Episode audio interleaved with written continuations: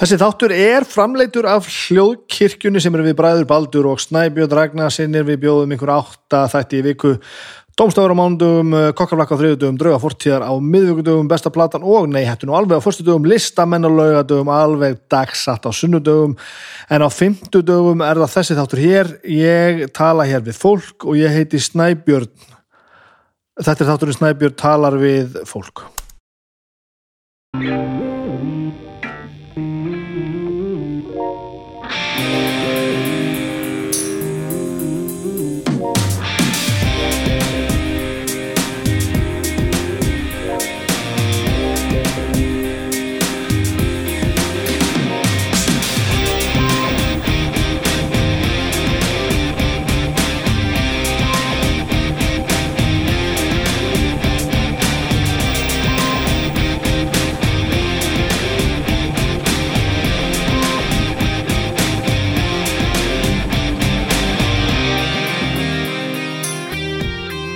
Þessi dagur er svona, það er sól, það er blíða og það er, það er bara komið, það er komið vor.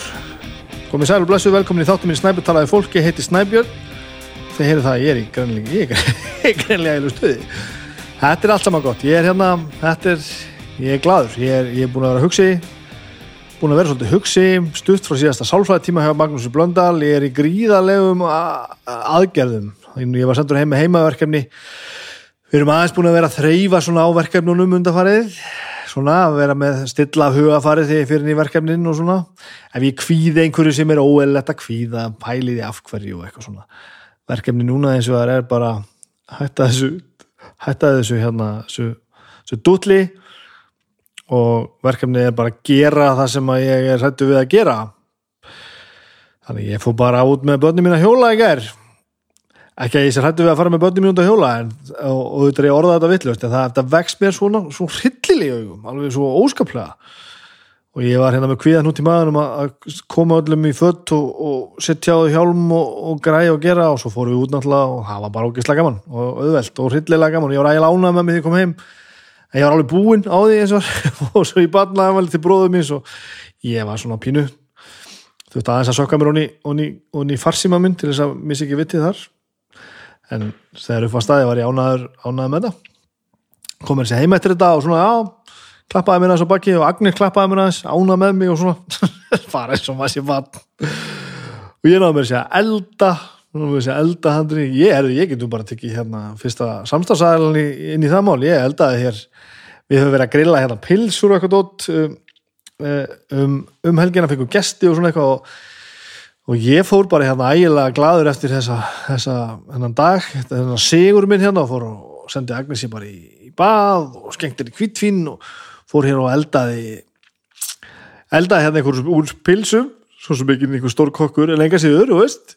Svo fann ég hérna alls konar græmenti og gott og, gott og, og svissaði þetta á hérna á, á pönnunni og og græjaði og gerði og, inn í opnin fór sem sagt uh, þykkabæjar um, kartablugratin, bacongratínið það voru ekki mistök, þá gríðalega gott. Ég fór á öllum fyrirmælum á, á pakkanum. Ég er nú, ég er kokkur í hvað, hvað ég segja, ég er ég er í bata, ég er að reyna reyna að geta eldað eitthvað þá getið það ekki reitt fór þetta öll á pakkanum, setti vel af osti yfir svo kryttaði ég aðeins svona á ostin hendi sinni í ofnin og leiðis að vera þar í 20 mintur og, og, og, og plokkaði þetta svo út og þá var ég komið með pilsu, græmetis, alls konar gulli gull, ég, þetta var aðeins flóknara heldur en að láta þetta lítið út fyrir núna. Þetta var helviti vel hefnað, vel, vel í þetta lagt.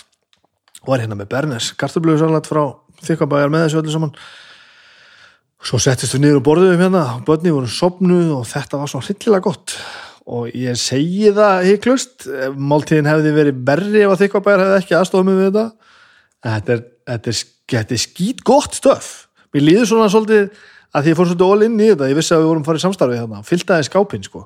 Mér líður svolítið eins og, eins og mömmu minni með fristikistuna, ég á ekki fristihólf, ég veit það eru búðir hérna stutt frá, ég þarf ekki að frista heilu skrokkana sko, en það er gott að eiga svona nokkuð gratt hinn í stabla, svolítið að salat hann að þú, eins og þetta hann í gæri ég allt í nú með einhvern, einhvern svona einhverja skyndi ákvörðum gett bara svona opnað, opnað skápinn og hérna og svona tínt til það sem ég þarf, þetta var helviti vel hefnað helviti vel hefnað allt saman er þetta gott. Annars er þetta búið að vera líka bara skemmtileg vika. Ég, hérna, ég hef nú svolítið haft hátum með að COVID hafi engin áhrif á mig og, eða lítill minni heldur en á aðra og ég fattaði það í vikur að þetta er lígi sko. við, við, við kópum ágætlega við þetta en djöfull er margt sem manni finnst frábært sem að einhvern veginn hefur dottið út hjá manni. Stórvinni mín er Ármann og, og Toggi sem eru með mér í hálfvitónum og og eh, já, hvernig að segja, segja svona Ljótu halvutarnir fóru, þeim var uppalega bandið er uppalega stofnað 2009 nýju manns sem stofnum þetta 2009 og erum eða nýju saman. En það band var stofnað upp úr tríói sem hétt Ljótu halvutarnir það voru þeir Toggi og Ármann og Sævar Sigurgesson stórmenni sem að eh, sem að vinnu við hliðin á mér allar dag á Pipar þetta er náttúrulega vel yfir meðalagi menn allir stórkostlega mannskur Uh, en áður en að þeir hefðu stofnað að ljóta hálfut, þannig að höfðu Toggi og Ármann, æsku vinninni tveir, Sæfa kemur inn í, inn í þetta setna bara á mentaskóla árunum held ég. En þeir kynntu sem börn og á unglingsárum voru þeir sem sagt í hljómsett sem má segja séu svona fyrst, að það séu svona fyrstu forföðu ljóta hálfut þarna og það var hljómsett sem að bar nú mörgnu öfn en að fyrst og fremst bar nafnið Down and Out. Var svona lokal var svona, já, þeir voru svona lokal hitjur á, á punktímanum og svona prí-punktímanum á Húsavík og gerðu alls konar skrítna músík, tóku upp við náttúrulega þess tíma kost, 80's kost uh, í stofinu bara öruglega og tóku upp á spólur og voru svona pínu legend. Voru svolítið hornir þegar ég, ég kem til skælana með innvortis og þetta, það voru svolítið, var dánin átt svolítið búið. En á þessu byggja ljótu hálfutatni sko og þeir eiga þessi lög sem tóku upp í einhvern slurkum hana fyrir miljónunum síðan hvað er þetta sjári lott síðan? 30 ár sko, meira. Já, þetta er lengar síðan, 30-35 ár síðan. Og það var áðist ég að búa til plötu og núna er Baldur bróðu minn í sama stúdíu og hann á eftir að ræða þessum þætti saman maður miksaði þetta allt saman saman. Er hann að taka upp plötu með Down and Out? Og, og þeir eru bara að taka gömlu lögin sem eru búin að spila náttúrulega miljónsinnum á tónleikum Það er enda mismikið, sumt hefur eiginlega aldrei heist live sko, en allavega lög sem að þeir eru búin til í óbúslega langa tíma og þeir þekkja útóin og eru loksins að festa þetta á festa þetta á eitthvað form. Og hérna, ég var náttúrulega hvetja á til þess að gefa út vínirblötu sko. Og alls konar hérna alls konar með, já, með helst með öllu tilhengandi og þeir eru með það plan að láta alla hálfvitana, núverandi hálfvitana og reynda fleiri til, spila á plötunni þó uppalega músikið þeirra hafi yfir bara við tveir kassagítarar og, og þeirra syngja báður, þá er þetta full blown með trommum og öllu saman. Og ég fór sérst í vikunni og tóku bassa í eitt lag og þá myndi ég loksins hvað lífið er gott þegar COVID er ekki. Þannig fór ég og var svo fullkomlega í mínu elementi að spila inn einhvern stórskemtilega bassa auksli auksli mínu bestu vinni þannig að gera einhverja algjör snild. Og ég kom náttúrulega bara skælbrósandi heim Agnes sem sá mynda mér sem Ármenn hafa tekið í stúdíónu bara í hvaða gýr ert þú þarna, þá sitt ég bara í góðu fíling með bassan og verið að spila og ég er náttúrulega ég er aldrei betri heldur en akkurat svo leiðis þannig að auðvitað er þetta ekki svona einfalt. Auðvitað er þetta ekki svona einfalt þetta er bara þetta COVID-drasl er að taka helling gaman þetta er fokking leðilegt, þetta er helvít drasl. En áframgak við lótum að klára þetta. Meira samstarf, akkurat núna er ég nú bara að hella hér í kaffibóla minn. Ég var nefnilega ásækja mig Ég var að klára viðtalið við Sölku, hún var að fara bara og ég er að taka upp hérna taka upp þetta þetta, þennan ingang bara í beinti framaldi, við drukum hér að sjálfsögðu kaffi frá Reykjavík Rósters nýmala á kvörnini sem ég trassaði að skila á síðan tíma jólagjöfinni og ég er búin að mastra kvörnina. Ég er búin að eh, ég mala enn fitna en ég held ég myndi gera.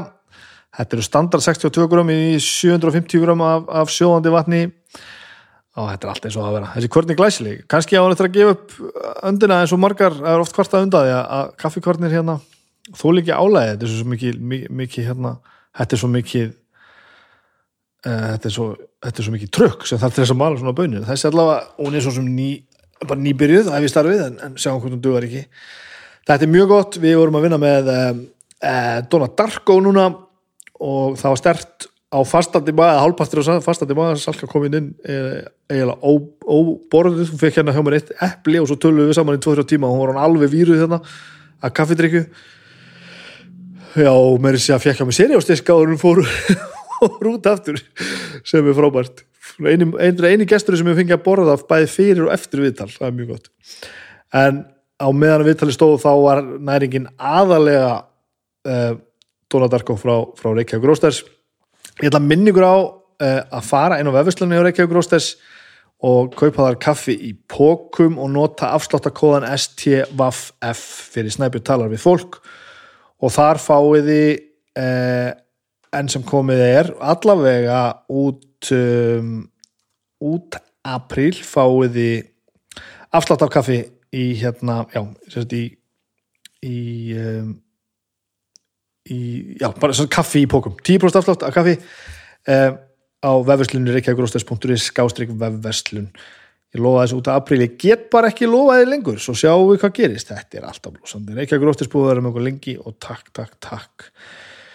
Mikið er ég gladur hægilega gladur, já, fleira sem ég er búin að gera svona old school, ég er hérna ég er mikil teiknum myndasögumæður og ég er einhvern veginn bara og dóttir svona fasa við það fyrir að lesa eitthvað svona pínu svona offhand teiknumyndasögur fyllin, horfið hérna eitthvað undanfæri búin að horfa hérna upp í hillur og lesa einhver svona einu og eina sem ég átti eftir, ég er búin að fara sjaldan í Nexus og eitthvað svona dreyða þessu úr mig með þetta og ég, ég veit ekki hvað ég er búin að gera við þennan tíma bara horfa á fucking YouTube eða eitthvað, ég veit ekki. En ég tók lóksins upp hérna, ég er búin að eiga síðan frá því ég fór, ég held ég að ég kipta hann í London. Ég ætla að giska á að ég hef kipt þessa bók í London þegar ég var þar í janúar eða februar, februar sennilega eh, 2000 og 2020 hvar ég náði mér í COVID og kom með það heim til Íslands allir ég hef ekki komið með COVID heim þá. Þannig að já, ég held að ég hef kæft þessa bók nota, mér sínst að vera notuð hún er með allavega, það er breskur vermiði framan á henni og þetta er, loksins bara fann ég taktin aftur að lesa teknumyndasögur, þetta er þykk bók sem heitir Rastl R-A-S-L og er eftir Jeff Smith eh, sem þið vonandi þekkið sem höfundir af teknumyndasögunni Bone sem var gefin út einhvern já bara allt næntis og eitthvað fram á eldina örgulega Bone, er þetta að kaupa Bone allstaðar Nexus er nú ekki að styrkja þáttir en, en ég skal styrkja Nexus eins og, eins og þarf. Farið Nexus og finnið ykkur Bone, hún er svona þykk heldasafn af bón bæði til ólit svarkvít eins og hún var gefin út fyrst í á hana þannig og svo var búið að lita hana setna ég hef nú ekki lesið hana þannig. En ég held að bæði þessi mjög gott. Bón er bara eitt besta rittverk sem ég lesi á æfinni það eru þannig litlu kvítu kallar það er svona litlir í mínum huga. Svona litlir kvítir svona múminlegir kallar og þetta er bara Lord of the Rings stemning í einhverjum ótrúlega hlýstaðum veruleika. Bara, er, ég þarf að lesa bónu aftur. Og þessi bók semst að Rastl er, er þetta er svona, svona sci-fi noir einhver svona mm, skritinn vitapæling og eitthvað svona dótt en allavega ógeðslega gamanleista auðlesið og falleg og skemmtileg saga og falleg, hún er ekkert falleg en, en, en fallegt að vera lóksins sitja hér bara að horfa út á hafið og, og lesa teiknumindasögur ég er búin að ég er að gera hluti núna sem ég er bara búin að sakna, sakna þess að gera. Það er það er ansi, ansi magnað. Djúvill er gott. Er gott og sól og blíð og allt er gott. Einn eh, samstagsaður viðbót Simin Pay er að koma hérna gríðalega sterkur inn. Simin Pay appið sem ég er búin að nota viðstöðlust frá því hérna já, ég halva mánu núna, ég nota þetta einasta degi þess að leggja bílum mínum. Um, hérna bara skáði ég bílun og, og kreditkort og það tók nákvæmlega engan tíma það er engin göld, engin auka göld til þess að leggja bílum og þetta geti ekki verið einfaldara, þetta er alveg ógeðslega ógeðslega einfald uh, ég vil sko þessi þáttu kemur á, á, í loftið á fymtudegi við setjum alla þætti inn bara mínútu yfir 12 á miðnætti. Þannig að þegar þið hlustið á þetta ætti að vera komið inn nýtt tilbóð um, lettkaupstilbóð í appið. Lettkaupstilbóðin eru, eru alltaf á 50, byrja alltaf á 50 og standa í viku og létt kaup þýða það að þið getur um, að það er hægt að dreifa greiðslum til dæmis á, á, uh, á einhverja mánuði.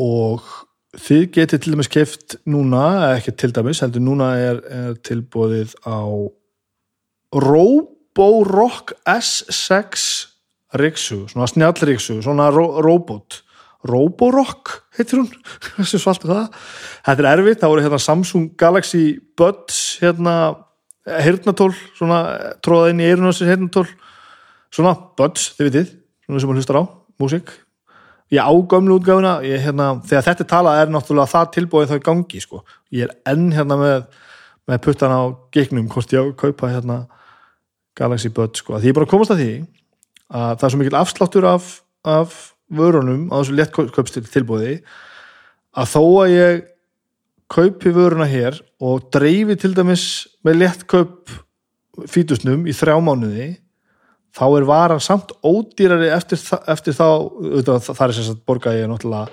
tilbúrsverðið pluss einhverja hóflega álagningu sem, að, sem er sett á fyrir hérna greiðslutreifinguna þá var hann samt miklu ódýrari heldur en ef ég hef kæft hana ekki á tilbúið þannig að þetta er er æfintýrlega vel bóðið hérna þessi Roborock Riksuga er er frá ME Æsland og kostar fullu verði eh, 99.990 en á lettköpstilbúðinu eru 20% afsláttu sem því það hún ferir þá undir 80.000 kall stað greitt og hægt að borgana í slurkum með lettköpsfítusnum þetta er hansi magnað sko og þeir segja mér hérna snillíkar hjá, hjá Símanum Pay að það sé vona á meiri, fleiri, fleiri tilbúðum og alls konar uh, alls konar uh, samstarfsaðælum og það er að fylgjast með öllu hérna uh, jafnóðum og alla kvittanir all, öll léttkaup sem eru sem, sagt, sem er, er í gangi, við fylgst með hvernig, hvernig hérna,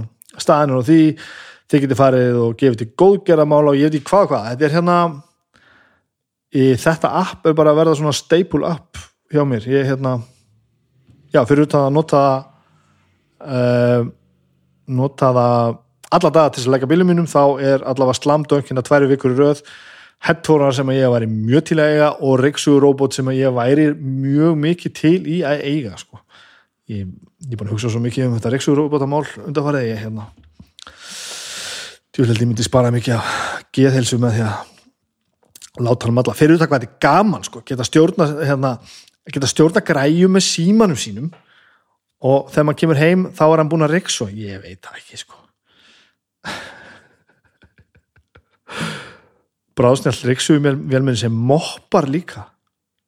Hættu nú alveg. Mikil vinsla nákvæmt leiðsögukerfi. Þetta djargon hérna er að selja mér þetta fullkomlega. Fjandir hafið það, tjekkið á Simin Pay appinu og hérna og og, og þið verður ekki, ekki svikin að því. Þetta er, þetta er hérna þetta er alveg stöf, þetta er frábært. Allt er þetta gott, allt er þetta gott andar tak ég held ég þurfi ekki að blára mér að eh, Salkasól. Við vitum náttúrulega öll hvað Salkasól er. Eh, eins og kemur fram þá er svolítið erfitt að setja puttan að hvað hún er. Hún er leikona og söngkona og tónlistarkona náttúrulega bara aðra handa. Svona performer að guðsnáð, hún er fjölmjölamanniska og bara ég veit ekki hvað og hvað og hvað. Þetta er hérna, við fórum alls konar út um allt um, töluðum um, um hluti sem að skipta máli og Martin skiptir yngum máli. Og þetta var hrikalega gaman. Hún er náttúrulega bara, bara fyrst og síðast alveg ógeðslega skemmtileg. Hún er svona framúrskarandi velgefin manniska og ofbúslega rétt sín og einhvern veginn bara með hausin skrúaða rétt á og hrikalega gaman að tala af hana. Þetta var, þetta var bara þetta var eða bara hrikalega gaman. Ég ætla að hætta þessu uh, töði, þið skulle hlusta á mig og sölkusól hérna uh, í sólskirinu við eldursporum mitt bara hérna rétt á hann. Njótiði vel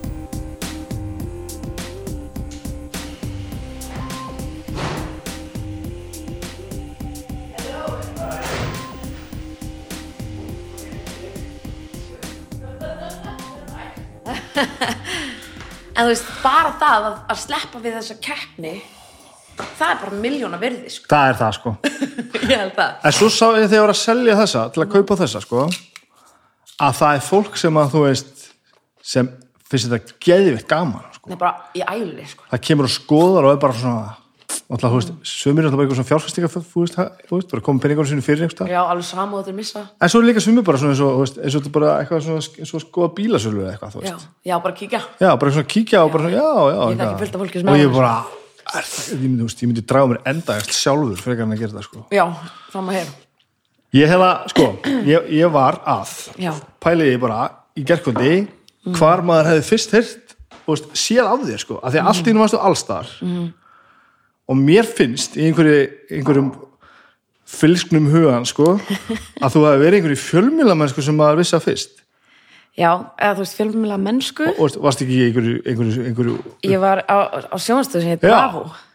Bam, þarna virkaði heilin á einhvern undan já, en þú veist, það er ótrúlega að þú munur eftir því að þessi, þessi sjónastöðu var til í sko tvo mánuði, eða þrjá eða eitthvað já, og ég var ekkert, sko- ég var ekkert einu sinni eftir sjóastöðinu bravo. Nei, þú veist það man ekki eftir því, það er alveg skilinlegt en sko þetta var, þetta er ógæsla að fyndi hvernig bara svona eitt leiður á öðru.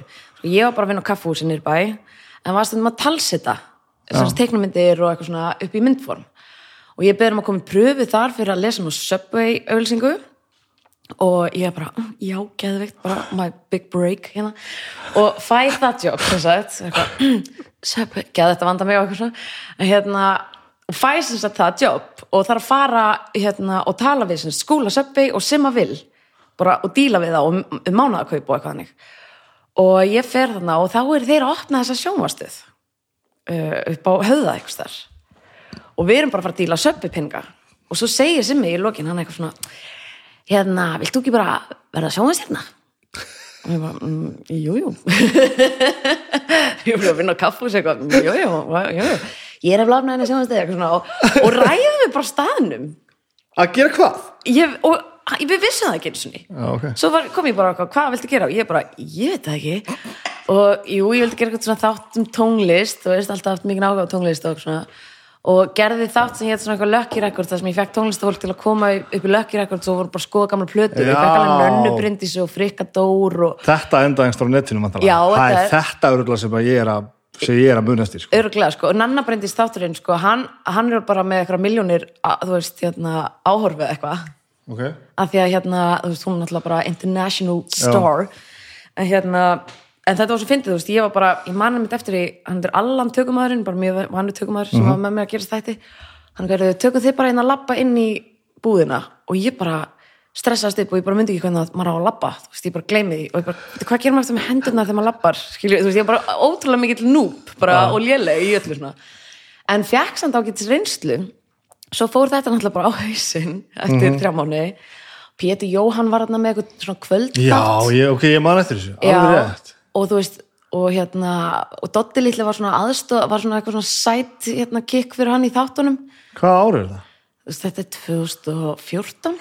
kikk fyrir hann í þáttunum Hvað árið það? Þú veist, þetta 2014 já, 2014 en á þessum tíma sem ég er hann á Bravo þá er ég semst í Ambadama og við erum eitthvað að semja hossa hossa og eitthvað, þú veist, stuð. Og fólki sem var að vinna þarna hafði teirt mig eitthvað að vera að búið til eitthvað texta og eitthvað svona við það. Svo þegar þetta verður hausinn þá eiginlega gefum við út hossa hossa, Ambadama. Mhm. og þá einhvern veginn verður það alveg hjútslag þannig að sumarið, þú veist, ég satt bara í marga vikur á topnum og rástu og svona. Og sama tíma þá heyri ég Dodda litla segja eitthvað svona í síman að það vanti sérst aflýsingar í sumar aflýsingar rástfö og ég bara, herri, ég skal gera það. Og þekkti hann alltaf ekki neitt. Hann eitthvað, já, og þá þurfti ég að fara að tala við út og stjóra og sannfæran um að ég var í manneskjum jobbi, hann bara, who are you? ég bara, nei, ég er sko eitthvað. Hver er útastjórið þetta? þá var það Frank hérna. Já, hall. Já, Frank Hall, eða hann sést dagskrafstöri Rása 2 og þannig einhvern veginn á sama tíma og Hossa Hossa er að koma út þá er ég alltaf komin í ykkur aflýsingar á Rás 2 og uh, þannig er ég komin inn á rúf og svo fyrir bara, þú veist, það, já, þetta byrja sérst allt með þessar söpbi auðlýsingu En þá ertu allstar. Þá var ég alls staðar. Af því það mann maður, sko. Já, og þú veist, ég, ég, ég áttaði mig ofta ekki alveg á því hvað ég væri allstað sko. Ok. og hérna, að því að líka á þessu tíma ég átti ekki sjónvarp og svo allt í hennu var að byrja þú veist, viltu koma inn aðeins sjónvarpslutan inn á rúf og ég alveg já, bara gerð, þú veist, mér var bara hent út í beina útsendingu, bara í fyrst sinn sem ég var í sjónvarpi og mér var svolítið hent út í allt og ég sagði bara já völlu og bara gekk gaman og einhvern veginn og eins og ég segi, ég átti ekki sjónvarp og ég man ógeðslega vel eftir, en það sko, fyndi moment Já, svo var ég beðin um að kynna Eurovision, ég bara já, já, þú veist, ég sagði bara já öllu og hérna, kynna sem sagt ekki Eurovision heldur söngakjörna mér var bara hent út í það, það var bara annað sinn sem ég var í sjónvarpið, það var bara já, kynna söngakjörna það er bara allir á ég bara, mm, ok. Og var beðin um að gera auglýsingu fyrir það og ég var alltaf að gera eitthvað svona rapp á þessum tíma var alltaf mikið í Reykjavík-dæturum á þeim tíma. Já, og hérna og gerði þarna eitthvað svona rap Eurovision auglýsingu sem margir mun eftir. Og það var tekið upp og, það, og, og í, í, þetta var sínt sko eftir hvern einasta fréttíma og bara nokkur sinum á dag þú veist, í sjónvarpinu og ég átti ekki sjónvarp og ég vissi eitthvað ekki, skilju og þú veist, ég var alltaf bara alltaf að gera eitthvað projekt og áttaði mig svo veginn ekki á því hversu margir voru að, æ, þú veist, þetta skrítið tímbil svo mann ég eftir að ég fór, fór upp í skóla til mömmu, hún er grunnskólkennar, ég fór bara að ná í húsleikla og það varð bara svona múgæsingur. Bara, ég bara labbaði inn og bara litla bara krakkaði bara bara trilltust og bara byrja að elda mig út í skó bara út af allan skólan og ég bara, ha? og svo bara stoppuðu sungu alla auglýsinguna kunnið allt og bara eitthvað svona þá fattaði ég eitthvað svona já, ég mann hringdi pappa og hann er eitthvað svona, já, ég held að flestir á Íslandi viti hvað það er og það var líka eitthvað moment þar sem ég fór í loga í hann, það var svona spjallhattur og ég man ég var á kantinum bara sjúkla stressi, bara skalva stressi sko. Og þá rappaði ég hann fyrir Sigmund Davíð sem var þá fósittis á þeirra já. Og það fór pínu væralt. Ég man ekki eftir þessu auðlýsingu, ég man eftir þessu. Já, þar sem ég sagði að fara úr sikkurum skólum Já, og eitthvað já. og þú veist, kallaði hann svartöfða og tóma tóma, þetta var bara svona algjört rugl eitthvað í saman þættinum.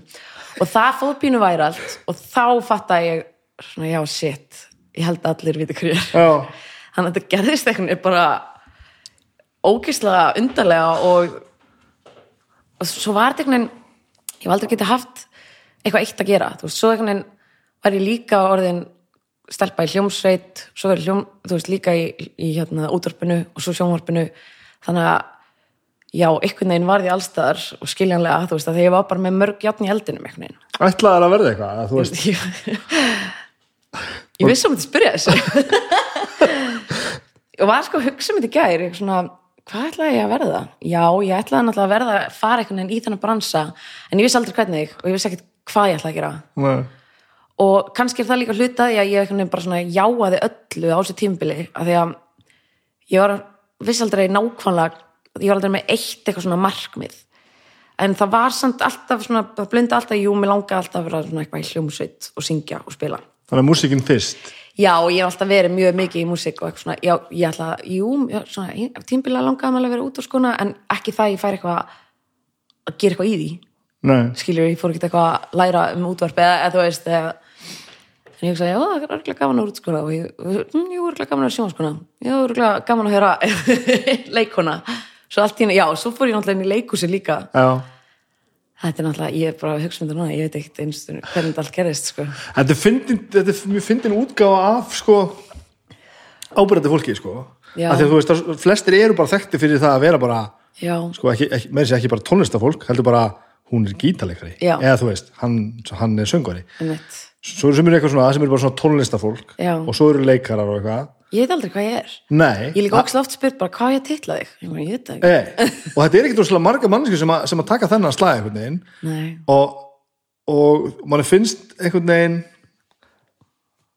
fyrsta skefið til þess að þetta gangi upp sé að þú ákveður ekki heldur sjálf. Já, því að ég held um leið og þú er búin að ákveða bara já ég er leikona þá hérna neyfi þá mun, nei ég held að bara ímyndin myndi einhvern veginn fasið breytist sko. Já, þetta er kannski sko, þetta er skemmtilegt en kannski líka þú veist, það vissu lítið hamlandi. Já, þú veist, það geta aldrei bara svona fókus á eitt. Og ég sko bara ég ætla bara að segja núna, ég er, var að taka ákvörðun um það að ég ætla að fara í aðti hátíkreiningu í alvöru, af því að ég bara, bara fattum daginn, ég bara oh my god, ég er þetta er aðti hátík sko, þú veist og ég hef svona innstinni alltaf vita það en aldrei þurft á þessar greiningu að halda. Svo bara tók ég ákvörðun um daginn bara, jú, veistu, ég ætla bara að fá að vita hvort ég segja, að þetta er svona þú veist, ég get fókusa á eitthvað eitt í bara geðveikt lang tíma og svo er það bara farið úr hausnum. Mm bara, ég get ekki. Og ég held að margt svona sem ég hef þú veist, auðvitað er þetta bara jákvætt þannig séð að ég sé svona þú veist, auðvitað komir á þann stað sem ég er en stundum finnst mér hamlandi líka að get ekki einbytt mér akkur, þótt mér langar alveg kannski að einbytt mér að en ég get það ekki. Og þú veist, svo svona, þú veist svona fylgikvillar að ég háti er svona kvíð og þunglindi sem er svona eitthvað sem ég þurft að díla við svona alla tíð bara eh, svona með hljöfum og, og þannig þannig að, já, ég, ætla, ég held þetta sé að ég háti svona hegðun sko. þú, þú, þú ert að fara að gera það sem sko, litli bróður minn er ekkert alveg ósvipu típa sko. Hann, hann veit ekkert hvað hann er sko. ég veit ekkert hvað hann er og hann getur allt sko. Hann fór einmitt í ADHD greiningu sko. Að- og er hann með já, já, alveg blúsandi sko. já, ég held ég sé blúsandi líka sko. og það og, og þú veist og það, er, það var einmitt frábært að fá þetta bara bæði fyrir okkur hinn sem Já. bara svona ok Já. við vissum þetta alltaf að gott að það sé komin einhver svo puntur á þetta sko. -hmm. en svo náttúrulega er hann bara á livjum sko. já, ég skilji Og- já, ég veit ekkert hvert þetta, þetta mun leiða mér skilju Nei, en, og, og hann er heldur ekkert og þetta er ekki, sko, þetta tekur líka svolítið hátilegan úr þessu sko. að núna bara svona tekur hann lifið sín og hann breytist ekkert nema hann er bara betur því sem hann gerir sko. já, eða það já, það er mjög, mjög hressandi að sjá hvernig hann allavega, þú veist, eins og þetta sem við erum að gera hér þetta hlaðarpstótt, það er bara vegna þess að hann byrjaði að bora lifið sín og bara ég ætla að opna stærstu hlaðarps eitthvað á Íslandi bara, Já. og nú er hann bara að því sko. hann hefði aldrei getað það fyrir þreymur ára síðan sko. Nei, ummitt, þetta er svona, svona ég var að hlusta bara, mér finnst mikið talað um ADHD núna, þú veist, einhvern veginn öðru í sig. Og ég var að hlusta á einhverja konu bara á rás 1 ég er svona mikil rás 1 kona. Og hérna, og hún var að tala um eitthvað svona fólk með ADHD inn á vinnustöðum og var svona að lýsa, þú veist, einhvern veginn. Og ég bara, oh my god, hún er að lýsa mér bara, og ég, eins og ég segi, ég hef einhvern veginn alltaf vita þetta en allt í henni er ég búin að fá einhverja mjög mikla þörf fyrir að bara svona fá þetta staðfest. Já, Þannig að, ég, og ég veit ekki hvað ég ætla að gera við þær upplýsingar, það kemur bara ljós setna sko. ég fór í svona greiningu líka sko, og, og hvað kom út úr því? ég er vantar ekki sko, ég er vantar, með ADD Já. ég er ekki sko hyper. Já, já, já, enda mitt prófaði ADHD lifið hinn um daginn ok. Svona tótaði rauð eða eitthvað. Og var þetta hæper þá? að ég var, sko, ég hef oft verið minna tútaður nýri bæ þegar ég ætlaði að vera mjög tútaður. Já, það var Já, þannig ég bara. var alveg grillaður í vinnunni sko. Já, ég hefði aldrei kert heim, aldrei sko. Ég var ekki grínast, ég var gjörsamlega upp, upp í loft sko. En ég sko hérna þú veist, ég er bara all for it ef að fólk finnur sér, þú veist þess að ég bara kvíðalíðum og svona. Mhm. -hmm. og bara ef að fólk finnur sér finnur eitthvað ró í í því að taka líf sko, mér veist bara hérna eh, svona, þú veist, ég ég var fyrst skeptísk á það að þurfa að gera þetta. Já, en svo fann ég einmitt sko um daginn þá hætti ég á þeim að því að mér fannst ég á svo góðum stað.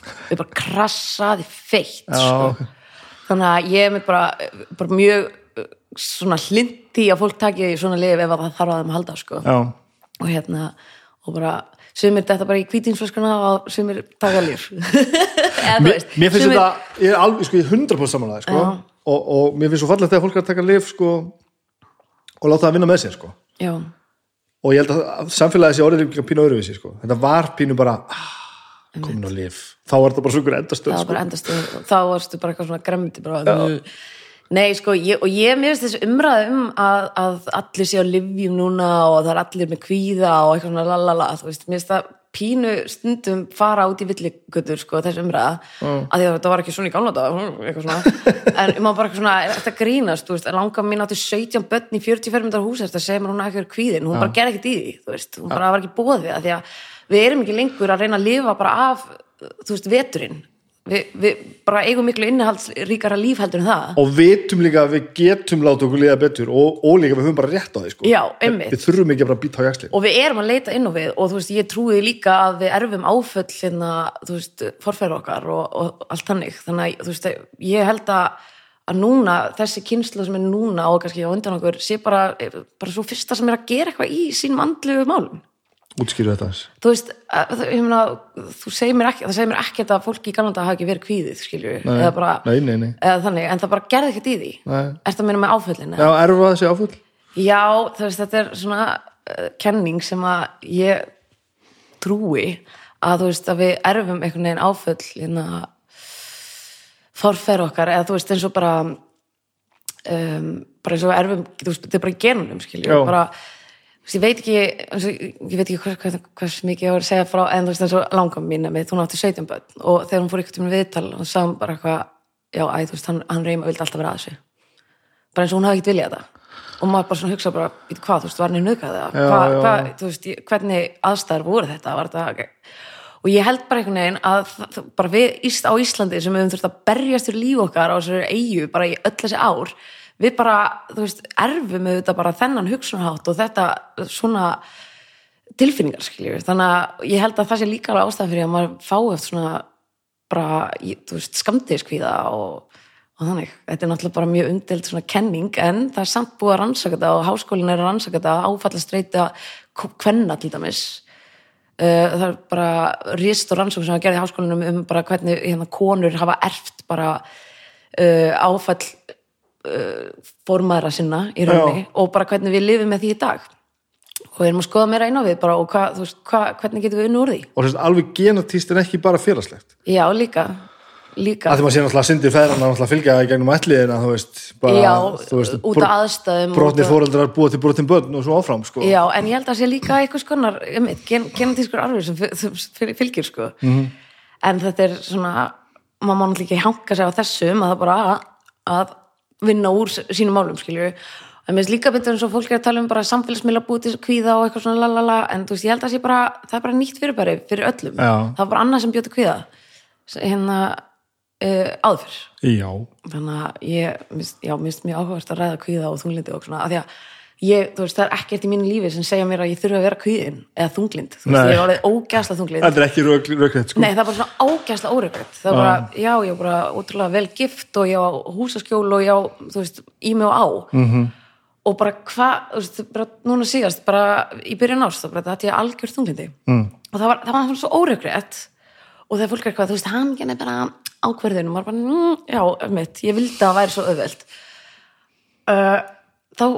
mitt var vinkunum mín saði við mig og ég reyndar líka hérna sálfræðingur og, og konum bara heilsugæsla og svona og þú ert bara prógramið svona.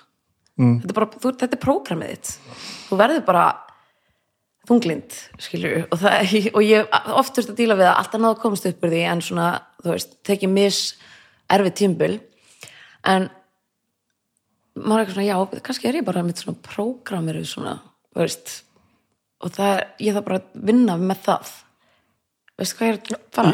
alveg sko, Já. ég ger alveg nákvæmlega sama sko. Já. ég á þess að tenda þess það sko. pínu ósangjart að vera prógramir svona, en maður þarf kannski bara að læra inn á það og læra að lifa með því og nýta sér þá hjálp sem er til já, sem eru lif, sálfræðingar um, eilsugæslan og þú veist að læra á Samtalsmaður. sjálfan sig líka sko. já, en eins mikið og maður getur lært að sjálf sig þú veist, þegar ég dætti þunglitið þá veit ég alveg að ég á að standa upp og fór út að hreyfa mig og maður líður betur, ég bara geta ekki. Nei, nei, ég, og ég þekki þá tilfinningu sko. Og ég er ekki að segja að þú veist að maður bara svona þú veist, maður bara læra hvernig maður er Nei, veist. veit, en þú en veist, það er rosa, rosa gefandi að taka þetta þú veist, þegar maður svona fyrir að horfast í augu hva- hvernig maður er, sko, veit, hvernig maður er fórhundaður, bara svona, já, já, já, Já. Herðu, svona er ég, já. Og, og, og sko, horfast í augu við það og læra það hvernig maður er, sko. Ég er ekki að segja að það bjargi svo öllu, sko. Nei, nei, ég veit alveg hvað þú meina en þú veist, það var alveg pínu svona gott einhvern veginn að fara ekki bara einhvern veginn í erfitt sjálfsörkun og svona þegar ég dætti í síðast að það svona þunglindis svona sem bara kast Mhm. að mitt vita að þekkja að þetta var að gerast ég vissi þetta var að gerast, en ég vissi ekki almennilega hvernig ég átti að komast upp úr því en mitt bara með aðstóð Mhm. mm -hmm. og þú veist, ég var bara ekki eitthvað mann sem að áttar það og þannig var ég hætt á kvíðalegunum að því að mér fannst ég svo góð eftir ég átti batnið og eitthvað svona þannig en, en hérna en ég held að þetta sé kannski ég, svona smá hlutur sem fólk veit ekkit endalega um mig að því að maður er bara það er ekki endalega karakterinn sem ég skilur en hérna, þetta er ekkit eitthvað svona eitthvað the sad clown eða eitthvað þannig. En, en kannski stundum. Það besta sem ég hef gert sjálfum mér held ég í allir svona, svona geðlagaðar pælingum, sko. Já, ég er búin að vinna á, á pipar í átta ár, átta og hálft ár. Mm. og tvís sem komið fyrir að ég hef ekki komist yfir núna bara vegna kvíða. Já það, eða þú veist, kvíða þunglið, ég veit ekki alveg hvað ég á að kalla þetta sko. Einmitt. Og ég held að svona já, svona, svona sem vandalega kvíða drefi þunglindi, alveg. Kvíði sér ekki uppröðin og þunglindi sér svona aflegging sko. ég held að það sé bara nákvæmlega eins og mér. Nákvæmlega eins. Og ég og Magnús Blöndal sálfræðingur eru, erum bara í miðum klíðum að díla við þetta mál núna sko, sem er Já. mjög gaman sko. en þetta er mjög algengur fylgíkvilli fólks með ADHD já, og um, það er svona já, er eitthvað mjög stert í mig núna að vilja fá já. greiningu á því. Þegar ég var komin nógu langt í þessu var svona farin að horfast í augu við hvernig það var og eitthvað svona. Og ég, ég, ég tvisvarsunum frá því ég byrjaði að vinna pipar hef ég semst, ekki komist í vinnuna heila og í bæði skiptin hef ég andað djúft og skrifað e-mail í vinnuna og sagt þeim akkur ég kem ekki í vinnuna sko. Og það leisti svona 60% af, kvíðanum, af kvíðanum sko. Í staðan fyrir að vera eitthvað að segja bara, já ég er hérna eitthvað þú veist, þú erum búið til eitthvað sko. Bara að fara bara head on. Auðvitað, ég er að vinna bestu, besta vinnustæði heimi sko, sem ég held að flest, fleiri og fleiri vinnustæði sé að verða, svona skilningu fyrir svona hlutum.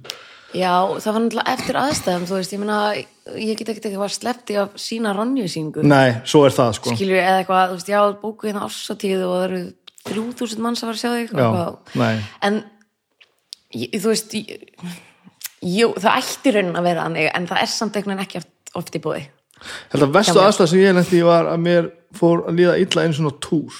Já, og það voru bara fjórar vikur þá ég komst heim sko. og þá var ég bara inn í kójunum minni bara ekki þú veist, ég hef aldrei fengið einhvern hýperkvíða eða, eða einhvern svona þú veist, ég, ég verð ekki viðþórslaug sko. En þá var helvíti langt heim og er nefnilega, sko- að fara út úr kójunum mótnana, sko, á daginn. Á daginn, e- eftir þið þú veist, þetta er, ég man sko þegar ég hef kannski verið í svona uh, ástandi og svo fer maður að performar kannski í klukktíma eða eitthvað. Og ég verð svo búin á því eftir það, veist, ég bara já, vinnudagur minn var klukkutími í dag en ég er búin á því eins og ég var unni í 12 tíma. Já. að því að maður er, maður er bara að gefa ógæslega, þú þekki það maður er bara að gefa ógæslega mikið af sér. Eins og þegar ég var að, þú veist, performa með Ambadama, maður var kannski að græna hattinum og maður bara var að gefa allt í þetta. Og maður kom heim og maður bara saf, ég svaði 12 tíma eða eitthvað en hrikalega gaman á meðan á því stóð.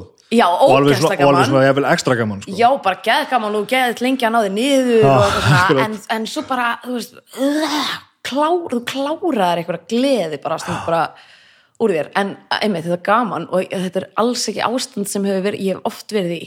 En þegar til dæmis að ég var að díla við ófrjósemin og okkur svona, þá var mér stutt í þetta ástand. Já, þú veist, og svo eftir ég átti hérna stelpunum mína, þá einhvern veginn þá, þá fann ég ekki fyrir þessu og fannst ég bara, mm, alveg geta hægt á liðunum og eitthvað svona, en einmitt tók svo bara feitan krasa hérna já, bara mjög djúft það.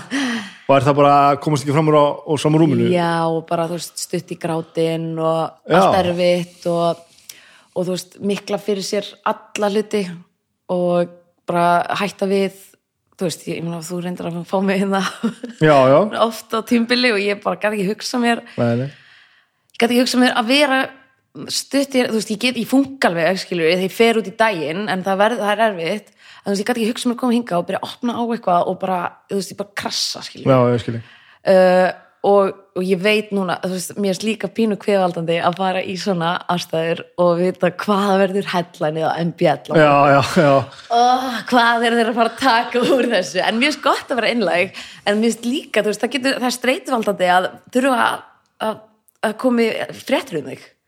Já, finnst þið það? mér finnst það stundum Já, sko alveg En að þú veist- þú komið þangað sem þú ert núna. Sko, ég hef aldrei lent í ykkur glötu, skilju eða þannig, en ég mann samt alveg ég hef alveg opnað á þetta áður. Jú, neða, þú veist bara, ég fór í eitthvað podcast um daginn þar sem ég var að tala um fæðingunum mína. Já. og ég, ég sagði eitthvað svona að já, mér leið bara þegar ég var að fæða bara, akkur er ég svona léli í þessu þú veist, mér fannst ég bara ekki að léla að fæða banni og það kom bara eitthvað risa frétt á, á vísi bara, ég er svo léleg að fæða, eða eitthvað svona æ, þú veist, já, já. og, og maður er eitthvað Já, ég var bara eitthvað, þetta er partur af þryggja tíma samtali sem ég átti um fæðinga mína og Já, æ, þú veist, þegar þetta fólk þetta þú tekið úr samingi og svona, mér finnst ekkert gaman að vera eitthvað eitthvað, æ, þú veist alveg hvað ég er að tala með það ekki ég veit alveg hvað þú tala um, ég er einhvern veginn bara fyrir mig sko, einhvern veginn búin að brinna mig alveg fyrir þessu sko. Já, en ég kannski fæ öðruvísi drull á mig sko. færðu drull? já, já, ég hef líka sagt svo margt eitthvað, þú veist, glórulöst sko. Já, bæði borderline og stundum hefur bara verið vilt sem megin sko. þannig að ég, ég, ég var ekki vinsall því ég skrifaði pistilin ég er ekki feministi sko. já, þú skrifaðar hann Já. Alveg rétt svo liði bara tveir dagar og sýsti mín bara svaraði mig með öðrum pisli og reyð mig í sig sko. Já, og svo sé ég núna þessum fimm árum setna hvað þetta er að ég var alltaf að gjör samlut á túnni sko. reyna að vera rosa sniður eitthvað sko. en þá, það er, það er svona það skipti sem mann eftir sko, sem að á fínt að fá að kynnast í það sem að ég fekk í alvörunni bara svona bara svona rættnar aðtöðsendir bara svona þú veist, það sem bara er að tala svona ógeðslega um hann sko. það Já. er það er alveg, það, það var nýju upplifun sko. það er það sko. Mér finnst það svona ég er, veld, ég er ofta að hugsa um svona kommentakerfi og svona dót sko og þú veist, samfélagsmiðla.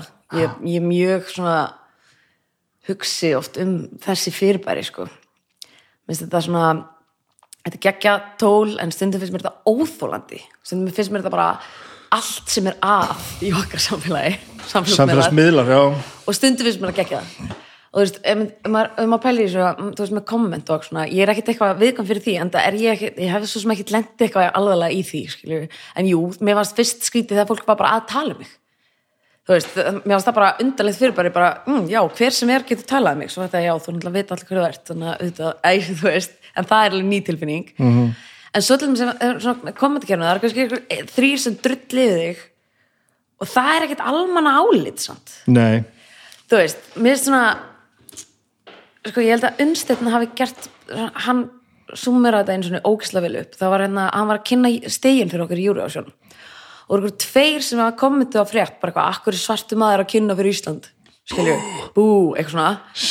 Og það voru allir bara screenshotið þau þessi tvö komment og bara hvað er að fólki? og lalalala eitthvað svona. Já, já.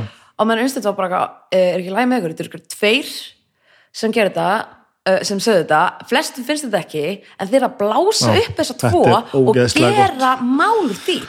Og þú veist, þetta var alveg eins þegar eitthvað svona eitthvað, þú veist, kommentar eitthvað akkur að taka myndar í svona litlum fötum og eitthvað eitt sem finnst það flestum er alveg samút sérst að taka myndar eitthvað allsbyrri eða eitthvað, Mm. en þú bara blæst upp það komment og bara, fattar þau Já, gefa tröllunum að borða, ekki þetta er bara feeding the trolls og mér finnst það óþólandi og þú veist, og ég vildi á einhvern veginn og það er, það er erfitt að útskýrta stundum en, en hérna mér finnst bara, stundum finnst mér þetta já, þú veist, maður má ekki gleyma því að þóttu að einhver drulliði þig á einhverjum kommentkjörfi, þá er það ekkit almann álit, Nei. væri ekkit á þeim stað sem núna ef öllum finnst þetta skilju, Það er nefnilega það sko og, og svo náttúrulega, ég, ég hef alltaf sett það sem svona pínu mælikvara að þegar fólk vera sko, það er tvent Mhm. þegar fólk, þegar þú sér einhver drullar yfir þig þá ertu búin að ná einhverjum mánungri sko. það er þannig, sko, þá ertu orðið nógu svona einhvern veginn, nú er ég að tala um ekki bara út, á götu, heldur bara svona þú ert eitthvað svona að gera eitthvað þú veist, með einhvern feril eða þú veist, út með hljómsveit eða út með hlávarp eða hvað sem er sko. um leið og ég sé einhver byrja að drulli yfir þetta þá veit ég sko, að, að því gefna að sé nóg maður að gera að fylgjast með jákvæðir sko. Já. þá veit maður svona, ok, ég er búin að náða í gegn, frábært okay. Ok. að einhver fyrir að kvarta sko. já, já það er nummer eitt, sko. nummer tvö er eiginlega uppáldið mitt sko. og það er að byrja mjög mikið með þetta hlaðvarp núna Ok. og það ég skilja bara takk fyrir þetta, þetta er geðvitt, jú vil þetta skemmtilegt og bara gaman bara hvernig þú gerir þetta en það er eitt sem þú þarft að gera öðruvísi Einmitt. fer maður svona fólki sem verður svona, að svona það var allir skoðunar já, Og, og öllum, og, mér finnst þetta svo frábært en þú verður að hafa þetta stittra sko. já, og ég bara en þetta er ekki það sko. Það. bara, þú takk fyrir og, og frábært ég er ekki að fara að stitta þetta fyrir þig sko. það, það hafa sko allir skoðun á þér og ég man á tímabili þá hérna þá uh, þú veist, var ég rosa mikið að heyra að það er svo mikið fyrirmynd svo mikið fyrirmynd og svona mér finnst það bara æðislegt. Ég vil, ég vil að sjálfsögðu vera fyrirmynd. En hérna, þú veist, ég er ekki að segja allir að taka sér alltaf fyrirmyndar hvernig ég er fattar bara alls ekki. Bara please ekki. Og það er ekki mitt, veist, þetta var komið á það stig á tímbili að einhverja kettlinga voru skamma mig fyrir að drekka bjór, skilur, baksis eða eitthvað bara, og þú veist eða bara sá mig, þú veist, reykja síkó eða eitthvað, þú veist, bara sem að gerist á tjáminu og ég fekk bara svona skammir fyrir það og, og það var eitt sem ég man eftir, það var, var sko, í viðtali í stundin okkar.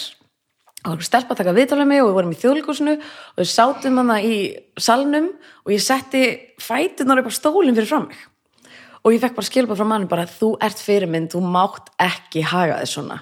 Bara setja fæturnar, veist ekki hvað þetta er dónalegt, þú veist ég var bara, oh my god.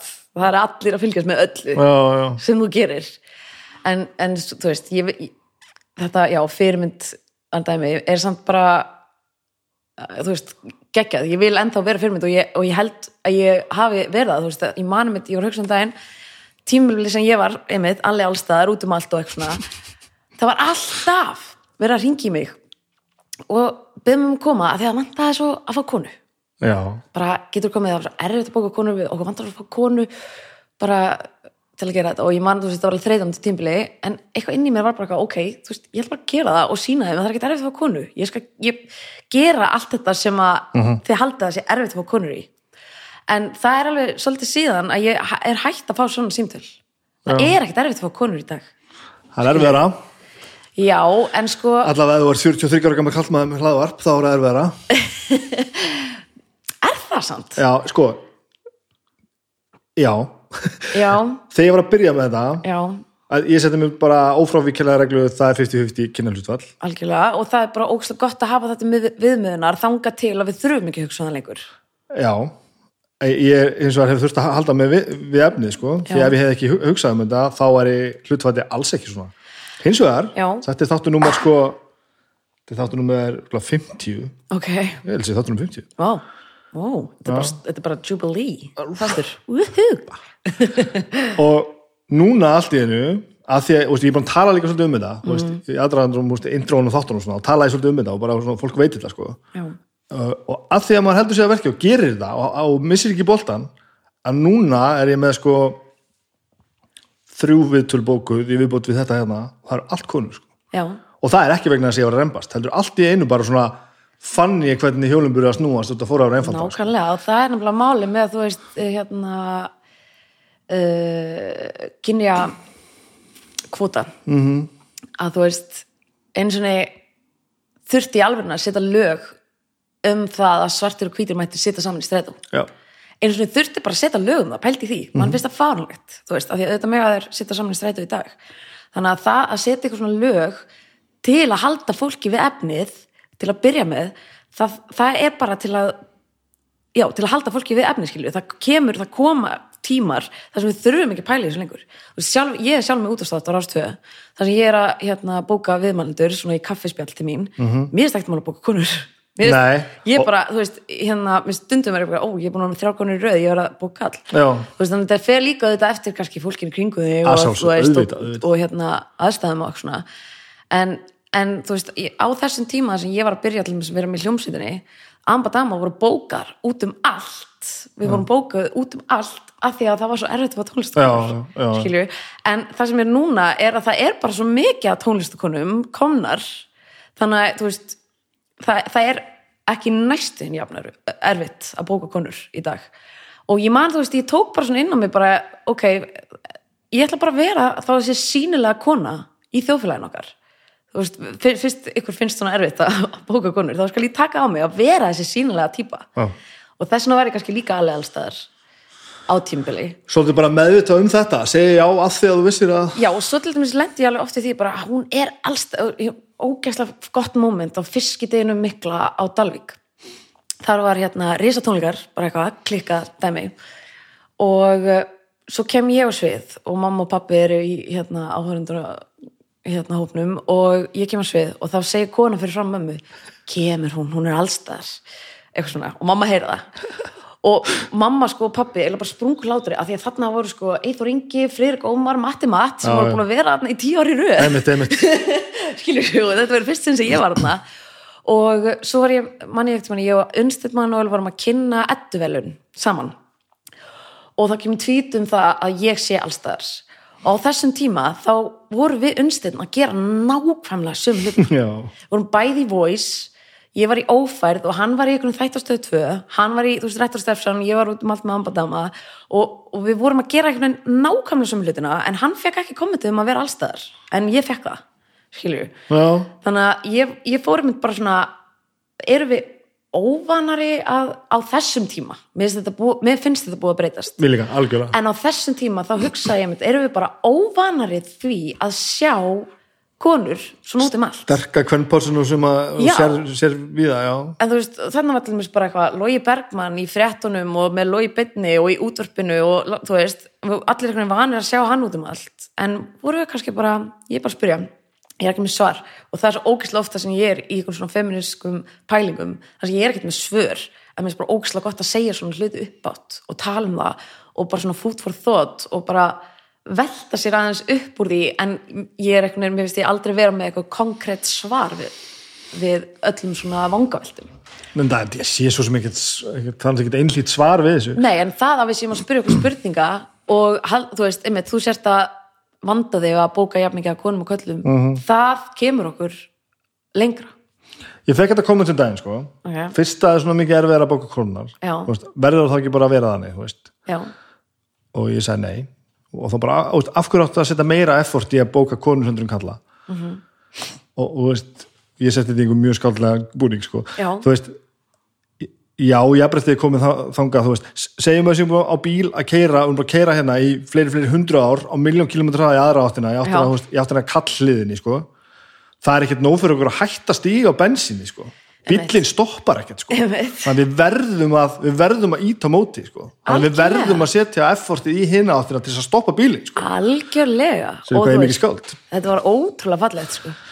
ég mann eftir því, þú veist við vorum þrjára að kynna hana söngahjöfna ég, Gunnadís og Ragnhild Steinin Mhm. -hmm. og það kom eitthvað svona einhver er nú sagt ef þetta væri þrýr kallar akkur er þetta, nákvæmlega þetta og maður sko. bara svona það búið að vera þrýr kallar síðustu 50 ár eða hvað eða þú veist, það megum við aðeins að vinna upp í þetta kvotan Já, og líka bara, bara bremsa þetta af verðum að bremsa þetta af sko. það er nefnilega máli sko. Þú tala myndi vinnunni sem er magnaða því að Pipar er mjög meðvitaðu staður sko. Mhm. og veist, reynda að hafa bara eins bara allstaðar eins jæmt og mögulega hægt er Mhm. um leið og veist lögum á hugsunni þá allt í hennu sittum maður á fundi og það eru bara kallmenn sko.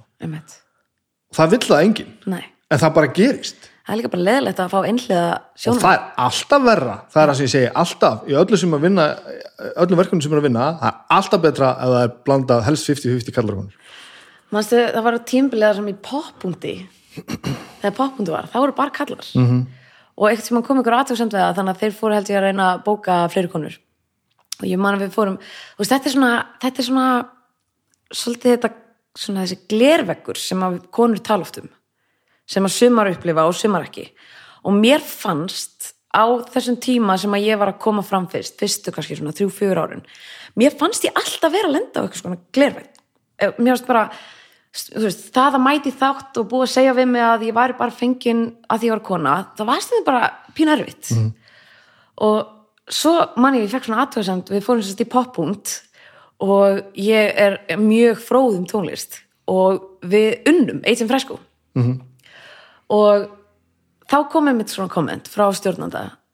Hún, hún, hún er bara svolítið eins og strákanir hún bara gætt svarað öllu, hún er bara eins og strákanir og þátturinn búinn og lala og ég manna bara svona ah, það satt sem í mér og svo búið að taka að mér já, mitt, skilur við og já, hún var eins og strákanir hún, hún vissi mikið um tónlist. Og, og þú veist, það var einhvern veginn svo mikið bara svona andrúslöfti sem að ég var alltaf í. Þú veist, ég var að rappa og ég var að stjórna tónlistafætti og ég var að gera einhvern veginn, mér fannst ég alltaf vera einastelpan alls þar sem ég var. Já. En mér finnst það ekki núna, það hefur eitthvað breyst. Það hefur eitthvað breyst, ég held að það sé hárið sko. það hefur eitthvað breyst og það er ótrúlega ótrúlega gott. Og ég, ég bara er alveg viss um það að bara þú veist við í Ambadama, ég og Steinun og Reykjavíkdætur og fleiri hafa bara haft áhrif. Já, á, á þessum tíma. Alveg grjóthart maður. Ég bara, mér finnst gott mér finnst betra að þú sért að segja grjótart því að mér langaði að segja, ég veit að við já, áhrif. já, og þetta, er- er no brainer sko. já, ég man eftir að hafa sagt upphátt og ekki af því að sko, og þá, út ég var náttúrulega úlingur og, og kjáft voru vitlu sko, Mhm. uh, ekki af því að ég ment, og í alvörinu, ég ætlar að halda það fram ég hef ekki mentni dýl með því stelpur líta kjánal út með rammaskýtar já, og, og manni fannst það. Bara í alvörinu já. Og veist okkur það var, að því maður sá aldrei að stelpur með það vanur. Svo bara svo, svo, svo, bara bara, mammút svo og er bara gerir einhver ge- þú veist, fer fer bara einhver að gerir þetta Já. og svo kemur einhver að gerir þetta aftur og aftur. Svo allt í einu fer maður að horfa músið til núna og bara það bara, þetta er bara, bara svo fullkomlega orðið svo fullkomlega veit það. En þetta var bara svo, og ef það er enginn til þess að sína okkur þetta þá bara fokkin gerist þetta ekki sko. Er þá eru bara strákar að spila rámaskýtar ég held að svona mínar fyrirmyndir þú veist, þú erum brjálæður já, gott sér, ég fíla það. Þú veist, þetta er bara ógeðslega góð umræða og ég held að bara fólk, ég hef ógeðslega gaman að ræða svona og, og pæli svona. Og þú veist, double standards hvernig þetta hvað, það er ok, til dæmis er það bara ok, þetta er hugsun, þetta er bara hugsun en þegar Reykjavík mæta í Gíslamartin með dólk og það verður allt brjálað. Bara, þú veist, það er bara þetta er ógeð svo bara síðustu ykkur, þá mætir ykkur gaur með dólk og er allir bara þetta var nú skemmtilegt. Skilju af hverju heldur þetta sé? ég veit það ekki, en, veist, þetta, þetta er þessi double standard, ég held bara að fólk sé bara óvanar að sjá konur í þessu geranda hlutverki þú veist, en þarna voru þær svona side project fyrir gaur -hmm. og maður, þetta, er bara, maður, þetta er bara það sem við ólust uppi þetta er bara öll rap video in the 2000s á Pop TV, þau eru bara svona skilju Já. og þau bara, fólk er held ég bara að vera bara svona einhvern veginn óvanar því að sjá konur taka smálið í sínar hendur þú veist. Og bara eins og með druslugangan það var bara þarna eru bara konur að ón eitthvað. Já, Skilur. einmitt og þetta er bara, þetta er, þetta er double standards sem maður finnur mjög mikið fyrir. Og ég meina, maður sér þetta líka bara um hvernig er talað um kvenkins ráþera og kallkins ráþera já, og þing, þingmenn og, og hérna fréttafólk og eitthvað svona. Og þú veist, ég fæ alltaf einhver komment um það hvernig ég lít út eftir hvernig einasta þátt með heima með Helga.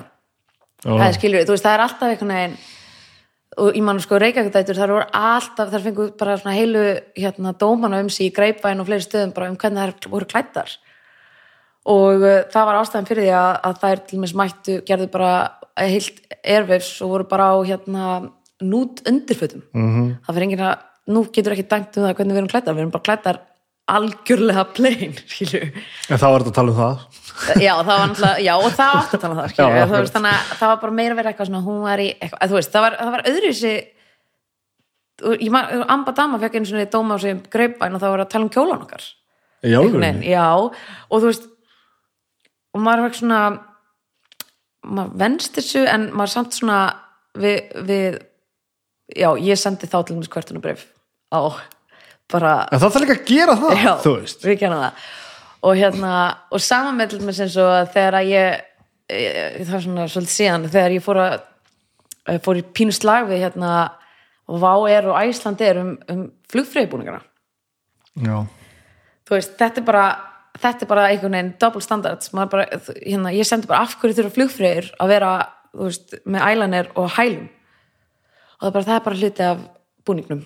Ok, en af hverju þá ekki flugþjónari með ælanir og, og hælum?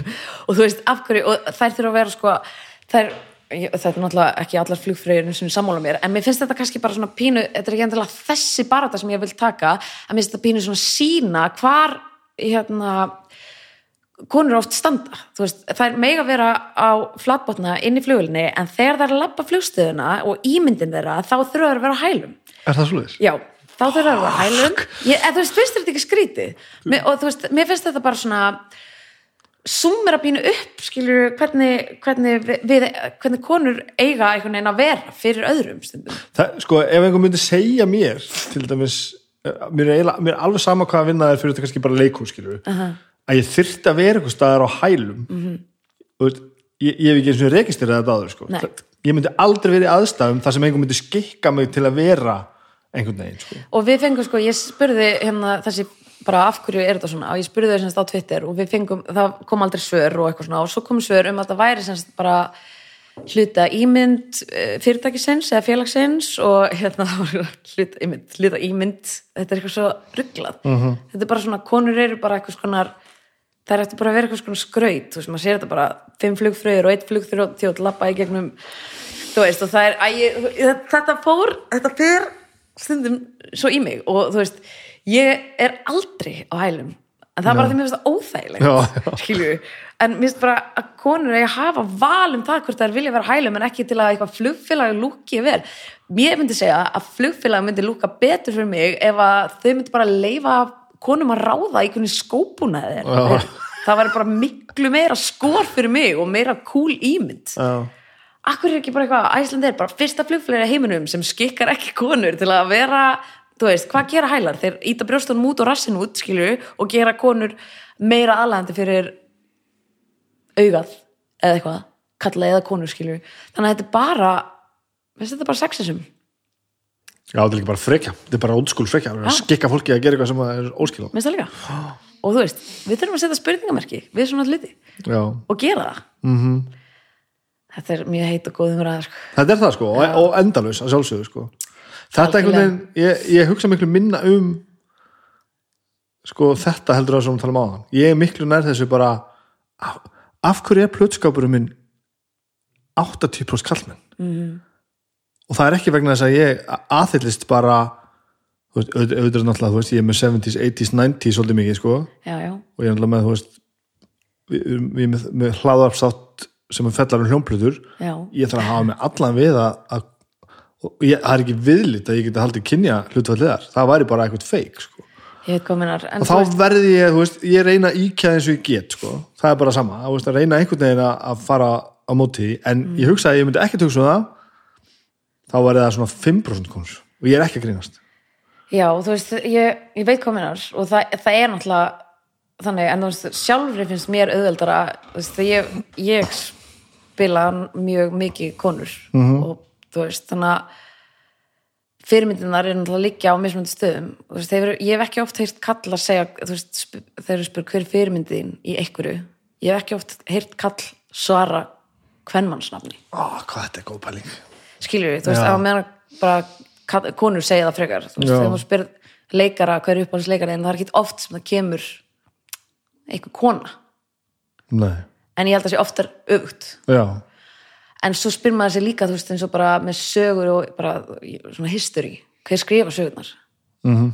það er bara kallar já, skilur já. þú veist þess að ég hlusta að ég er svona pínu sögu nördi og hlusta mjög mikið á svona þú veist Ítlega Jökuls og lesa gamla bækur og eitthvað og hérna ég manu, þú veist, ég var að hugsa um daginn það var eitthvað svona það sa, saga sögð af manni sem var rosa veiðimaður og hann bara fór og fjallinn og veitti og, þú veist, og bara, hann var algjör hetja sko. en á meðan var konan hans heima að hugsa um 13 börn já.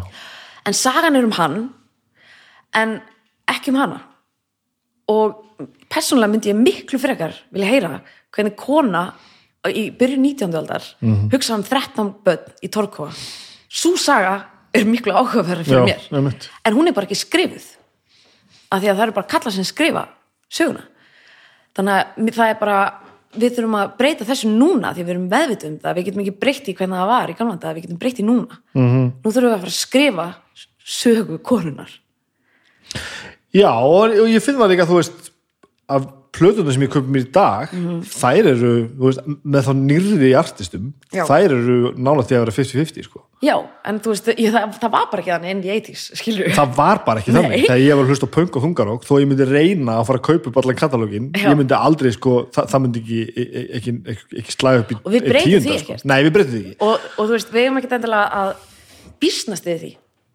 þú veist, en við getum rætt það og við erum meðvituð um það og breytt í núna Já, en, en mér finnst samt að við eigum að íta sko mm. við til dæmis tölum um um hól til dæmis og ég er ekki vissum að ég hefði til að tala um hól nema af því að Courtney Love er og var sem hún, svo sem hún var að sko. því hún var konunars Kurt Cobain Nei, af því hún er fokkin Courtney Love af því hún er náttúrulega Nei, ég, er að tala um, ég hefði ekki tekið plötuna nema vegna þess að það er svo mikið um að tala með Courtney Love af því hún Já. er svo mikil bröðdreifandi sko. já, en þannig náttúrulega erum við samt í ykkur svona pínu veist, þetta pínu dilemma sko, að ég svolítið að velja plötuna að því hún er kona sko. Já, ég er svona rembast við að, fylla upp í kvótan en ég meni Já. að við verðum að gera það sko. en þú veist, mér finnst bara gott að gera það samt og, og þú veist ég, þú veist, það er með alltaf þessi spurninga er það? Bara út ofan í kona, skilju en svo þú byrjar að tala um það, er það ekki bara fyllt áhugaveru stöfi, skilju Jú, sérstaklega eins og með hana já, og þú hefði kannski ekki talað um hana nema að þú væri meðvitaður um hann kvota og þannig ítum við skref fyrir skref fyrir, þetta er bara hænu skref í átta jafnrætti, skilju og við, við erum ekkert endilega að fara að upplifa eitthvað fullkomi jafnrætti á, á okkar tíð Mhm. en við getum ítt í, eins og þú veist að segja, við getum alveg ítt í. Og það er oft bara ógæslega litli hlutir. Mér leið bara eins og bara það að taka að mér tónlistaþátt að stýra poplandi á rástöðum -hmm. sem bara kallar höfðu gert. Sem bara, bara- kollar hefur gert? Já, skilur við að stýra, svona tónlistætti Já. á prime time, skilur við 1-4 í útvarpið allar landsmanna. -hmm. bara það, það er hænuskrif hvernig er þetta núna? Það, er, það eru fleiri konur en kallar Já, á þessum tíma á rástu, skilur við en, og, og ég er ekki eitthvað að hæla endilega sjálfur mér í það en ég hef samt tekið fullt að litlum svona ákvörðunum. Bara það að byrja að rappa. Já, það er bara, þú veist það, við fórum, það er bara við fórum í, sagt, ég var bæjarlistum að Kópásbæðar 2015, við fórum í grunnskóluna og vorum með svona pínulítið rapp námskeið. Og svo var mér sagt frá því að árið eftir það voru hvert einasta atriði á öllum ássatíðum í grunnskólanum voru bara eitthvað gælur að rappa. Mm. og þú veist, þannig að þetta eru bara svona lítil skref sem að koma okkur ógæðasta land og, og þú veist, mér finnst ég bara strax finna einmitt bara mun bara frá því að ég var að byrja og bara í dag með bara tónlistaflóruna. Hvernig var þetta á íslensku tónlistaflórunum núna? Allar bjartustu vonuna voru konur. Já. Eh, konur gjörsanlega bríjat og, og fleiri konur bara rústu þessu.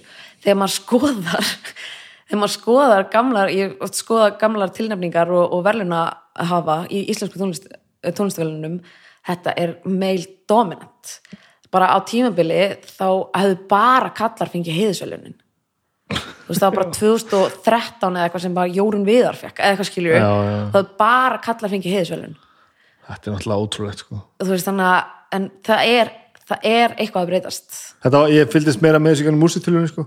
Já, og það var bara nákvæmlega eins. Þetta bara þetta voru bara sveittir úlingstrákar sko. Og bara, einmitt, og bara svona ein og ein stelpa að syngja yfirleitt. Einmitt. Og that's it, og það fannst engum þetta þú veist, kolra savannu þetta var náttúrulega ekkert eðlilegt bara- mál. já, einmitt. Það var risa stórt sko.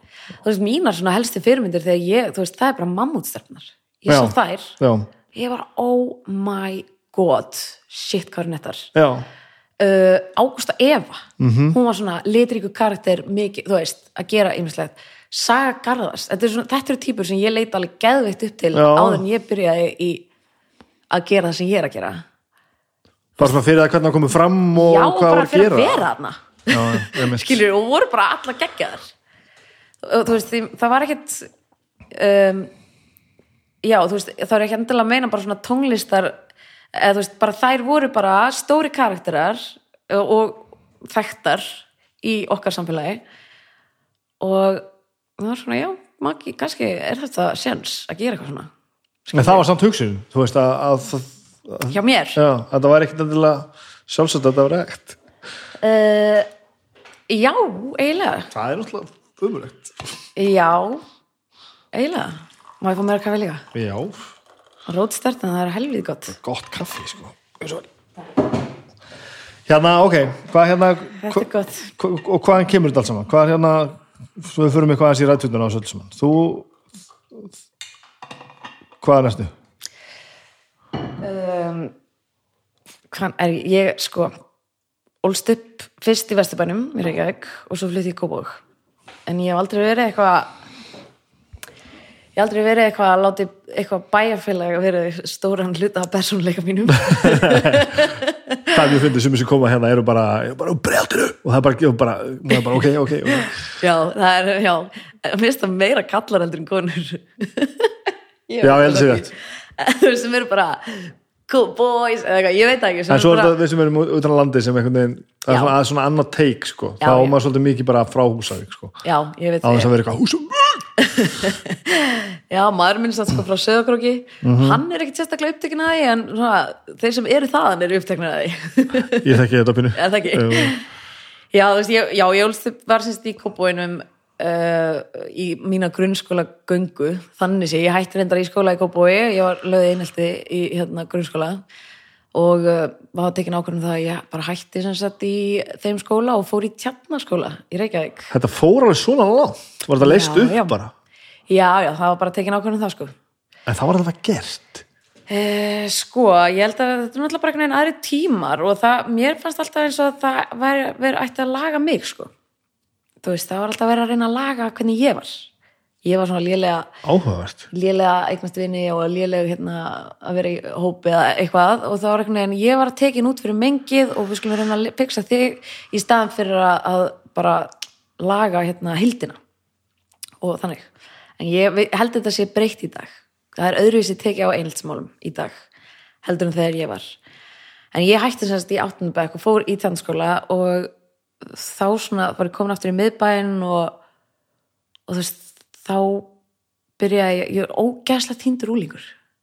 Mjög týnd, sko. en gerði þetta eitthvað að, skipta um skóla Já, alveg helling sko, þú veist, ég bara eignast vini og bara fattaði að ég var ekki alveg hérna gúgú gaga sem ég held eiginlega að ég væri orðin sko já. og hérna og, og svo þess að var samt svona í mentaskóla sem ég byrjaði svona að finna mig Mm og í rauninni bara einhvern veginn eftir mentaskóla við vorum eitthvað ræðið den daginn ég og Arnar svona uh, þú vorum út að labba og voru svona tíu úlingar með hjólabrætt sem löpuði fram hjá okkur og vá, hvað er miklu úlingar tjóðlega gaman vera úlingur og, og samt var ég eitthvað mér fannst ekkert svo gaman að vera úlingur mér fannst miklu skemmtilega bara svona í kringu tvítugt. Og eftir það, þá fannst mér gaman. Af hverju? ég var bara svo tínd og bara eftir þetta allt já, mér fannst bara erfitt að vera úlingur, mér fannst leðilegt í mentaskóla mér fannst leðilegt að læra. Uh, mér fannst gaman í félagslífinu. Mér fannst ekkert gaman eitthvað já, eða þú veist, jú, ég kynnti fyllt að góðu fólki og mörgum af mínu vinum í dag en mér fannst ekkert eitthvað margir tala um eitthvað svona mentaskóla er besta ári lífsins, eitthvað, það var bara nei, nei, það var bara fínt. Ég hekk ekki eins og í skólanum sko. ég gæti þetta ekki sko.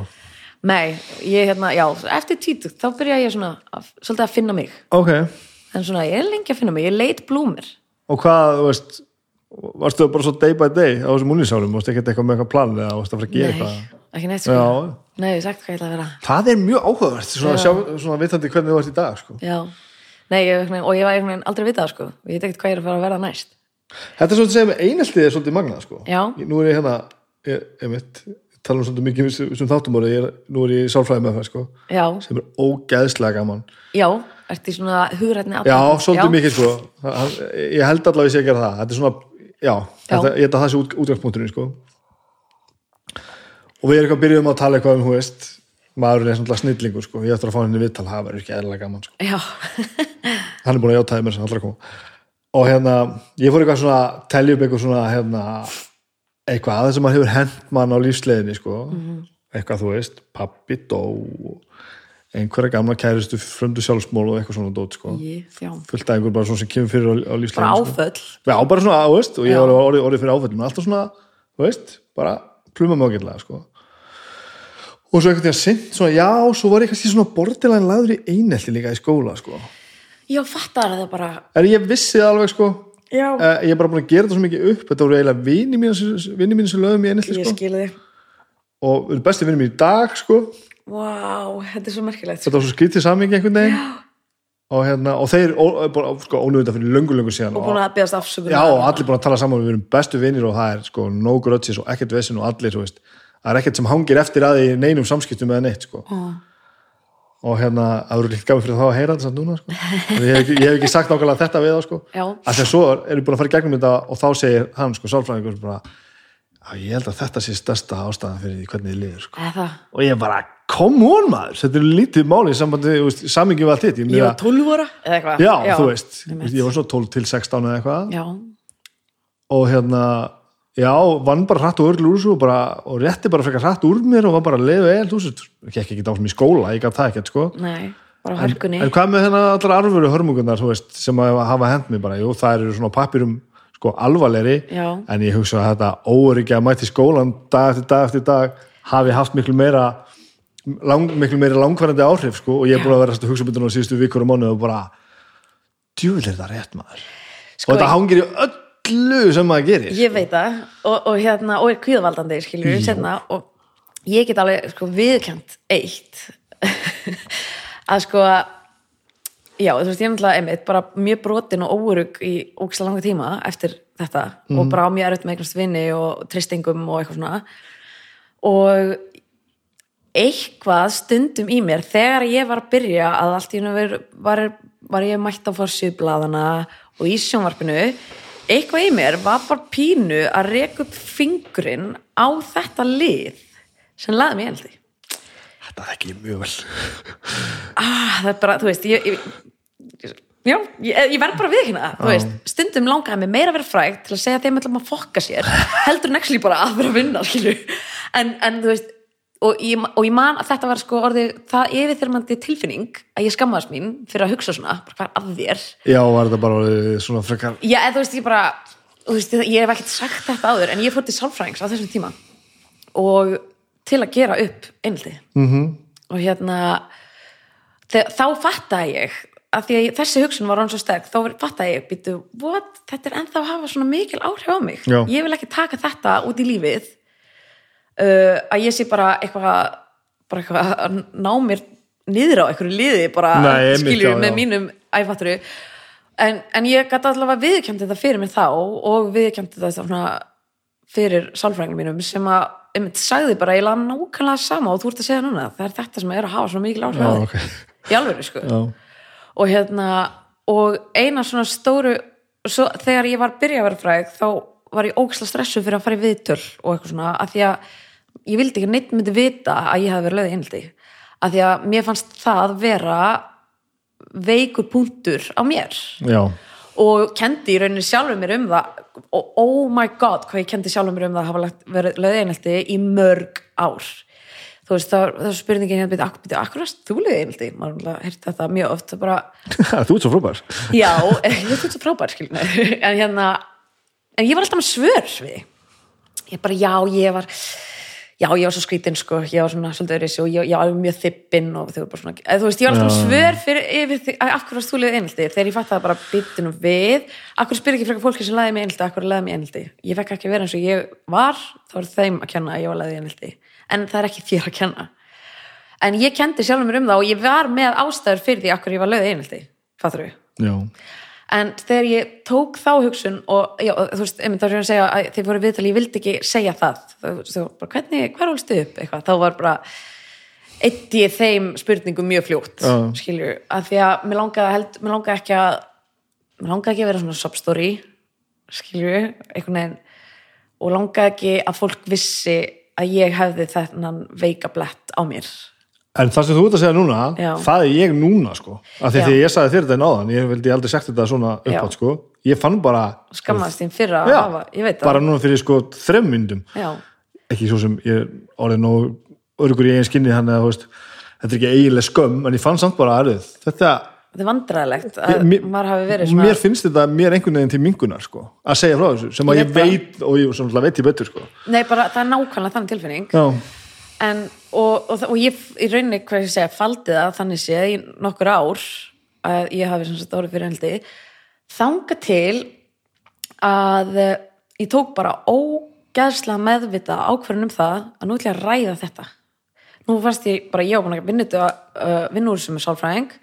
Ég var hann það örug í eigin skinni sem salkasól í okkar samfélagi að ég gatt sagt þetta og fór í þátt sem heitir Ný sín á sjónbrísjóns og saði frá þessu já, já.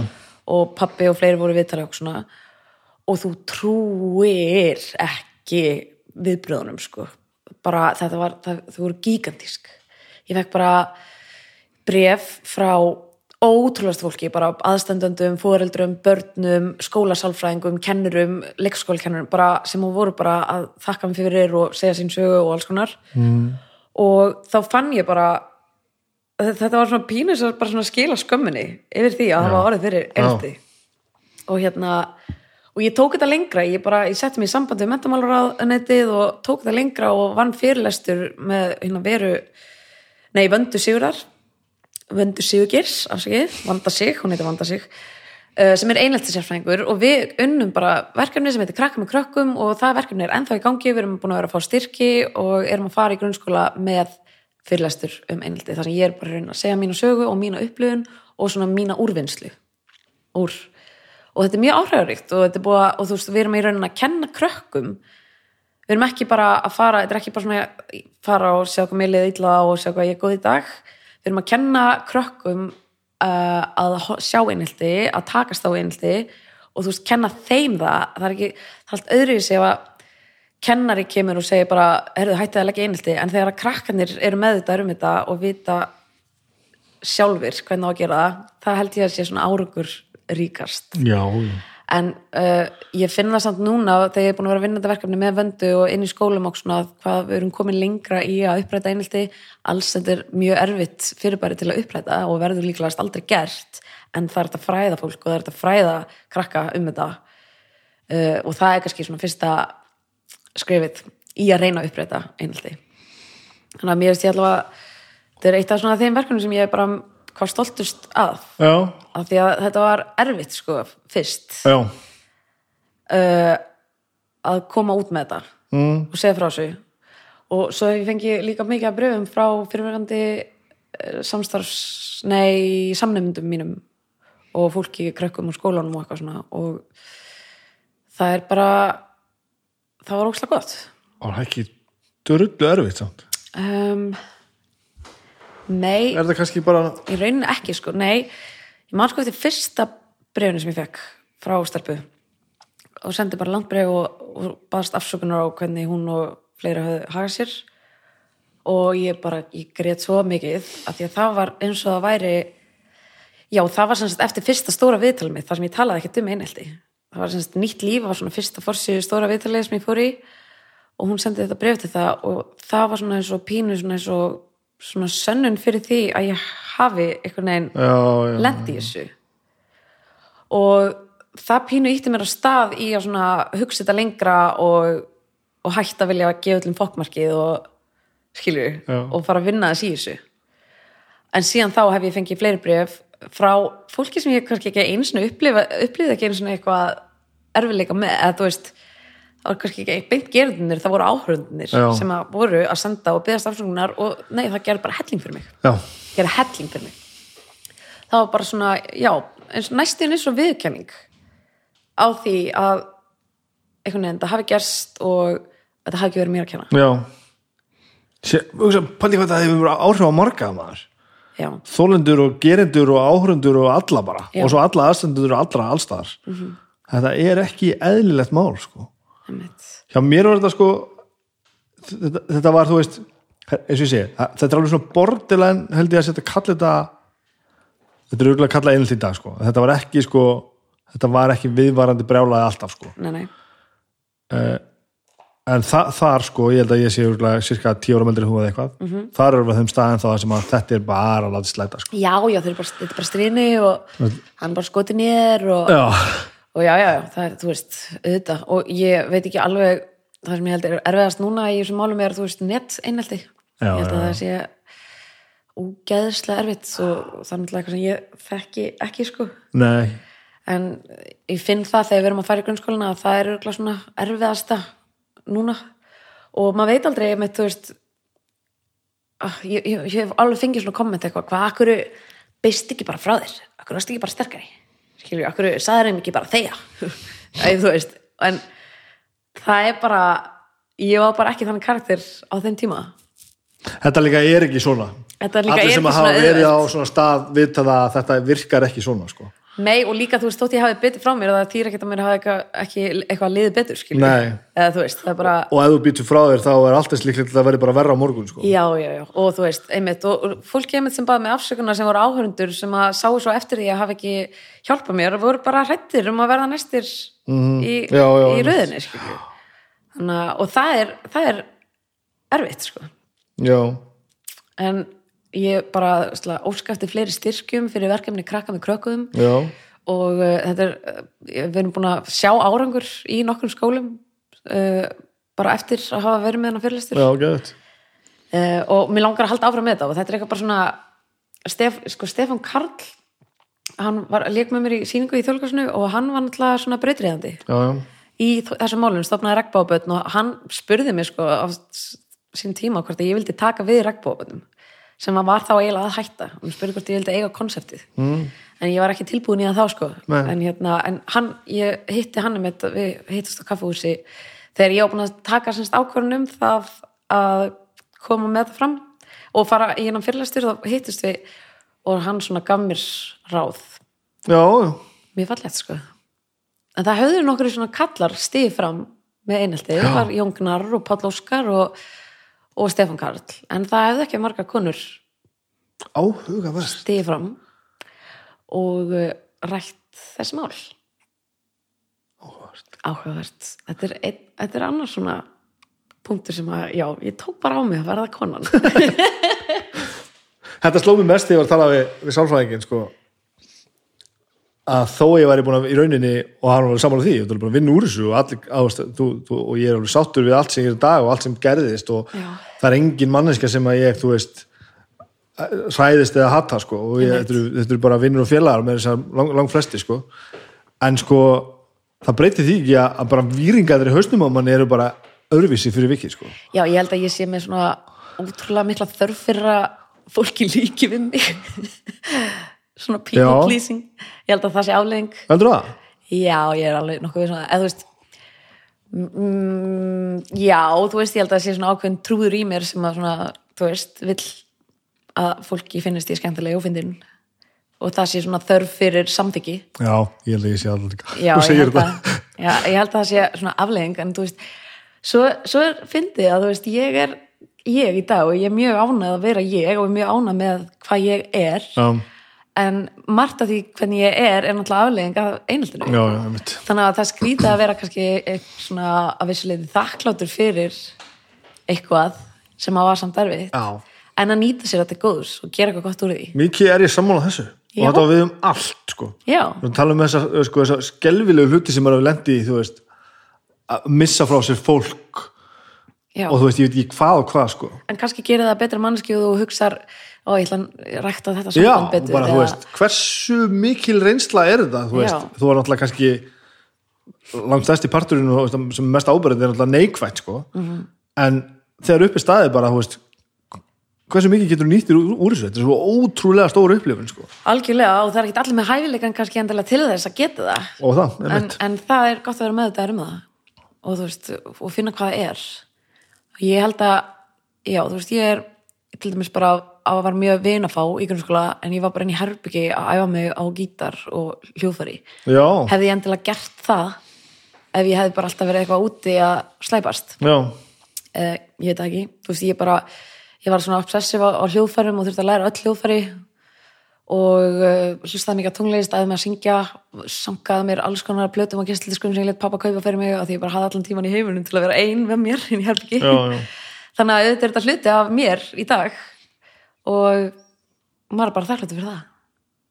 Þarna, þegar þú fyrir með þetta með þér út í, í þú veist, í mentaskóla og þetta Mm. allt saman ertu samt ekkert á leiðin að verða, þú veist, á músikant eða eitthvað svoleiðis? Nei, ég held að það sé bara óöryggi. Já, já, ég held það, ég, nei, þú veist nei. Og ekkert plan? Ég raun ekki sko, þú veist ég byrjaði að taka þátt í söngleikunum og mér fannst það ógæðslega gaman veist, pappi er leikari þannig að ég var svona vissi alveg aðeins út af hvað þetta gekk. En ég bara, mér dætti ekki hug að ég myndi komast inn í leiklistskóla skilur bara og er það bara sjálfsmyndin eða svoleiðis? já, já.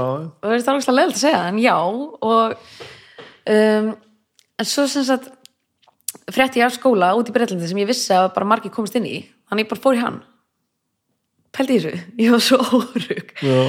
En ég fór í hann skóla og hann, það var geggjað og það mótaði mig ógeðslega mikið. Og það var sem sagt svona, ég fór að braut sem að var svona actor musicianship uh, þar sem að var svona tónlistanám fyrir uh, nei, leiklistanám fyrir hljóðfæraleikara eiginlega.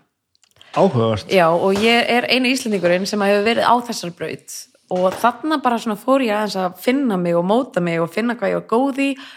Þarna uppgöta ég sko að ég væri raunverulega góð sönguna ég hafði tekið þátt í söngukefninni í uh, FB og ég, og ég vann með frumsmalag og tók þátt í söngjarn frumskóluna og þú veist, það er bara svona hræðilegt að hlusta á það núna, þetta var bara en hvaðan kom þá gött sér til að gera þetta? það var vinur minn sem að við vorum bara í partí eða eitthvað og ég var að syngja og hann var bara, heyrðu, þú getur alveg sungið, taktu þetta söngjafni ég var, nei, jú, þú veist, verður bara með frumsami lag, ég bara, ah, já, og á hvað að gera.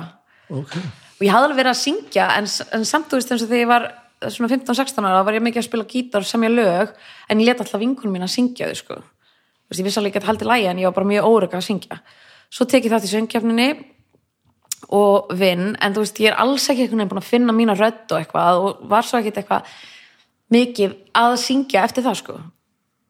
Þetta er, þetta er allt þetta er, þetta er skrítið, ég er að segja frá þessu. Um, en svo úti í Bretlandi í náminu, þá fer ég svolítið svona að finna mína rödd og þá eru allir oh my god, þú syngur svo vel. Eitthvað svona, og þá fór ég eitthvað, já, ég kannski gera það. Ég syng kannski svolítið vel. Og fór miklu meira svona að rækta þann part af mér. En svo bara byrja ég í hljómsveit og þú veist, ég meina þegar ég hlusta á fyrstu upptökunar með Amba Dama, þá er ég bara vil bara ekkert syngja hátt og bara passa mig og ég, ég held ég sé læri, eitthvað svona þú veist, ég er ennþá að finna mig sem sönguna þegar ég byrja, ég er bara alltaf inn að byrja að vinna sem sönguna en ég er ennþá bara svona að finna mig sem sönguna og þjálfast í rauninni bara gett mikið sem sönguna og því að vera alltaf að syngja með Amba Dama. Og ég meina alltaf er þessi rödd núna heldur en þá. Já, og þetta er, þetta er já, þetta er, mér finnst þetta næstin æstanlegt að segja frá þessu hvað þetta var eitthvað allt óplanað, en samt svona blundað í mér, en ég held að óryggið hafi bara alltaf haldið mér eitthvað neginn niðri, þanga til að ég vann úr mínum málum með sálfræðingi án gríns úr bara einheltis, og það er eftir þetta saman? Já, þú veist, ég er orðin mjög þekkt já, Í samfélaginu. já, en eitthvað rækku eftir er að fara til þess að skóla þetta já, þú veist, það var bara kannski líka rótleysi ég vissi ekki hvað mér langaði. Já, bara gera eitthvað. Gera eitthvað. Og ég átti það svolítið til að flýja aðstæður.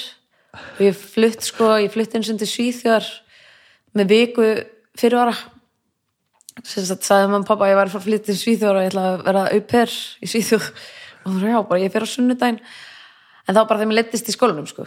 Já, og þú veist, þetta er svona pínu, pínu svona, ég held að þetta sé líka að ég háti feelingur að ég bara svona oft lið eins og ég þurft að flýja aðstæður og bara um, þarna bara, já, mér litist eitthvað skólinum ég ætla bara að fara eitthvað annað og bara bjóði svíþjóði áttamáni og bara lærið helling og fannst það bara mjög gaman og svo kom ég heim og svo var mér bara að leiðast og ég sagði, já, ég ætla bara að fara til útlanda í skóla eða, þú veist og, og þetta, þessi faktor er ennþá í mér, sko bara mjög sterkur. En að stinga bara af, eða þannig svona. Já, en það er kannski bara pínu flóknar núna. Og ekki betra heldur sko. Nei, ekki betra skilja en, hérna, en ég held að þetta hafi verið á svona tímbilum sem ég var að detta í tunglindi og kvíða þá bara, veitu hvað get ég gert? Já, flý aðstæður. Já, og stundu hjálpaði það mér. Að- og, og bara landfræðilega flýja, bara Já. fara eitthvað annað. Já, og hvernig hjálpaði þér að þá? Bara, þú veist, nýtt umhverfi nýjar aðstæður, ný verkefni, takast á við eitthvað nýtt ekki vera í, þú veist, sama farinu. Og ég er svona, þú veist, þetta er bara svona líka minnst mjög erfitt að vera, þú veist, að henda mér ókslega vel vinnan sem ég er í dag, af því að ég er kannski átta vikur að æfa sýningu og svo kemur sprenging og það er frumsýning og þá er það búið. Og þá er það nýtt verkefni. Þannig að það heldur mér svolítið á tánum þannig að mér lið vel í þessum bransa. Mm. og ég man sko að í mentaskóla spurði námsvækjaða mig svona, jæja, hvað ætla þú nú að verða? þú veist ekki, klúður öllu eitthvað, falla mætingu eitthvað það er eitthvað og ég man, ég sagði, ég veit ekki en ég ætla, ég ætla pottið að verða eitthvað þar sem ég þarf ekki að mæta klukkan átta í vinnuna Já. það var einu plan mitt sko. ég sagði þetta líka alltaf sko og það tók mér mjög mörg ára að fatta að það var akkurat það sem ég þurfti Já, að mæta klukkan nýja mótan í vinnuna sko. já, eða það Já, ég hef búin að vinna fyrir sjálfa mig alls konar verkefni og fannst það mjög gaman sko en þegar ég svona álpaðist inn á auðlýsingastofu fyrir já, 8-9 árum síðan sko og bara fannst ég alltaf góðu fyrir allt þetta og var ég bara að fara að vinna fyrir mannin og eitthvað svona og mæta mótnan alltaf í sama farið og eitthvað svona. Já, besta sem ég gert sko. já, sko, mér finnst það gott í svona litlum hlutum. Eins og þegar maður er að æfa fyrir leikrit og mæti 10-4 í 8 vikur -hmm. það er aðeinslegt Já. en er líka fein já, já, já, já, já, ég segi það ekki. Svo hef ég alltaf bara tekið bara, bara mánaða frí og fara á túr, sko, Já, veist, það henda mér alveg líka, sko.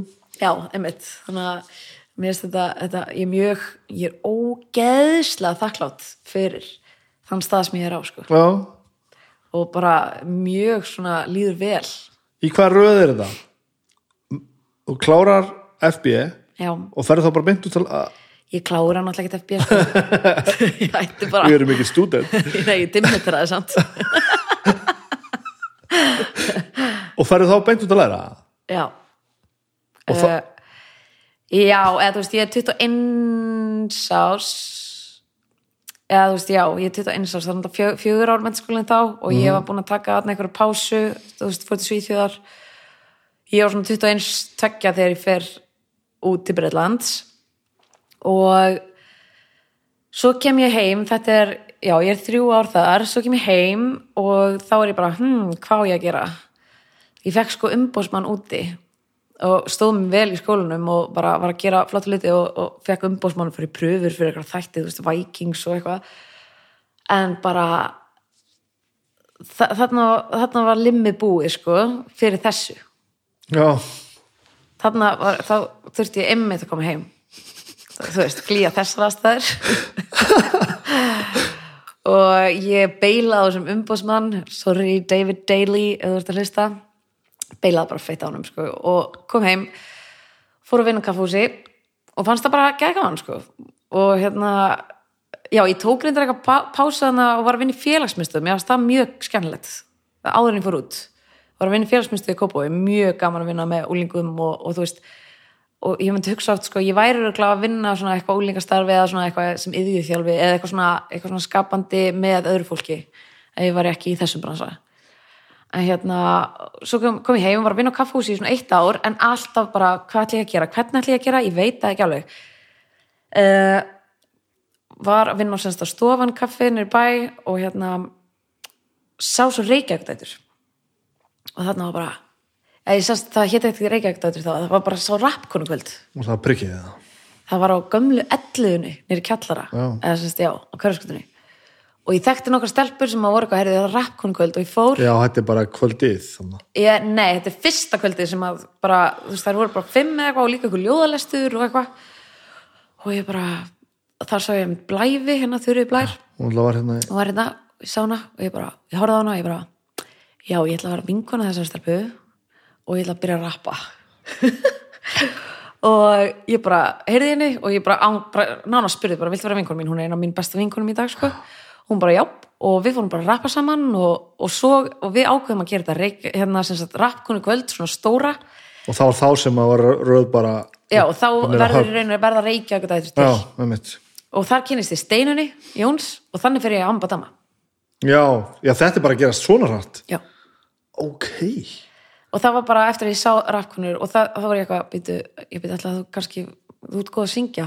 Já, nei, ég ætla ekki að fyrir að syngja, þú ert góð að leika. Já, nei, ég ætla ekki að fyrir að leika, ég ætla bara að rappa veist, þetta er bara já, þetta er heldur líka aðti hátið, en sér þess samt hvað hjálpa manni líka. Já, algjörlega sko, það er að vinna ógeðslega mikið með sér. Og ég þekkti engan sem kunna rappa nema æsku vin minn á Bárugötunni Ívar Skram sem kallar sig Immo Skram hann rappar á ennsku, þannig ég ringdi hann búin, hann var sko búin bestu vinnu þegar ég var 6 ára og hann 8 ára eða eitthvað. Og ég ringdi hann og ertu til að kenna mér rappa? Og ég fór heim til hans. hvernig rappar maður? Já, og hann kom með alls konar samti mína fyrstu rímu og það er ríman sem að er í hérna Reykjavík læginu þannig að stóra læginu og uh, svo verði ég bara húkt á því að rappa. Og er ennþá stundum að rappa, ég rappaði með mannin mín á síðustu plötu og, -hmm. og hef mjög gaman að ég rappa sko. en hérna, svo bara allt í nú var ég án sönguna og þá hafði ég ekki tím til að rappa af því að ég var komin í ambadama og þá var ég án reggisönguna. Og fór alveg all in í að vera reggisönguna. Við fórum á reggifestival út um allt og bara geðveikt gaman sko. Og svo já, svo bara, ég veit, það sem við tölum um byrjun þættinum, var ég komin þangað eiginlega. Já. Þannig að þetta er, nú erum búin að fara mjög hrætt yfir þetta músíkdót sko. já. Þú, þú læ- lætur þetta pínu hljóma eins og það er bara gest svona bara, þetta er bara, já, en það gerðist. Þetta var rosalega stórt sko. já, þarna var bara allt út um allt. Já, bæði og bæði Reykjavík þetta náttúrulega og svo náttúrulega ammálbönda bara, já og tímbili var ég náttúrulega partur af þessu báður sko, já, þá til ég hafði bara ekki tíma í Reykjavík og sagður bara frá því það bara formulega Já, ég bara, þú veist, þegar ég get ekki verið með, þú veist, og maður bara, já, þú veist, og þetta, þá á þeim tíma voru þetta líka bara svona reglífa samtök, sko, fyrir stelpur sem vildi rappa, bara allir velkomnir inn og allir velkomnir út, sko, og þetta var bara svona, já, þetta var eiginlega bara svona hugmi, eða svona, já, reglífa samtök, bara, ég held að það sé best, en svo náttúrulega breytst það í hljómsveit setna mér, og það svona, urðar kannski að selektífari á það hverju væri í bandinu og svona, og í dag er þetta bara nýju stelpur sem eru bara fastar í þessu, sko, en hérna, þetta er svona pínum svo að vera skáti einu sinni Reykjavíkdóttir, alltaf Reykjavíkdóttir þú veist, ég er alltaf svona partur að þeim og hef- þú veist, þetta er allt vinkunum mínar, bara mjög nána vinkunum mínar. Hvað sagði Blæra að hefði farið margar í gegn? Það, örgla 20 eða eitthvað nei, það var, svo, það var sko 40 eða 50 eða eitthvað. Já, örgla, sko, og það voru líka trans hérna, fólk og fleiri sem kom inn í það og Já. þetta, já, þetta var alveg, fóru margir í gegn, sko. Og ég er svona kannski eina svona stopp samt. Og hérna, einmitt þegar ég fór á hann fund með Simma og, og skúla hérna á Subway, þá var ég nýbúin að gera Reykjavík þetta lagi og þeim fannst það einmitt mjög fyndið sko. já, þannig að það þaðan þeir svona þekktu mig aðeins þaðan. Þannig að Reykjavík Subway, Bravo. Nei, jú, jú. Reykjavík Subway, Subway, Bravo, Bravo. og svo er Hossa Hossa. Ambadama, Rástvö Rúf og já, og svo Voice, þannig að eftir Voice þá fann ég líka rosa já, þá, þá, þá var rosa mikið sko er, er, er það, sorry hvað ég, það hljómar umulega er það svona vinsælt? já, það var rosalega Já. vinsælt, sko. það er hérna ég fann mjög svona stert fyrir því að vera stjarna þá að því ert í þessu hlutverki þá að Já, þú veist, þetta, þetta var eitthvað, þetta ár sko var ég mest googlaða manneskjan á Íslandi. What? Já, það er rugglað, það var bara ég og Gunnar Nelson þú veist, og hérna og tengir það við voice? Já, ég held að kannski þegar fólk vissi ekki hverju almennlega hverju var. Eða eitthvað, ég veit það ekki. Ég held að það sé ekki ástæðan fyrir að fólk verður mest googlað í heiminum að svakalega- fólk veit ekki hver það er. Nei, en sko Já, þú veist, þetta kom bara, og þú veist, í öðru seti var Vigdís Fimbódóttir og Björk í þriðaseti, eða eitthvað, þú veist, þetta var bara eitthvað ruggla. Og hérna, og ég var, já, rosa, já, já, og það, ég man að mitt, sko, svo var ég á jólatölungum bó þetta ár og það voru auglýsingar á strætóskilum fyrir þá tónleika svona ég svona, að standa þú veist, með hendur að lendum og eitthvað og svo voru líka voice-ölsingar þannig að það var ángríns hvert einasta strætóskili í borginni með mynda mér já, já. þannig að ég fann mjög mikið fyrir því að vera stórt nafn þá. En þannig ertu bara fucking superstjarna, þú veist, þannig er þetta bara allstaðar út um allt Og var það, veist, eitthvað sem að varst alveg til í, eða já, já, já. um, að því, þú veist, þessi, sko, þessi snertiflötu sem ég hef haft að einhverju frægð, já, sem ég er svona eitthvað svona míniseleb, sko, það verður strax svona bara, ok, þetta er alveg pínu meira en að segja það, sko. Það hafa alveg komið svona þar sem ég er svona bara, hm, þetta mætti nú ekki vera mikið meira, þá er ég ekkert endilega til í þetta, sko. En þetta er bara einhvern brotabróta þessi þú ert að lýsa, sko. Já, sko, á þessum tíma þá þróaði ég með mér mjög mikið það sem ég kallaði alltaf bara fólkkvíða, sko. Þá, sko, þetta er líka tímbila sem ég er semst, að kynnast Arnari. Já. Hann er einhvern veginn í stærstu rappljónsitt á Íslandi og við erum eitthvað að deyta og uh, ég er mikið, við erum mikið eitthvað, veist, að skemmt okkur og djamma og, þú veist, og og mikið á tónleikum og baksins og bara geðvikt stuð. Þetta er bara, bara ógæslega skemmtileg tími. En uh, það fór að koma svona fólkkvíði í mig, þú veist, það bara svona maður bara ekki látin í friði til dæmis á djaminu og veginn, svo, þessi vinahópur MC Gauti og allir þessi freskur strákar og eitthvað svona flamboyant fólk bara. Já, þú veist að við vorum bara þetta var styrla tímbil sko, og þú veist, maður var, að- einmitt, maður var ekki látin í friði. Og ég man með þetta sem ég var að skemmta okkur svona úlingalandsmáti í borganessi og vinkonum mín var að sækja mig og ég þurfti að hlaupa í bílinn og það þurfti að koma svona örgisverðir að því að það var krakkar á bílnum bara og þetta var bara svona rugglað sko en þetta var drullu gaman Já. og er drullu gaman. Og hérna en, en ég var samt svona orðin stressu að þú veist, ó, því svo mikið af fólki bara, ég geti, og bara, ma, þú þekkir það nú kannski þú veist, maður, maður fór að skemmta sér en maður var bara baksvis að skemmta Já, sér. já, já. það var bara djamið, skilur að því maður gati ekkert verið frammi. Nei, það var ekki hægt. Nei, og líka, þú veist að fara eitthvað svona nýri bæ og, og bara, þú veist, bæði á daginn og kvöldin og svona, það, það var mikið áreiti þannig að maður fór svona allt í hún að verða stress, bara býtu, get ég farið þangað, verður mikið af fólki? Ah, ég nenni ekki. Eða, ég skilju, þannig að þetta var svona fólk kvíði. Svona kveið fyrir því að þurfa að fara það sem var mikið af fólki. En þetta er ekki líka í bland allavega það bara sem að ég, þú veist, þekki mjög vel bara, maður nennir stundum ekki, stundum vill maður bara fá að vera aðeins í friði, sko. algjörlega, sem sko betur fyrir hefur þetta nú, nú ekki verið löngtímabíl í mínu lífi, sko, en það verið svona stundum að sé svona bara, og svo er ég svo mikið svona people pleaser í mér að ég sko gæti aldrei sagt fólki bara hvað, getur það hans látið okkur Nei. eitthvað. þannig að ég fann upp sko pikkið og pikki var semst þannig að ég var með vingunum mínum og eitthvað þurfti að segja mér eitthvað geggja sögu, alveg mjög langa og mikla sögu skilur þannig að ég pikkaði svona í vingunum mínar og það er svona, herðu við verðum að fara við um að vera skilur þannig að það var svona já, bara taka á rastæðum. já, bara taka mér aðstæðum á meðan að þú veist, sem vinur mínir sem að, þú veist, eins og Arnar, hann getur verið bara, herðu, við verið í friði? Já, hann og bara nú síðast síðust helgi vorum á hóteli og mikið af fólki sem vildi tala við sáttum bara tvö og hann er svo típan sem segir, hefur megum við vera tvö eða skiljur, er gott. já það geggja sko Sérstaklega þetta fólk sem getur gert það bara vel Já. og það verður enginn einhvern veginn. engin verður eitthvað, hann gerir það ekki dónulega sko. Nei, nei. en fólk áttur sér kannski einmitt, ofta ekkert á því, ég set alltaf svona ég er alltaf eitthvað svona, þegar maður heyri sögur af þessum sem er þekktur að frægur eitthvað svona að hann er algjör dóni, eða hann er óslega hann svona, heyrur garnakvöli hérna, eitthvað svona já, er dóni eða voru þetta erfiðar Einmitt. skilur, svona, þegar það eru kannski ég hef einu slendi að það voru kannski 15 mann sem voru að koma að mér en á kíki, hérna skemmtistanum bara að tala um mig og ég var að mm, gefa mig tíma fyrir alla einhvern veginn, svo setjast þið niður og vinkona og búið að kemur kona og hún er svona frekar drukkin og hún byrja að tala um mig og þá er svona í fyrsta sinn er ég eitthvað, herðu megum við verið í friði, getur við farið og hún brjálast á mig sko. og bara helli bjór og bara eitthvað svona, hún brjálast á mig og bara, þú ert ógíslega góð með þig og dóni og eitthvað svona og maður bara já, þú veist, hún, og nú fer hún og segir einhverjum vinnu sínum að ég sé ekki ekki góð með sig skilju, en hún veit ekki aðstæðnar fyrir um kvöldi hjá mér Nei. Ég var, Þannig Þannig... var að horfa hérna Billie Eilish myndina. Búin að sjá hana? nei, ég get ekki beðið það sjá hann samt Alveg mistarlega. Já. Það er svona momentar. já, það sem hún er einhvern veginn rifin í eitthvað svona greet sko, sem hún veit ekkert af sko, og krúiðin er einhvern veginn aðeins að fokka sig upp sko.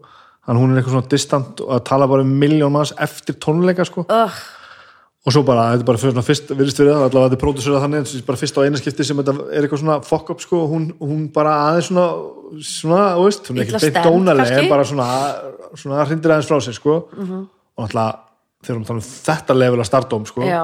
Þá náttúrulega er hún bara útlistu sem eh, bara antisocial drullus okkur bara í öllum fjölmiðlum sko, og bara, come on! Já, þetta er ekki eðlilegt þess vegna setja ég alltaf svona spurningamarki við ef að maður heyrir skilju, maður er eitthvað, já, einmitt. Já. hann er nú bara, ekki, eitthvað svona að ég veit ekki, Siggi Hlö segir að við höfum bara að hætta að grenja.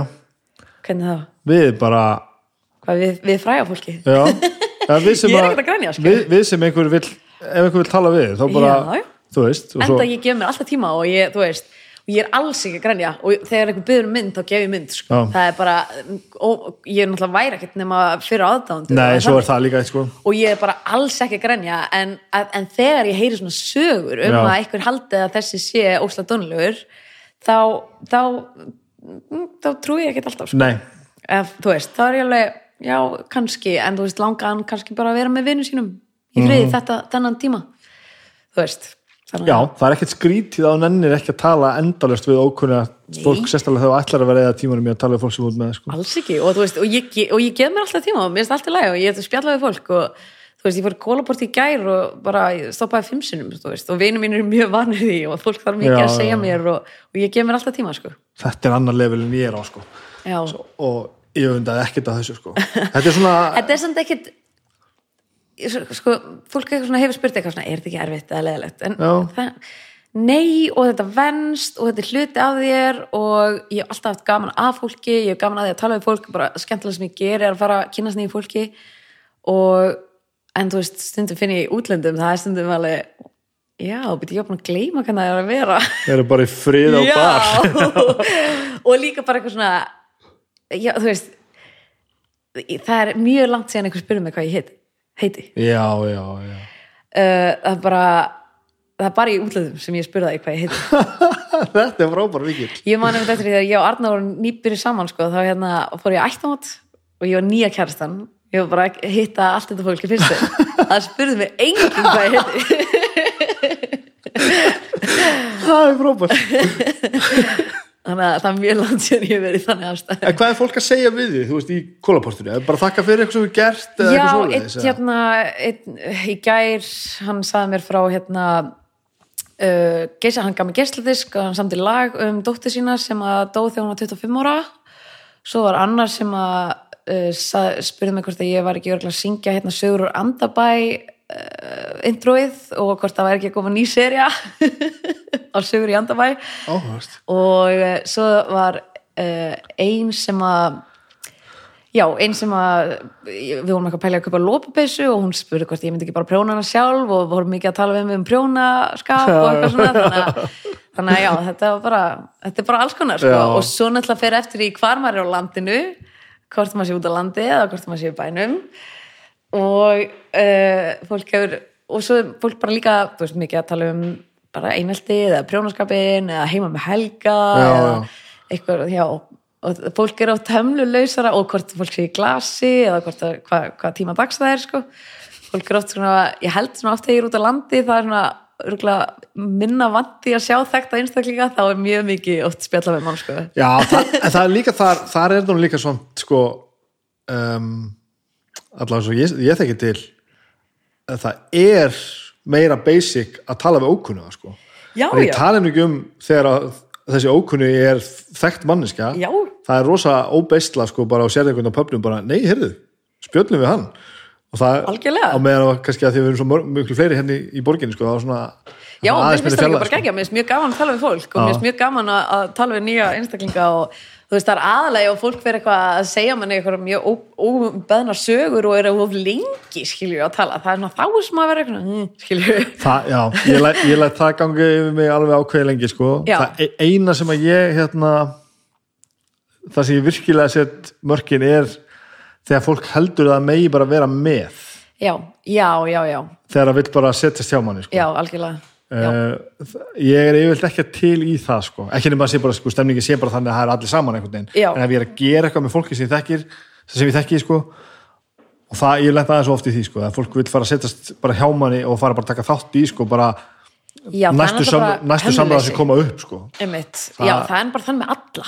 En Já, það ekki, skilju, þú veist, þú ert ekki eitthvað bara út að borða með vinninu og svo kemur einhver og bara sest hjá þér, skilju eða þannig, en, en auðvitað fyrir þetta fyrir aðstæðum og þetta er, að ég hef aldrei látið þetta fyrir töðunar á mér. Og svo finnst mér líka fyndi að þú veist, ég tek minn eftir þessu. Þú veist, þess að ég man þegar ég og Steinum voru svona nýbyrjar í ambadama, þá spurði vinkona okkar eitthvað, finnst ykkur þetta ekki skrítið? Við bara, hm, hvað?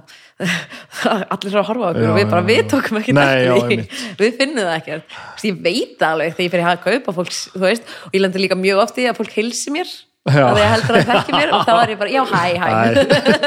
Auðvitað segir maður bara hæ.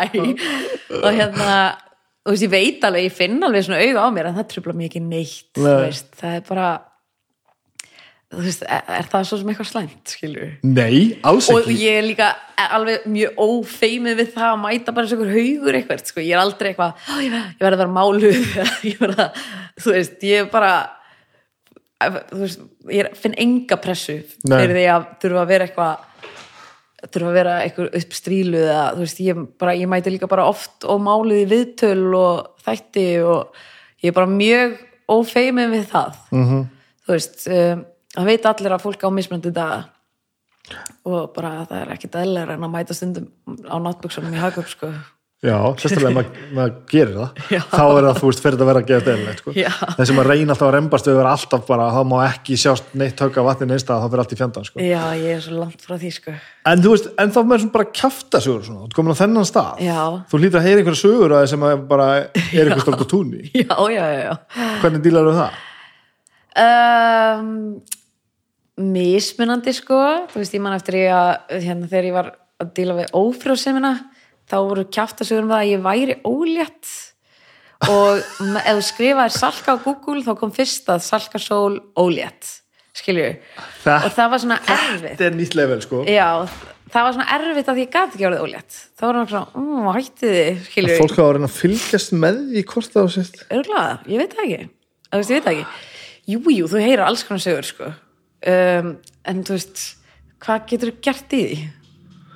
Ekkert, Nei, en það er ekki allir sem ná að hugsa þetta svona sko Nei en svo, svo er líka þegar að sko, þú veist, vini mínir er ekkert að kjafta svona sögum, skilju en stundum er maður í aðstæðu sem maður er eitthvað, varstu búin að heyra um þetta og maður er búin að heyra þess að kjafta sig um miljónsunum og veit að hún er ekki satt skilju um eitthvað annan mm. -hmm. að því að maður þekkir einstaklingin og þá er maður svona, þá reynir ég að stoppa það Já, skilju einmitt. en það er svona það mesta sem ég gerð og útskipt kannski stundum fyrir svona sum fólki sem að er svona ég var bara eitthvað, já þetta er kjaftasaga og þú veist þetta, æfatru jú, en ég heyri samt ekkert eitthvað ekkert eitthvað það mikið sko en það kannski koma þær ekki allar til mín.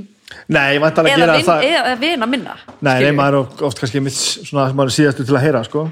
Já, ymmit, ég er ofta að hugsa um svo að þegar maður heyrir eitthvað sem sögur allir þeir viti að þessi saga sé í gangi um hann, Já, ég mitt þessi bransasaga eða þessi mér finnst alltaf, sérlega gaman að heyra kjáttur um mig sko Mér finnst það oft en heyrur þær? Já, það, það, við erum alltaf, við erum einhvern veginn, svolítið stór hópur af fólki. Já. ljótu hálfvitarnir og þetta allt saman já, uh, við erum svo hrikala opinn hvert venna sko, og okkur Já. finnst allt svo skemmtilegt, Já, já. Veist, eins, og, eins og núna erum við bara að tala um sko, geðrana kvilla og eitthvað sko, og veist, já, já hlaðarpið sem bróðuminni með, með flosa í ham sko. þeir eru bara að tala veist, sagfræðilegt hérna, hlaðarpið, við hefum gaman að svo já, svo eru við bara að tala um hvað eru hellaði sko. að það flosið þunglingdasti maður í veröldinni og Já. baldur með svo mikið aði hátti að það er æfintilega sko. og, og það er einhvern veginn bara gaman að tala um þetta sko. og við tölum svo mikið um allt svona og svo náttúrulega kemur alltaf aðeins einhver bara hérna, veistu hjá hverju þú varst að svo um síðstakki Já, og ég bara, ha? En sko ég held að ég myndi alveg heyra líka en ég held að þú veist fólk kjæfta sig um það fara ekki endilega í vini mína Nei, ég held að bara netið okkar er held ég svo stort veginn sko. Já og kannski veit fólk meira hverjir eru vini mínir eða eitthvað, ég veit það Já, ekki getur verið, já. En hérna, það er bara mjög leðilegt að svona sögur sér í gangi, bara ömulegt í, í rauninni, þú veist, að þeim líka mann langar að vera fyrirmynd og svona, en þú veist, mér er bara drullu gaman að fá mér í glas og Já, bara einmitt. finnst gaman að skemmta með, með vinkunum mínum og bara uh, elska að fara á happy hour og, eitthvað, og þú veist, þannig að og ég nenni ekki að taka það út úr systeminu, skiljur að því að maður hrættur um eitthvað kjæftasögur fara stað, nei, skiljur svo líka þetta með fyrirmynd og fyrirmynd sko. Já, og líka hvað á að taka sér til fyrirmyndar og hvað á ekki að taka sér til fyrirmyndar. Og það er einmitt að ef kona skammi mig fyrir að fá mig bjóra því að ég er fyrirmynd ungra stelpna. Það er einmitt bara, þú veist, ég minna Janis Joplin er fyrirmyndi mín, ég er samt að ekki að fara að sprauta mig með heroin, Akkurat. skilur, eða þú veist, mér finnst hún samt bara geggjaðu hvern karakter í ógeðslega karlagum heimi skilur, ég, ég man bara einu sem eftir að fengi svona slummu framann í mig og það var þannig að ég svaraði því sko. Mhm. Svona fyrirmyndar, passið ykkur þið eru fyrirmyndir, Já. þá er ég og gummi viru minn A-klassa fyllibitta og stórkurslegu maður með mér í ljótu hálfutónum við vorum einhvers staðar að taka upp plötu eða eitthvað, við leiðum stundu bara svona hús eða sömubústað eitthvað, vorum að æfa og nýju saman, bara eitthvað bara já. Og örgulega bara eitthvað megajam. Og já, stundum, það var aðsett í hvað við erum að gera stundum vorum við bara, veist, já. Og við vorum hauslausir á drikju þarna og, svo- og tek, tek, tek, tekið mynd á okkur sem við erum bara svona hálfpartir í faðmlugum að rík fullóti, sko, þetta er ekkert mjög langt síðan. Og þú veist, einhvern veginn hlæðandi öllu og bara á augljóslega dauða brukni, sko. Og, ein, og bara fólki finnst þetta almennt eitthvað fyndi og sniður sko. og einhver kommenta bara eitthvað fyrir þannig með fyrirmyndina sko. og það er svolítið erfitt að segja bara nei, þetta er ekki rétt hjá þér.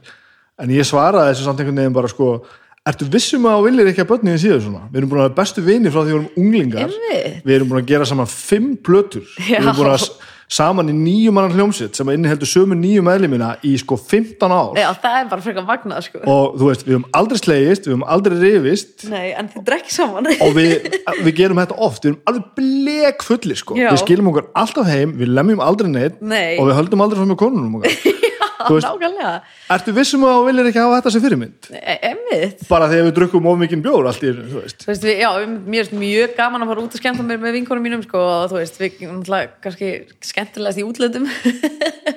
En hérna og einmitt, þú veist, er bara ógislega góða vini og þú veist, þetta er bara svona pínu svona hluti af mínum að þú veist, ágamáli, mér er geð gaman að fá mér glas með vinum, mér er geð gaman að vera að syngja á balli eða eitthvað þú veist, og fá sér í, eða syngja tónleikum skilur og fá sér pínu glas og eitthvað og, og skemmta mér, sko, þannig að en, en ég var svona eins og þjóðfélag, eða svona samfélagi vildi frekar ég erði bara svona að hossa hossa og sæt stelpa Já, já. og vera eitthvað svona, þú veist ég man ég reykti líka síkartur á tímbili og það var bara, ég þurfti alltaf að fela það og maður engi krakki sjá það og, þú veist Æ, en ég, ég er hætt samt sko.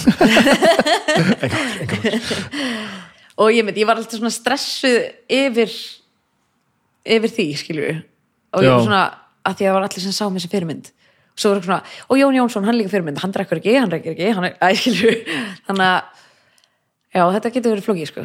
Já. ég var svona pínu pyrranda að vera fyrirmynd og tímbili, en samt vildi ég vera. Það Já. en þú veist, mér fannst því samt vera fyrirmynd bara með því að vera með sterkur kvennkarakter í karlægum heimi, allstaðar Æ, ég meni, ég vil frekar hafa þig sem fyrirmynd sex ára dóttur minnur heldur en einhverja, einhverja rosa duglega dúku í fallegum fötum sko, Já, einmitt. Einmitt. og, og ég vil heldur ekki að fyrirmyndina séu fullkomnar. Alls ekki, alls ekki. Og hérna og einmitt, mér finnst sko svo fallegt að sína ófullkomnun. Já. og það er líka ástæð fyrir að ég mæti oft ómáluð í aðstæður þar sem er ætlast til að ég sé máluð. Ætlast til já, bara þessi sjónvarpi.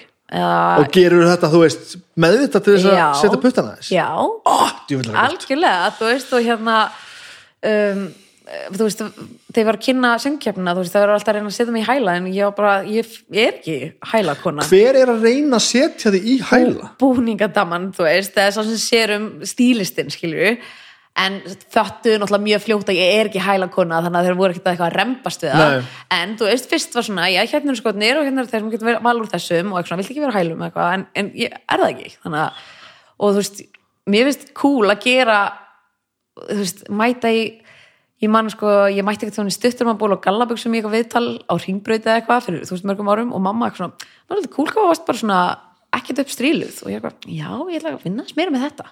Að vera, þú veist, ekki alltaf eitthvað neginn í your A-game þegar það er rauninni svona þetta ætlast til að þér að vera það. Já, þannig að ég, þú veist, mér finnst mjög gaman að mála mig og vera fín og, og stríla mig sko, en mér finnst líka mjög gaman að vera bara mjög ekki þannig. En svo náttúrulega mikið listgrein sem ég var mjög lengi að læra að vera, þú veist vera, hvernig að jóra þetta?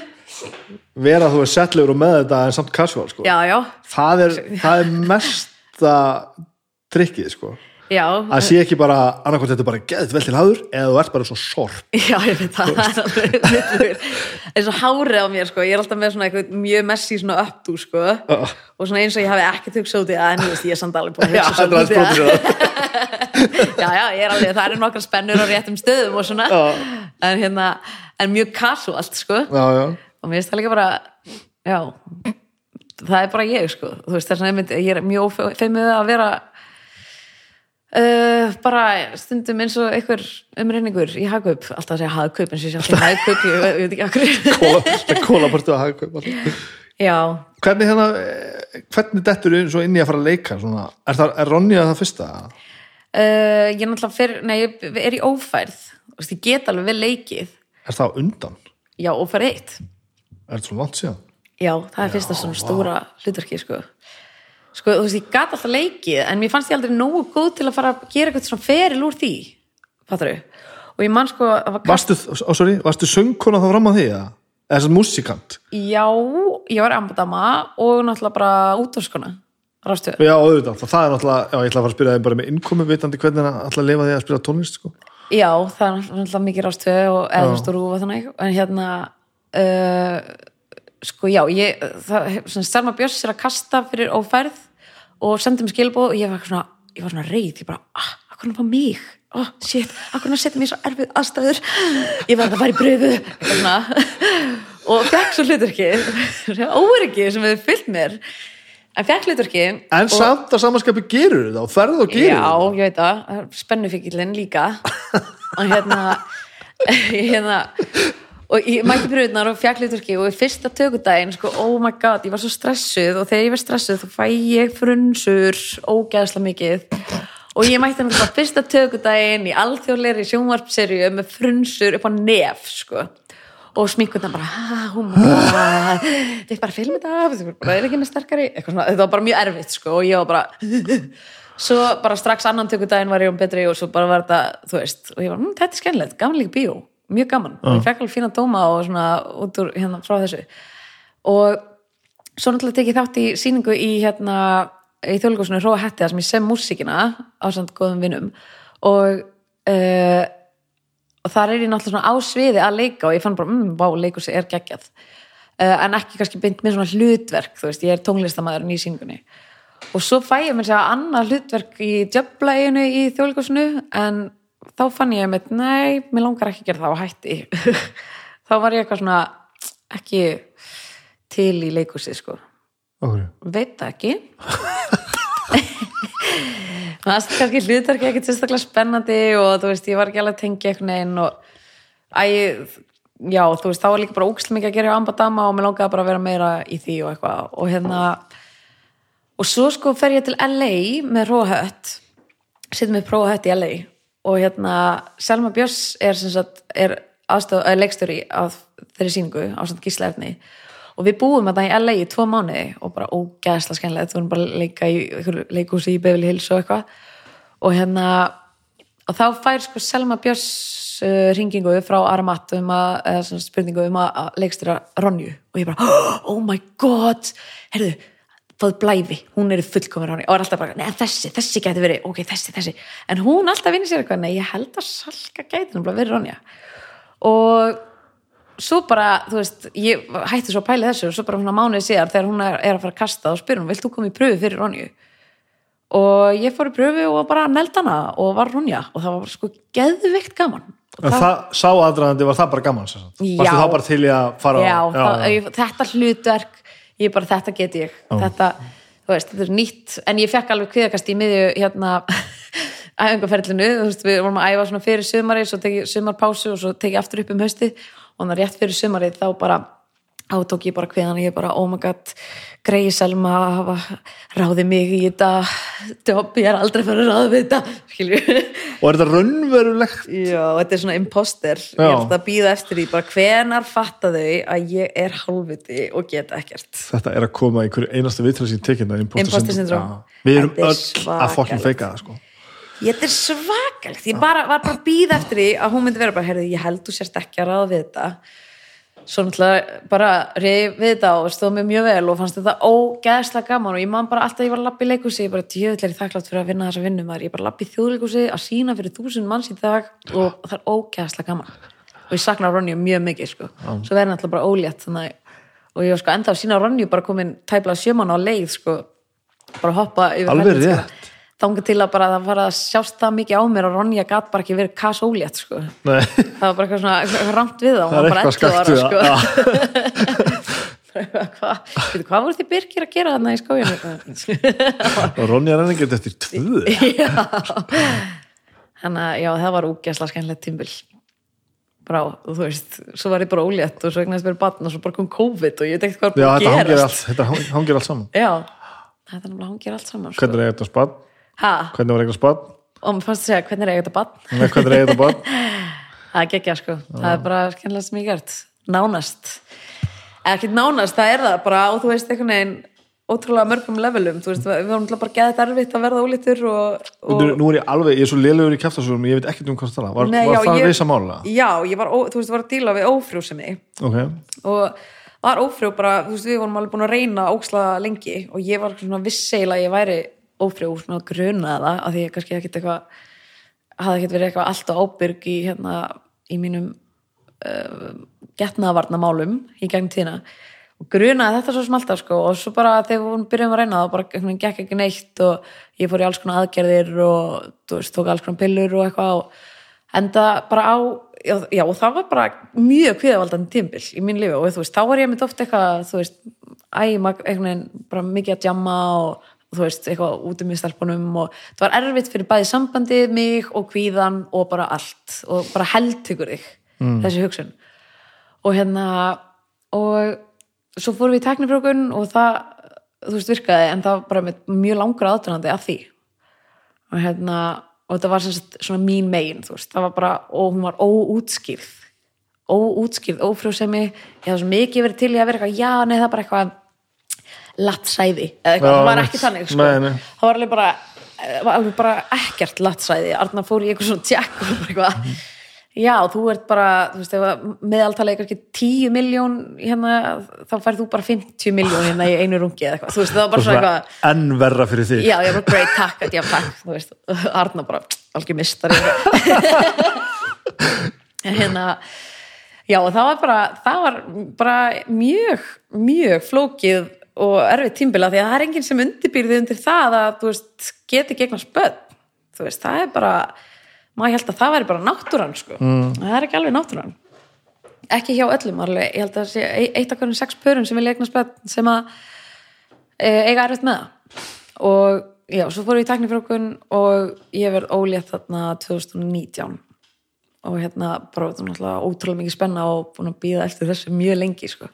hefði Lang- langur gerast miklu fyrr hvað sér og langur aðdraðandi, voru búin að lengja Já, þú veist, í rauninni, þú veist, þegar við kynnumst, ég og Arnar 2015, þú veist, þá bara segja honum mjög fljótt að þetta er að segja eitthvað sem mig grunar, að ég Já. get ekki, þú veist, orðið, en, og þannig að það mátti alltaf einhvern veginn gerast, já, heldur í opnum Já, og svo þegar við fórum actually, veist, þannig að við vorum alveg búin að vera í kannski þrjú ár, aldrei hann getnaðarindur og aldrei gerst neitt, þú veist, svo heyrir maður fólki sem fer heim einu svona tjammin með einhverjum og bara eitthvað að vera róléttur og maður bara, mm, já, þetta er ósangjant uh, og svo hérna og það var alveg ekkert að það gerst. Og þannig að já, svo þegar við byrjum að reyna og fylgjast með og vera á klukkunni og svona, þá gerst heldur ekki neitt. Mm. þannig að í rauninu var þetta óksla og þetta var alltaf einhvern veginn in the back of my mind þú veist, akkur gerst þetta ekki, æskilju þetta var eina leiðin til þess að ég geti ákveða að eignast fyrsta bandið að það gerðist bara, að það var mjög hæpið að Agnes gett tóri ólitt eða svona, það var allavega svona teknolofti með það sko. Og ég náði ekki að ljúga það sjálfum mig sko, fyrsta er svona hæpið sko. Þá er glóðlust að vera að reyna að koma í veg fyrir það. Já, að því þú veist, ég að ákveða jæja, förum nú að reyna, aldrei það er aldrei getið gest sko, ég með allt það er allt og stóra ákvörðum til þess að ég geti farið að og, og hún þurfti mér þessi held ég einhverja sprutu eða pillu eða eitthvað. Já. en þá gekk það bara svona sko. En, en, en, en að ég hefði einhver, einhvern tíma getað tekið bara já ok, gerum þetta þá. Það hefði aldrei nei, en ég náði svona að setja mig í stellingan það bara Já, fyrst þetta er hæpið þá er heimskulegt að reyna að koma í vekk fyrir það já, ertu að menna það með eða Já. þannig, já. Og þannig náði ég svona Sko, Arna var alveg mjög æstur í að eignast bat, sko. Hann langaði bara ókslega að gera og við vorum alltaf eitthvað svona, ætlum að gifta okkur og fara svo í tæknifrökun en svo bara var vinafólk okkur ólétt og við bara gerum þetta bara núna. Þú veist, bara byrjum þetta bara. Og það var alveg svona pínu skríti ferli og þegar maður vissi ekkert hvort það myndi ganga, maður leirt sögur af konu sem fór í átta tæknifrökanir en gekk aldrei og maður bara vissi ekkert hvort maður væri svo kona, skilju. Og, en það gekk hjá okkur í fyrsta. Uh, en var flókið og, og ég var mjög kvíðan á meðgönguna því ég vissi ekkert endilega hvort ég hefði orðið ólíkt og mista og vita eða eitthvað svona, veist, þannig að ég var einhvern veginn svo bara gekk þetta ótrúlega vel og bara ótrúlega góð meðganga og þú veist, drullu erfið fæðing og bara eitthvað kjátaði við mitt eins og ég sagði áðan með leiðin svo ég var óksla lélega fæða það var tjöðlega eitthvað lélega að vera kona. Eitthvað, ég get ekki eignast bad, ég get ekki fætt bad og bara en svo er þetta bara búið að vera indislegt og þú veist, dóttur okkar er bara svona algjör draumur. Hún er bara ótrúlega þægileg og, og góð og klár og, og ekkert vesen sko. Og langar bara að fara að drita í fleiri sko. Já, já, já, nennir ekki láta þetta vera fyrirsögna ég stjórn ekki drita, Það drita, driti, driti. já, maður á að eignast tvö sko. Ég er búin að sjá þetta. Já, fyrst að maður er byrjað þá á maður eiga annað sko. Já, okkur langar það. En ég get ekki meira sko Nei, ég, þú veist, mér ást eða erfið tilöksun bara ég skil ekki eiginlega hvernig þú veist, ég lappa út í fængdeldinni þá bara svona horfði í kringum mig, ég bara, oh my god allir hérna inni hafa fæðst. Hvernig meira það sens já, já, já, og bara allar þessar konur hafa fætt bann þetta er það sem ég er að tala með aðan, mér langar að heyra söguna. Mér langar ekki að heyra Nei, sem var upp á fjalli að skjóta ykkur að fuggla mér langar að heyra söguna af konunni sem fætti 13 börn á þess að fá mænudauðingu. Já. skilur við, nákvæmlega það Já. er saga sem ég vil heyra. Bara á gólfinu sko. Á gólfinu í torfkofa á mold. Og svo limtið þið all Nei, Án þau liður endur ekki sko. Nei, nei, en þessi 13. Þessar nákvæmlega þinni sögu, já, já, já, en hérna, nei, nefnilega ekki auðvitað, þú veist, og það var ekki eins og til þú veist, bossakrem eh, og það var ekki eins og til blegjur bara, þetta er sagan sem við langar að heyra. Og einhver bara skrifa þær sko. Bara, séu kannski bara allar týndar og glimtar Já, já, það, já, það er, það er alltaf búið að gera búið að gera sér mat úr þessu, hvað gerum við hérna, hvað hétt hvernig ég sett upp hérna? 100 í óskilum, hérna? Já, já, einmitt, ég, ég sá hann ekki en, á, en briljant nefnilega, já, Ágústa skúla var að leikstýra hérna ekki, já, alveg, það var beautiful stöf sko, Já. bara reyna að varpa ykkur ljósi á eitthvað, var ekki til neista, sko. nei, það bara máli bara ekki neitt. Þannig að nú er komið okkur að skrifa söguna sko. Já, það er ekki á nóg að taka sko. Vinur minn er sakkuræðingur, býr út, út á Spáni.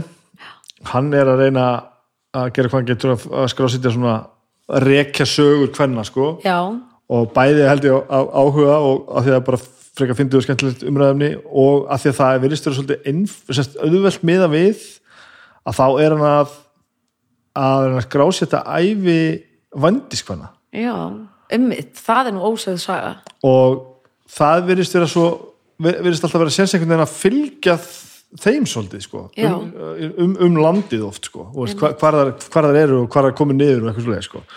Það er mjög áhugavert. Það er mjög skemmtilega. Ertu þá að meina sem eru núna eða, eða gamlar? Eða í, gegnum söguna sko. Í gegnum söguna, já. og mjög sko, bara um, um þetta, vorum að tala um þetta einhverju fyllir í um dagina að það þyrst að koma þessu Þú varst þú að fyllir í, ertu ekki pyrirmynda? ég er reyndar fyrirmynd sko. En þetta var í útöndum sko að þetta kom þessu einmitt á eitthvað forma sem var eftir að, að, að þetta varpa bara nýju ljós á allt Já, það var bara einhvern veginn nýr vinkill á öllu sem var bara svona bara, þú veist, einmitt þurfum við í álfurinn að heyra fleiri við þessu sko. einmitt, já, einmitt, veðisögur. ég er alveg samanlega. Mér finnst það og ég vona bara núna í dag er, er saga okkar skrifið öðru í sig og, og varðvitt. já, algjörlega sko Mér langar að stala með um tónlist Já, hérna, á, á hvað spilaru? Sko, ég er svona mellu fær á flest. Já, Er þetta ekki fallega, er þetta ekki feminist orðalag hjá mér? jú, hérna, sko ég lærði á piano og ég lærði á trompet og þetta er náttúrulega aðtíð hátíð held ég kemur hann inn að því að svo verði ég að læra á öllufarinn bara. Svo fæ ég gítar því 14 og ég var gjörsalega húgt á því að læra gítar. og svo er ég ekkert endilega búin að bæta mig mikið sko, síðan þá á Nei. gítar. En ég kann ennþá og ég er með góðan þú veist, takt og svona, og ég er með góðan skilning á hljóðfærum og ég skil hljóðfæri. Svo tók ég þverflötu og ég klarnett og þú veist, ég get spilað komin tón út úr flestum svona blástus hljóðfærum og eru er lært á þetta allt? Sem farið í tíma? Nei, Nei. bara sjálf. Já, og ég hef aldrei, ég fór í fyrsta söngtíma minni síðustu viku. Bara ever. Ok, að því ég er að vera pröfu fyrir hérna nýja sýningu og var erfitt lag þannig að ég hugsa, nú, nú er tímið til að fara fyrsta söngtíman en ég lærði á trompet og ég lærði á piano ok, og þú veist, ég get ennþá og ég, bara, þú veist, ég hef tekið tímabila sem ég spila ógæslega mikið á piano og svo bara hef ég ekkert gert það og svo tekið tímabila sem ég hef mikið að spila á trompetin og, og þú veist, ég get gripið í þetta allt. Og hérna um, fyrsta gaman en bara svona ekki, ekki orðið snillingur á neitt ég er ágætt í öllu. -hmm. það er eiginlega pínu bara svona í öllu. Þetta er grafskriftin. Hún er- var ágætt í öllu. Já, það, það mun standa það mun standa á hérna á leggsteinunum mínum, já. Ágætt í öllu, en ég er að held ég ágætt í öllu sko, já.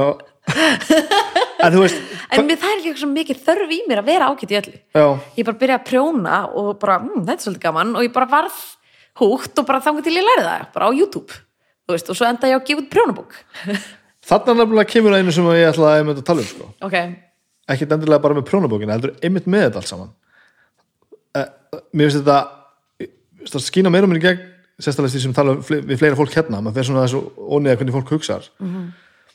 Að þetta finnst alltaf snúast um það á endanum hvort þú gerir eitthvað með það sem þú kannt. Að þetta kunna allir fullt af hlutu sem að fólki finnst áhugaverið og, og gaman að koma frá sér. Já, en það er alltaf fáið sem gera það sko. svo er einhverja típur eins og þú sem bara svona eru bara já, mellu færi einhver hljóðfæri álpast í einhvern leiklistaskóla já, finnst alltaf gaman að prjóna uh, hefur áhugaði að gera upp veist, e- eitthvað sem hefur komið fyrir því á lífsliðinni og allt í hundur búin að gefa út bók og plötu og farin að leika á stóru sviðunum og, og þú veist, ert með sko forvarnar fyrirlist í skólum í hvað og hvað sko. E- þetta verðist alltaf snúast meira um sko hvatan og áhugan til að koma hlutunum frá sér heldur en nákvæmlega hvað það er sem þú ert að koma frá þér. Einmitt. og það er alltaf að breytast hjá mér. Já, sem er stundum flókið fyrir persónuleika minn en stundum ógeðslega nærandi fyrir persónuleika minn. Breytast þá meina, meinar Eins og hvað það núna- er sem þú vilt koma frá þér? Já, þú veist, eins og núna, þú veist, ég bara oh my god, það er ekki að gaman að prjóna, mér það snild. Ég, ok, gerum prjónabók. Ég er ekkert endilega að fara að gera aðra prjónabók. Nei, nei, skilur um, kannski, jú, kannski. En þú veist, núna er einhvern veginn þú veist, eins og bara þegar ég byrja að rappa þá var ég bara rappari. Svo hætti ég að vilja vera rappari. Þannig að, að ég skilju þannig að það er alltaf, það er alltaf að breytast. Ég tekið tímabila sem ég bara, veist, með þetta ógeðslega gaman að spila gítarinn og semja lög og svona, svo bara fer það í pínu pásu og þú veist og mér er þótt að erfitt að einbytta mér að einhverju einu. Þannig að mér, þótt, mér finnst gaman að vera ágætt í öllu. Já og það er nærandi fyrir mig en það getur líka stundum verið pínu flókið. Þú veist það að vera með svona marga bolta á lofti. Þú veist ef ég væri búin að einbytta mér að því að vera leikona þá væri ég kannski, eða þú veist ég held ég gæti það ekki. Nei, að ég, skil, ég held ég gæti ekki einbytt mér að ykkur einu. Nei. Og þú veist ég er myndi svo oft spyrða það ég bara, veist, hvað myndur vera og vera ekki það svona er þú veist ég bara veit það ekki. Ég myndur alltaf vera að breyta. Skilju það er líka að tala um að maður er bara svona það er átta ár, nú ertu búin að vera í átta ára pipar -hmm. að það sé góð tími til að að vera á sama staðnum og breyta svo. Átt ár? Já, vegna er fórsetir í bandarækjunum í átta ár. Þá er komin, komin tíma og breytinga Áhugavert. þetta er svona einhver pæling sem ég las ekkert um Svona segja upp á pipar já, og fara að gera eitthvað nýtt. Mér langar ekki. Nei, Nei en það er þetta kannski er ekki þörf í öllu, þú veist, sumur eru bara þú veist, eins og ég, ég var að horfa á landan í Gott. Og það var, var gauður sem sagði, hann var með eitthvað svona lagseldi sem er bara mjög áhugavert og, svona, og hann sagði bara, að það var ógislega frelsandi að finna eitthvað, svona, eitthvað sem þú ætlar að gera næstu 30-40 árin. Veist, það var tókan við lagseldinu af afa sínum eða eitthvað svona. Og ég bara, vá, ég hef aldrei tengt jafn lítið við eina setningu. Nei, nei, nei það myndi vera það myndi vera fangilsi fyrir mig ef ég vissi að ég var að fara að gera það sama næstu 30-40 árin. Já, þannig að mér finnst ógeðslega gott að veist, þessi tugga um að stíga út fyrir þægindaramann og eitthvað mér finnst það, því ég þrýfst á því sko. En myndur þú veist geta að fara að gera þá bara eitthvað allt annað ef þú myndir bara finna því? Uh, já, Já, það er alveg þannig. Já en ég er ekkert endilega á leiðin að gera það þú Nei. veist, eins og þegar COVID kom þá bauðst mér sem ég sko að vera, vera handavinnukennari í átta tíma á viku í meðalaskóla eða eitthvað. Og ég bara, ég actually hugsaði um það bara. Já, geta alveg gert það. En svo kannski stundum pínu erfitt að vera orðin salkarsól og fara í þess að skrýtana aðstæður. Það væri rosalegt Já, en ég alveg, já, ég get alveg gert það. Bara átta tíma á viku, handafinni kennur eitthvað, ég kann áttundabekka að prjóna eða eitthvað. Já, já. Ég get alveg hugsað mér mjög mikið, ég get líka hugsað mér að flytja einhvern út á land og opna blómabúð. Eða, eða kaffihús uh, og ég mun örgulega eitthvað sem að gera eitthvað þannig. En ég, þú veist, og ég, og ég held að það sé bara líklegt að ég gera eitthvað þannig, eitt mann. En þú ert performer samt, þú þið Já, finnst gaman ég- að láta klappa- ég klappa fyrir þér og gera hlutina vel oh og... god, ég elska að láta klapp fyrir mér sko það er sko bara skríti í COVID og var bara alltaf að syngja og enginn að klappa fyrir manni Hvað, hvað ertu búin að vera að gera? Eitthvað ég Þú mátt fyrst já, ég ég fer okkur bara að skjálfa kaffinæslu Já, þetta er, það sparkar aðeins í mann. Hérna já, þú veist, ég, ég elska að performa. Ég, ég dyrka það. Og hérna og það er kannski það sem er að halda í mér, þú veist, núna að ég man ég hætti á rást 2 tímbili uh, af því að þetta var orðið svo veist, ég var alltaf 1-4 og ég ert að spila og bara hverjum degi alltaf sama og ég bara, þetta get ég ekki ég, og ég hætti. Og svo byrjaði þetta núna aftur einu sinni viku og það henda mér. Já. einu sinni viku, pínurútína og þú veist, ennþá frelsi. En ég, jú, mér finnst mjög gaman að performa, mér finnst mjög gaman að segja sögur mér finnst mjög gaman að uh, þú veist, mér finnst mjög gaman að fara í grunnskóluna og uh, vera með fyrirlesturinn. Mm veist, það er ákveðin performance í því. Ég hef oft hugsað hvort ég fara í siðment þú veist, að læra hérna aðtafna stjórn stýri aðtafnast, að vera aðtafnastjóri sem það ekki? og það er örugglega eitthvað sem ég mun gera eitthvað tímann. Það er svona eitthvað performance í því. Já, og mér finnst gaman að tala við fólk og, en svo finnst mér líka bara geggja að vera einn sko. Og svo ég get sitt og prjónað og hlusta á hljóðbók bara fimm klukkutíma. Já hún nærð þessari kyrð og þessi sér svona var sko, ég fattaði um daginn. Ég er með svona fykti þörf. Þekkjur það þetta er bara svona byluð fykti þörf eins og bara þegar fidget spinnarnir voru Já. þá bara kipti ég með þannig og ég bara, núna, er eitthvað svona bublur sem að rýtir á svona, þú veist svona eitthvað, ég fyrir elska að vera með eitthvað í höndunum og ég verða að vera með eitthvað í höndunum, ég verða að snert eitthvað. Og þú veist, ég á það til að skemma hluti bara svona óvart, ég bara held á hálsminni og ég har fykta svo mikið í það að brotnar skilur og, og prjónið er að slökkva á öllu þessu fykti þör já, hjá mér já, já. og það er ekkert endilega það ég sé að framlega eitthvað flíkur, það er bara aðtöfnin að prjóna, hún slekkur á og ég næ geðgri ró. Og líka þú veist, þegar maður dettur í að spila gítar og er að æfa sig okkur nýju hljómi með eitthvað, bara getur maður dótt í bara mega ró.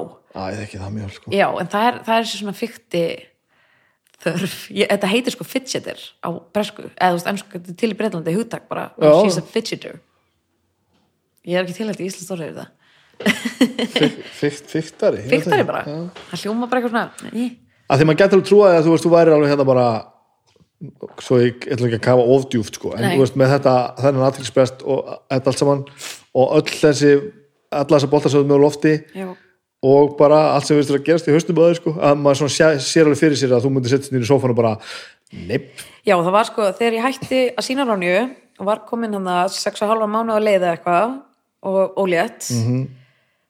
Þá var þetta, þetta var ógæslarvitt, þá byrjaði ég sko að prjóna. Já. Þetta var ógæslarvitt, ég setti sofan og ég var að trillast. Og byrjuðu, það var ekkert að gera. Þú veist, ég ekki, var ekkert að vinna nema, og ég bara, er ég hlýt ekki að redda með einhverju talsetningu með, byrjuðu, ég fara að skamma ég var, ég var að trillast. Og svo byrjaði ég bara eitthvað, ég verð að finna mér eitthvað áhugamála því ég á ekki að vera að vinna eitthvað eins og okkur brjálæðingur, þú veist, ég var ólétt og ég þurfti og það var ástæðan fyrir að ég byrja að prjóna. Og þá fyrst var ég róli yfir því að ég var ekki ég var alltaf verið með svona afkomu kviða maður, mér er alltaf þurft bara að vinna fyrir minn peningum og vinna og vera duglega að vinna. Ég er bara að vinna sér 14 ára. Og, og það einhvern veginn að setjast niður og vera ekki að vinna, það var bara aha, já, bara að vera ekki að halina á heimilið sem já og bara að gera eitthvað. Já, það var bara, hæ, hvað á ég að gera? Byrjaði að kaupa mér eitthvað pappir og fór að læra að gera origami. og það bara, einhverju því skilur við smá stund og svo var bara, nefndi því ekki lengur. Að þú veist, því var bara að trillast og fann svo bara ró í prjóninu. Og ég er svo glöð að þegar sko, COVID hefði fokkað mér upp ef ég hefði ekki verið búin að læra inn á svo ró. Já, það að mig ekki vinna, mig ekki gera þurfa heima, það hefði, ég hefði styrlast en það að vera með nýtt batnaheimilinu og prjónaskapin, það Aha. bara bjargaði mér sko. áhugavert. Já, ég bara ég hugsa um þetta daginn, en það líka lét mig, ken, kendi mér aðeins að róa mig og vera róleg. Og þurfa ekki alltaf, ég hef alltaf þurft að vera með eitthvað plan. Eitthvað svona uh, ég hef alltaf þurft að vita af einni útlandaferð ég hef alltaf þurft að vita af næsta verkefni ég hef alltaf að vita af, því hérna, eru ekki búin að örgulega búin að plana hérna bústað eitthvað sem mann, það eru alltaf að vita af eitthvað og við vorum sko að plana að ferð til Bali. Og ég var bara, þú veist allir maður að vera á Bali í fæðingarólónu þegar COVID byrjaði. Já, og svo bara var mér sagt að þú meir ekki plana neitt, þú mátti ekki gera neitt þú mátti ekki ákveða neitt. Og ég varð að vera róleg og bara ég læriði helling á þessu sko. bara ógæsla mikið. En þú ert ekki að fara að setjast niður bara að horfa á YouTube í halvan dag? Ég er enda svona pínu internet nördi sko. Uh, jú, þú veist, en þá er ég kannski bara eitthvað uh, ég þarf að vita allt um Shirley Temple. Já, með verkefni. Já, er með verkefni. Já, já, og svo fer ég bara djúft onni í eitthvað internet rabbit hole. Ó, það er svo gaman. Er svo gaman sko. Og bara til- mím og bara ég bjóð mig til svo stórkostlega afsökun til að gera þetta já, með bestu plötunni sko, þessu Já. þætti sko. Nú er ég bara að fara ó, nú er ég að skvíla, nú er ég að fara að tala um hérna úst, Ramóns bráðum sko. Já, og bara að og nú er ég bara, og ég vissi hellingur Ramóns nú er ég bara að horfa okkur heimildamindir og þætti og lesa og eitthvað bara, Ég maður er bara já, ég er þannig sko. Og þú veist, nú þarf ég að gera þetta sko. Veist, að þarf til þess að veist, geta verið með þáttin sko ógæðslega gaman sko. Já. en ég er eins og mjög góður í því að setja allt aftur fyrir mig og slökka á öllu og pæla ekki neinu slakka á þér. Mjög góður í því sko. Ég held að mín stærsti kostu sé það að ég getur með rísa stór verkefni í gangi til þess í vinnunni og svona. Já, og ef ég er ekki vinnunni þá sko ég leiði ekki hugan að þeim sko. oh my god já, þetta sé bara það þetta er hæfileiki sko. Já eh, ég er bara he- heppinn eða kærlaus og eða eitthvað sko. Já. þetta og að geta sopnað á sko 90 sekundum alltaf. Ó, það er eitthvað sem ég var til að upplega sko. það þetta er bara það er bara eitthvað kalla þing maður minn sopnar alltaf bara á 90 sekundum alltaf stelpur að erfiðar með að sopna alla vinkunum mínar það er eitthvað, já, maður minn alltaf sopnar já núna er þetta, er þetta svolítið þannig að því ég er alltaf þreyttur sko. Já. Sem að að maður er bara örmagnast alltaf en, en, hefða, en það har alltaf verið þannig alltaf, alltaf geta bara það er ógst gott, það er ógst góður hæfileiki sko. já, en ég var alltaf bjemaður sko. Já, alltaf bara, bara vakna fyrir hátegi og bara helvíti sko. Já, líka, og ég er sko, ég myndi svo fórum að hátegi alltaf ef ég, ef ég væri ekki í vinnu og ekki börn sko já, ég líka Já, það er bara, já, það er svoleiðis. já, ok. Og hvernig, hvernig gengur þú að díla við það? Þú þú þarft að vakna. sko, ég er mjög vel gift sko, því að maður minn er aðtýpa Ok. hann finnst ekki að gaman að vakna snemma með dóttur okkar Í alvegunni? Já. Geðvikt. nei, sko, í alveg, litla lukkan Það er rosalegt. Ó, það geggja, en ég, mér samt alveg ég er án miklu betri í því Já. að vakna stemma og þú veist, ef ég þarf að vakna, þá vakna ég mér finnst það alltaf erfitt, sko. En hérna, en svo er ég líka bara að byrja að æfa mig að fara fyrir að sofa. Ég, Við erum að gera svona það saman, sko. Já, það er sko mjög mikil sjálfstjórn í því fyrir mig, sko, að æfa að fara snemma að sofa. Svo kannski er ég komin í rúm og þá er eitthvað þá detti ég inn á internet rabbit hole, sko. Og þú veist, það getur verið um fáránlega hluti. Svona, þú veist bara um daginn þá bara fór ég bara að las mig um til allt um Sugar Plum Fairy. Bara hugtakið. Þú veist, þetta er bara, þú veist hvað það er. Nei. nei, veist, nei, einmitt. Þetta var bara að því að hérna Lennon telur inn í hérna Sugar Plum Fairy, Sugar Plum Fairy. Já. I read the news today, oh boy og ég er eitthvað, Plum, hvað er þetta Fairy og fór bara að googla það, þá var það eitthvað svona dópsali eða eitthvað og þá fór ég að googla bara alls konar hugtökin um það og hvar það kemur í popsögunni og þú veist, bara, ég get farið inn á massa hól, sko Og Þegar þú átt að vera svoandi. Þegar ég átt að sofa, sko. Og þá er ég ógæsla frjó og hugmyndrík. Á meðan að maðurinn minn vakna klón 6 og skrifa rappteksta til 8. Gera það. Já, og þegar hann var að gera síðustu plötu þá vaknaði hann stundum hálf 6 eða 5. Bara með, hann sagði bara að hugurinn er ómengaður og góður. Ég hef einu sinni gert þetta. Þá ég komin svo mikið deadline með skáldsöguna sem ég þetta skila. Já, Því ég ákvað að ég þetta skrifa skáldsögu sem Já. var ekki góð mynd, sko.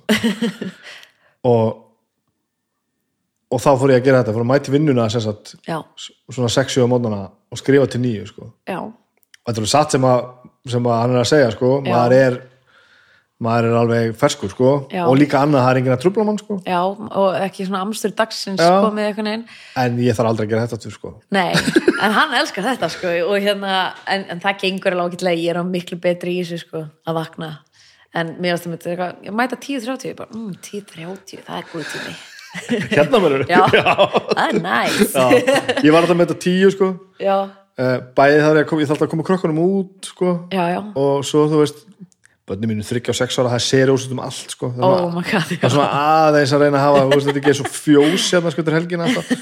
ég fann það bara það og svo var fólk bara mótakilega klukkan 10.30 heldur klukkan 10 sko. En sko, ég, þú veist, ég bara átti sunnudagi gær, núna á maður batn og við vorum sko komin fyrir klá nýju í fjöruferð já, svo er þetta sko Já, og það var geggja það er geggja, og svo komum við heim og við sopnuðum öll tókum hátíðislúrin bara með er heiminum sko. og svo fórum við bæjarröld eftir lúrin já, já. en veist, þetta er geggja og ég er að venjast þessu lífverðinni bara mjög vel og ég fíla það sko. já, er, við þurfum að læra þetta sko já, Ég- já, við ég- þurfum að æfa okkur ég sko. öfundar nefnilega af fólki sko. ég er mjög fegin að ég var B sko, þangað til ég var svona 30 ára já, ég ég var alveg til í að vera A eftir það sko. það vilist ekki, ég ætla að snúast við sko. ég er ennþá alveg fókt upp á ég líka. Og ég er svo rugglu, sko. Ég segi bara eitthvað bull og tek Já, ok. bara þang til fyrsta kaffbóllan.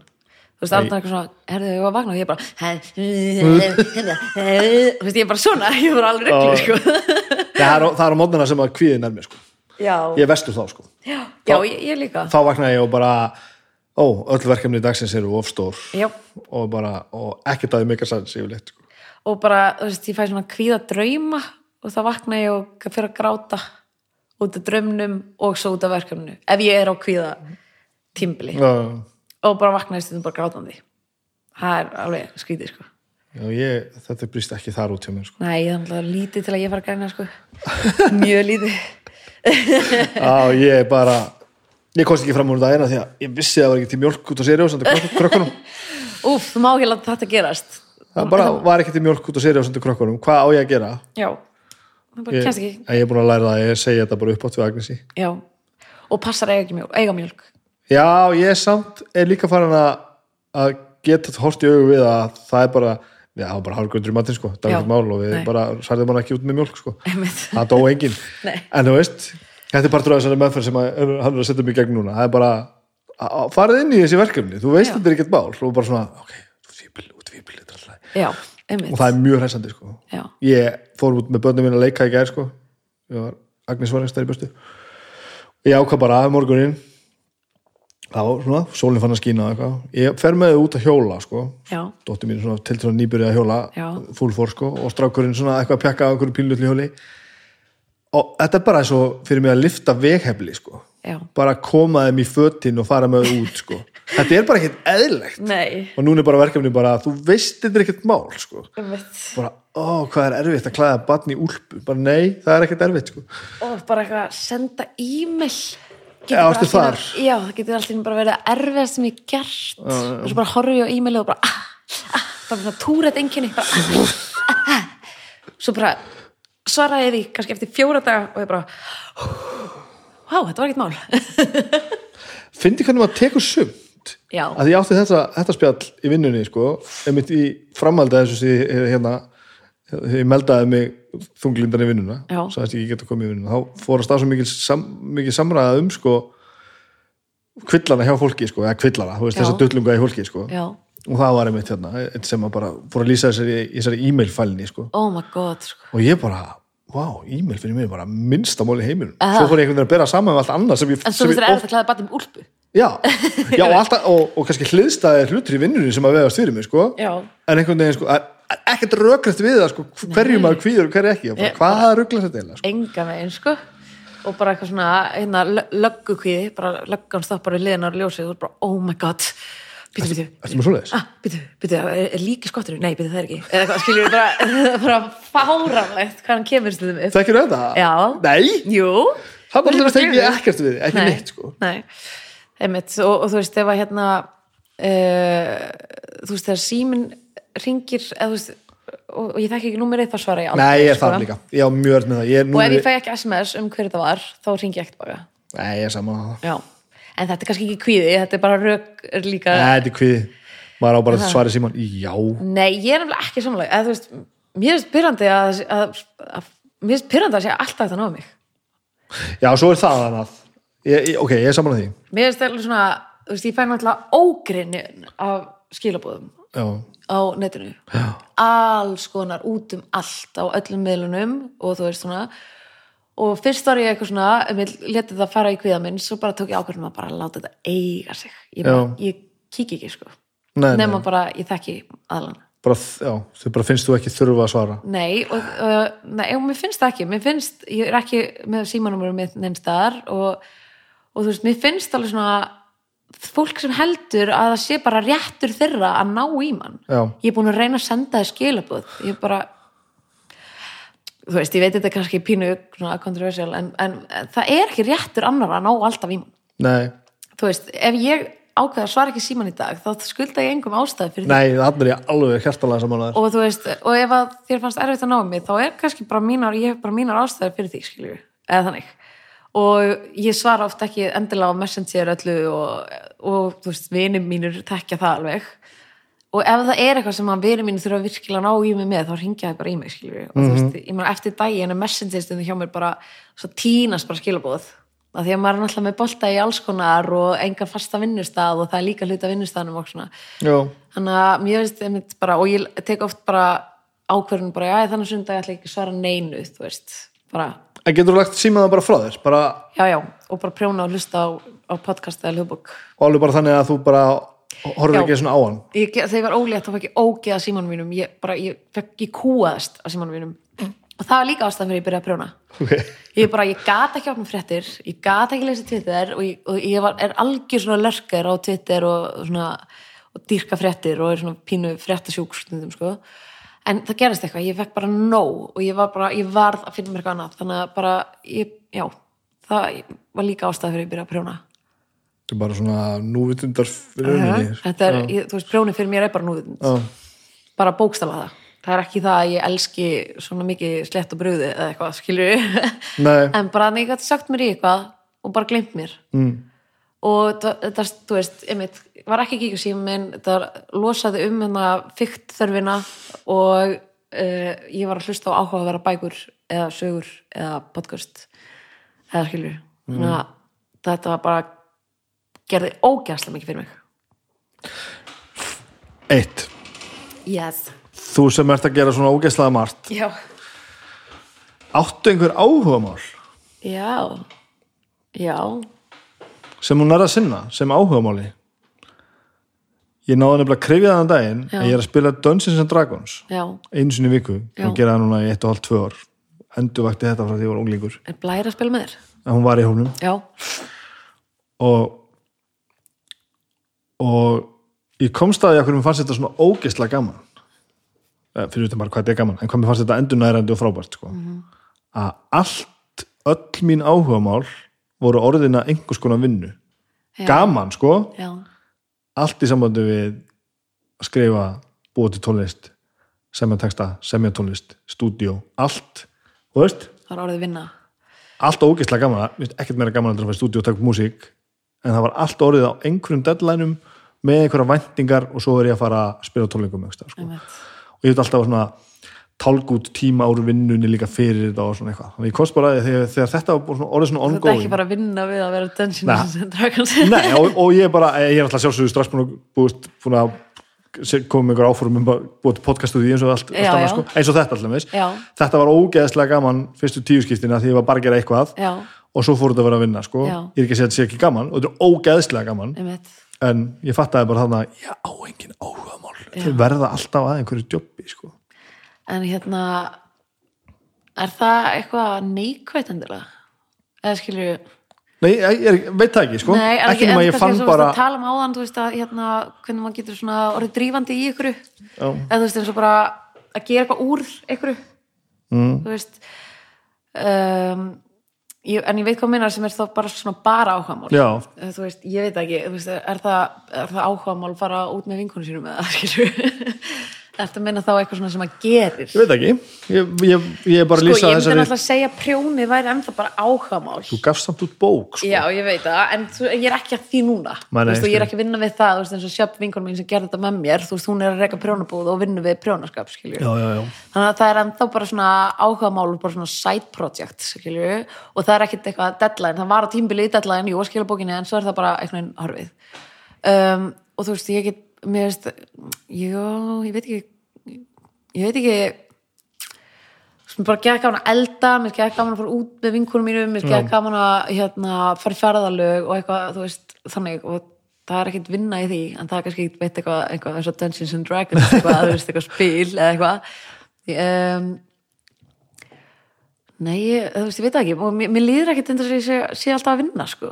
Nei, þið líður ekki þannig. Það var einmitt svona, var follow-upið sko, því að, Æ, þú veist, það, það hefur alveg komið hann í tímabil, þú veist, jú, ég meina að veist geðveikt gaman í útvarpin fyrst, svo fannst mér bara leðilegt en það er líka hluti af því að, að þú veist, þessu svona, þessari expans, svona þráminni að, að fara alltaf einhvern veginn lengra að þú veist, ég get bara gert eitthvað í x tíma þá er það bara búið. Þannig að, og ég veginn alltaf að náða þú veist, svo er þetta svo fjölbreytt. Þú veist, bara að vinna einhver sýningu og svo er þetta allir að vinna einhver afstíð og svo er þetta að vinna að brjónbók og svo, þú veist, þannig að þetta, ég dett aldrei eitthvað eitthvað já, samanfarið að þetta er svo fjölbreytt vinna. En hvernig þá balansinn með að þú veist velja verkefnin og hafna verkefnin og, og, uh, ég er og, ennþá að læra það. Stundum mér bara af hverju tók ég þetta af mér? Why, skilju en þú ert vantalega þenn stað að þú, þú getur valið svolítið úr eða hvað? Já, já, algjörlega.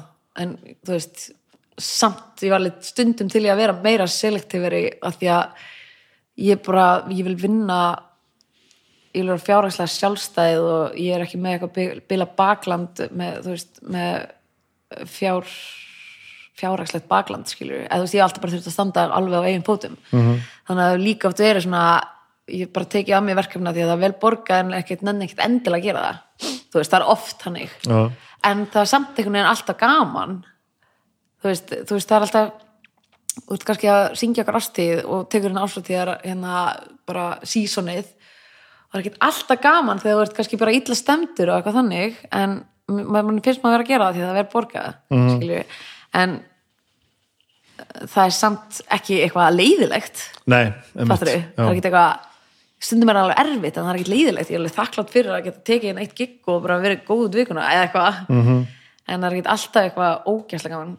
Þú veist eins og ég er búin að aðstaka mér að syngja jarða fyrir um mér finnst það svolítið erfitt en um, fann, svo fann ég svona eftir erfið að jarða fyrir síðustöku ég, svona, já, ég held ég get ekki endilega verið að setja mig mikið í þessi spór oftar mér leið bara ekki nóg vel veist, þetta var bara alltaf erfiðar aðstæður fyrir mig Já. kannski ef ég er að syngja fyrir eitthvað sem að lifið góðu lífi og er hann gamall en svona annars það, það, ég fann að þetta er ekki ég er alveg til í að sleppa við þennan pening sem ég fæ fyrir þetta Já. með hvernig mér leið þetta er til dæmis eitthvað sem ég bara myndi aldrei held ég gera sko. Nei, það var svolítið reitt þannig þú líka, þú veist þannig þú rosa mikið að mæta bara sem þú sjálf.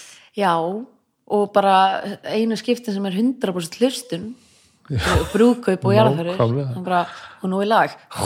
Bara öll auðu á þeir skilur það er ekkert oft sem að við erum í 100% hlustun og þetta getur 100% hlustun á græna hattinu það er allir bara eitthvað ræra ræ sko.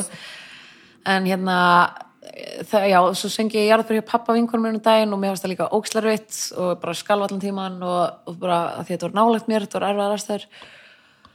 Uh, og ég hugsaði þetta er eiginlega ekki þess verði með að við hversu erfitt mér finnst það.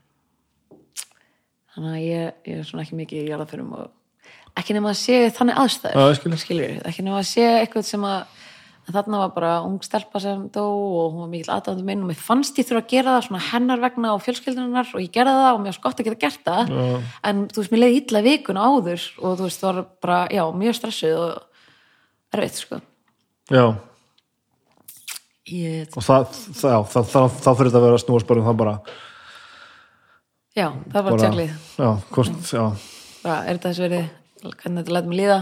Þetta er kvíðavaldandi, mér finnst það erfitt pínu næs. En þú veist, ég meina ég var alveg til í að bara geta valið nákvæmlega hvað gigg ég tek. Um, en maður þarf líka að borga reikninga. Maður verður að gera það sko. Hver var að tala um daginn? Að þetta með, var ekki bara Valdimar? Já, þetta með bara, þú veist, svo verða hlutinni bara þá að kosta meira sko. Já, það enda bara með því að þú veist að þetta verður bara business og bara, já, þú borgar þetta þá skal ég koma. Þetta er með gott sko bara hvað kostar að fá þig hvað kostar að fá þig brúköp bara, uh, hvað áttu mikið pening? Hvað getur borgað mikið? Já, líka við. Æ, ég minna, þú veist, Já, ég veit ekki, þú veist, það fer náttúrulega eftir því, þú ert ekki rukkar ekki eitthvað landsbankan sama og hérna Jón Pípara eða eitthvað. nei, nei, nei, ég mitt aðstæður náttúrulega skipt alveg máli, sko. Já, en ég meina, þú veist, ég bara, uh, þú veist, er ekki í þannig aðstæðum að ég get bara valið nákvæmlega hvað ég vil, Mhm. en ég er bara líka mjög heppin að ég er mikið requestið og mikið bókuð, veist, þannig að, en ég meina, mér ga- og mér gaman að gera ímislegt en ég var alveg til ég hafa meiri tíma í annað en ég vil líka bara hérna vera fjárhæslega sjálfstæðið og, og geta átt pínu sparireikning og kipir í búð og, það er pínu leyndó, sko, að alltaf fara að tala um, sko, að peningandi getur verið kvatinn, sko. Að því að þú veist maður verður í alvöru ánæðari með að gera verkefni í stundum en maður bara fær almennilega að borga fyrir það. Algjörlega. Og veistu, það er svona þess að sé svolítið banna að segja sko, ég, veist, ég nenni ekki að vera hérna fyrir 100 áskall en ég nenni að vera hérna fyrir 500 áskall já, algjörlega. Og, og það er ekki að því ég fæ svo mikið borga heldur bara, já, nú einhvern veginn er þetta bara á réttum stað sko. algjörlega og það er svolítið erfitt að tala um þetta sko. Nei, en þú veist, það er, er alveg þannig veist, maður hérna það, en samt gerir maður alveg ímislegt fyrir 100 skall og það er já, já, já, og sumt er þess að gera fyrir 100 áskall Já, sko. og þú veist, og sumt er bara þú veist, ég get tókað mér eitthvað verkefni fyrir saminuðu þjóðunar um dagina því mér langaði að gera það fyrir saminuðu þjóðunar, fyrir bara eitthvað skít og kranil skilju, en ég myndi ekki gera það fyrir eitthvað annað. Nei, og það má líka. Já, það já. var ekki því veist, sko. ég get ekki sungið á styrtatónleikum alla, alla helgar skilju þú veist, það er mikið, maður er mikið beður um það að gefa vinnu sína. Já, og þú veist, ég um daginn var eitthvað, veist, banki sem hringdi mig og heldur hérna, ég ætla ekki að gera það fyrir ykkur banka. Nei, mitt og þú veist, svo var eitthvað íþórtafélag í, COVID þegar maður búin að vera, þú veist, tekið tapið búið að vera þvílíkt og maður er ekkert að gera. Eitthvað íþórtafélag sem var að safna pening og vildi fá mig sem eitthvað vinning í lottói þú veist, og ég ætti að fara að gefa vinna mína. Og það maður svona, sund er alveg sund og, og fólk svona ætlast til að maður gerir ýmislegt frýtt mm, en ég er bara mjög hörð á því og er ekkert að því sko. Bara ekki nema aðstæður já, en, og svo líka þú veist, endalista getur sett hérna myndband að þér getur gert Já, ammálskveði já, og eitthvað svona, þú veist, maður getur ekkert verið að gera allt, þetta gerir maður að stundum og maður gera það í réttum aðstæðum en það er bara um, manni, fólki finnst það svona eiga svolítið í manni stundum og maður er að gera. Það er líka að maður finnur oft og auðvitað sk- skiljanlega sko, eins og þetta með, með að þá, þá finnum maður sko að þetta er svo lítið mál sko. Þetta tekur bara tvær mínútur. En það er ekki alveg þannig sko. raunveruleikin er ekki sá sko. Nei, og líka bara magnið að kveðjum sko, sem að ég beðin um. Já, það, já, já, já, og allir haldi kannski að þeir séu einir eða þú veist, já eða hugsa allavega ekkert út í það sko. Nei. en þú veist, ég gerði alveg fyrir félaga og já. eða eitthvað.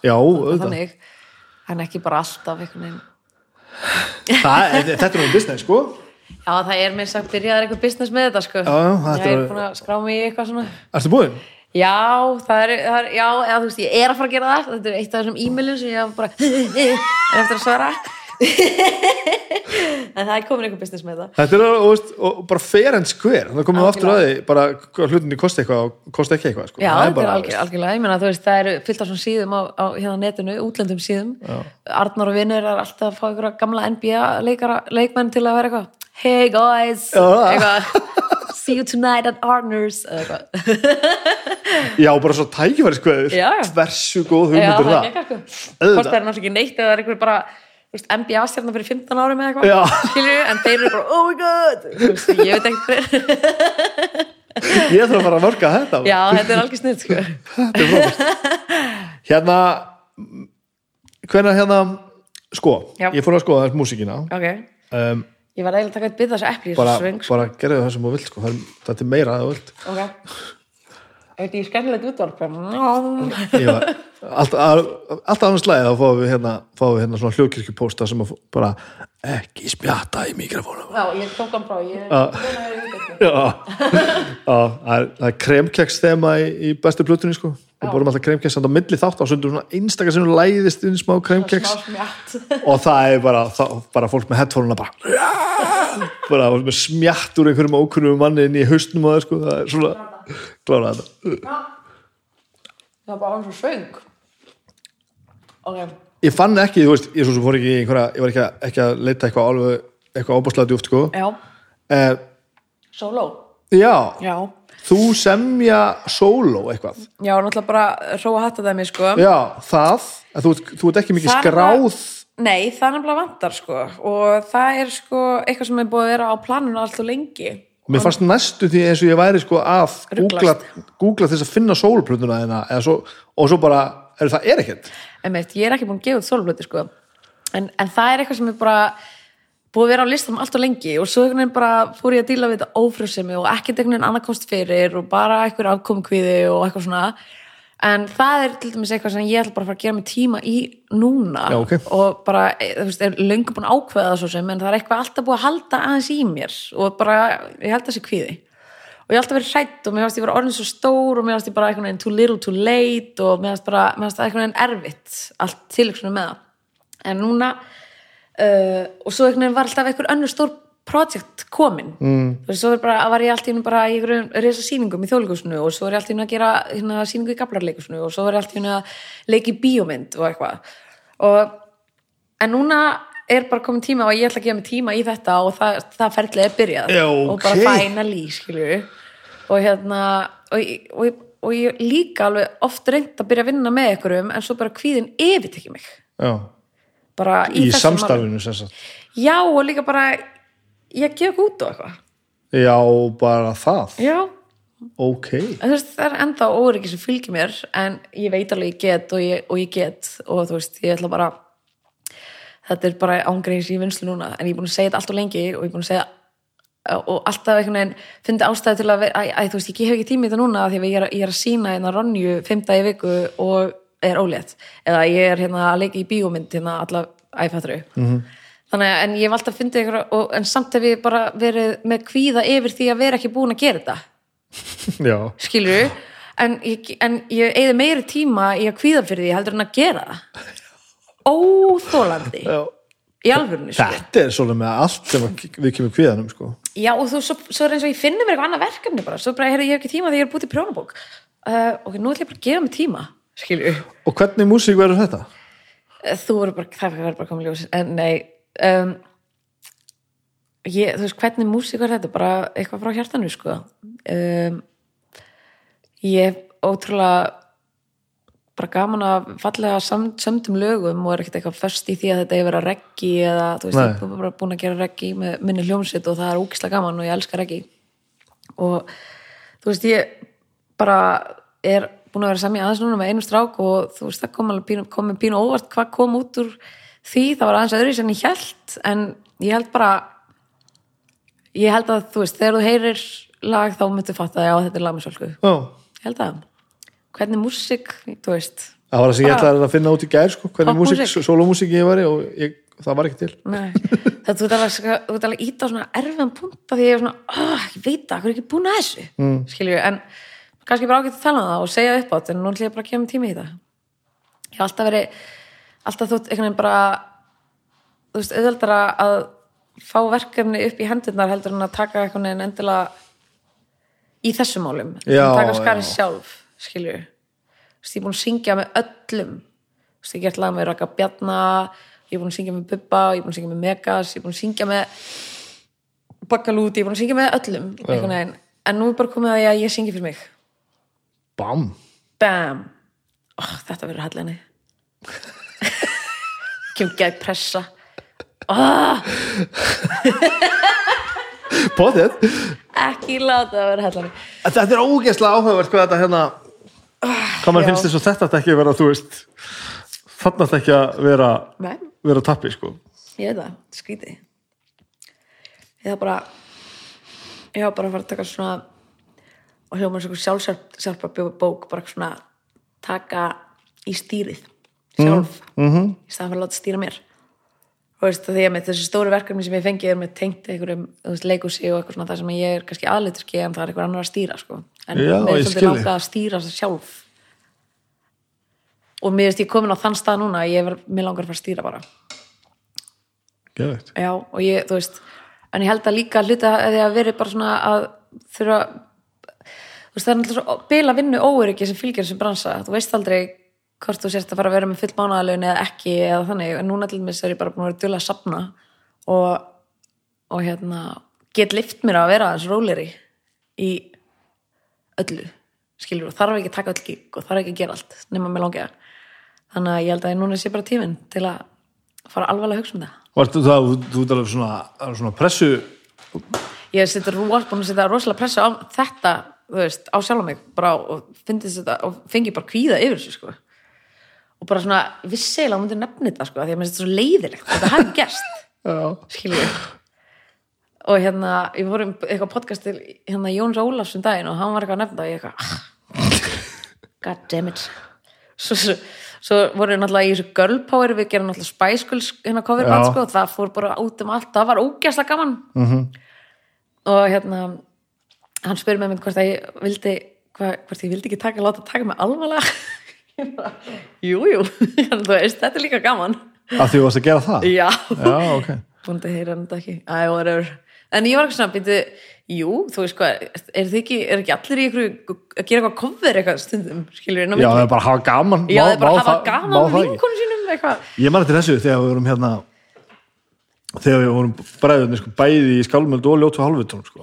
hvernig, hvernig áttu að taka okkur alvarlega sem þungar okkar að við vorum alltaf bara að segja ykkur að fyllir í sprandar upp á sviðið með halvutón sko. Mhm. þá var það eitthvað svona og við alltaf bara, hvað, veist hvað má ekki bæði það nei, fyrir það þetta er náttúrulega eiginlega saman hljónstin sko. Þetta er hljómar eiginlega mjög svipan um að eitt er með ramskittur og hitt ekki sko. það, var einmitt, mann eftir einhver svona, svona ímyndar hvað þarf ég að vera Einmitt. má ég, má ég ekki vera bara svona Það svona, það verður að setja svona dífupressu pressu á þig. Ég veit það ekki. Eða þú veist bara ég bara að hafa gaman sko.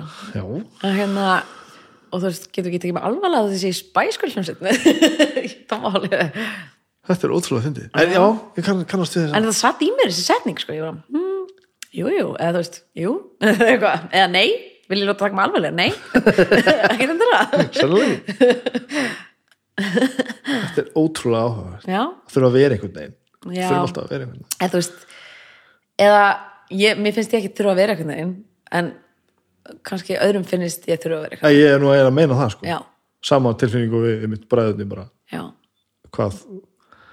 Ma- þú sendur fyrstu prómomyndina út þegar við vorum að gefa út fyrstu skálmyndaplötuna uh -huh. á Baldur í Törtlisból. Já það var engi stemning fyrir því Nei, það var ekki, það er ekki mikið hardcore Nei, við þurftum að vera allir klæðir í svartir Já. Törtlisból og með gleru bara oh hversu En þú veist, hvað hva, hva, hva gerist þá ef þú gefur út sólplötu og hún bara tankar, skiljur? Já, ég veit ekki, þú veist það Ég veit ekki Það er maður, ég skýt þetta Þú ert, þú ert skýt þetta? Já. Já, já, en þú veist á ekki ágætt að vera, en jú er, er, maður, er það ekki, jú er maður ekki pínrættu við það? Jú, ég skrifaði skáldsögu sem ég held ég verið geðt góri og hún fór gjörsamlega onni klósti Já, en þú og, og hún var ekki góð. Og það var hérna En þú veist, ég veit alveg, ég gerir gott en kannski verða ekki, og þú veist, kannski við líka verið hrætt við það. Ef ég ger Já, ekkert þú ert endur á heimavellinu þínum sko. Já, ég var aðeins á útvellina ég mátti aðeins sko. Já. En ég ger það, I'm doing it. Þið líður ekki eins og vel að tala um þetta. Nei. Já, ok. Næstuðin ekki, sko. Af því að, að því að minnst, minnst það finnur ég svona leðilegt ég hafa ekki tekið skrifið fyrir og ég hef alltaf einhvern veginn látið að annað ganga fyrir.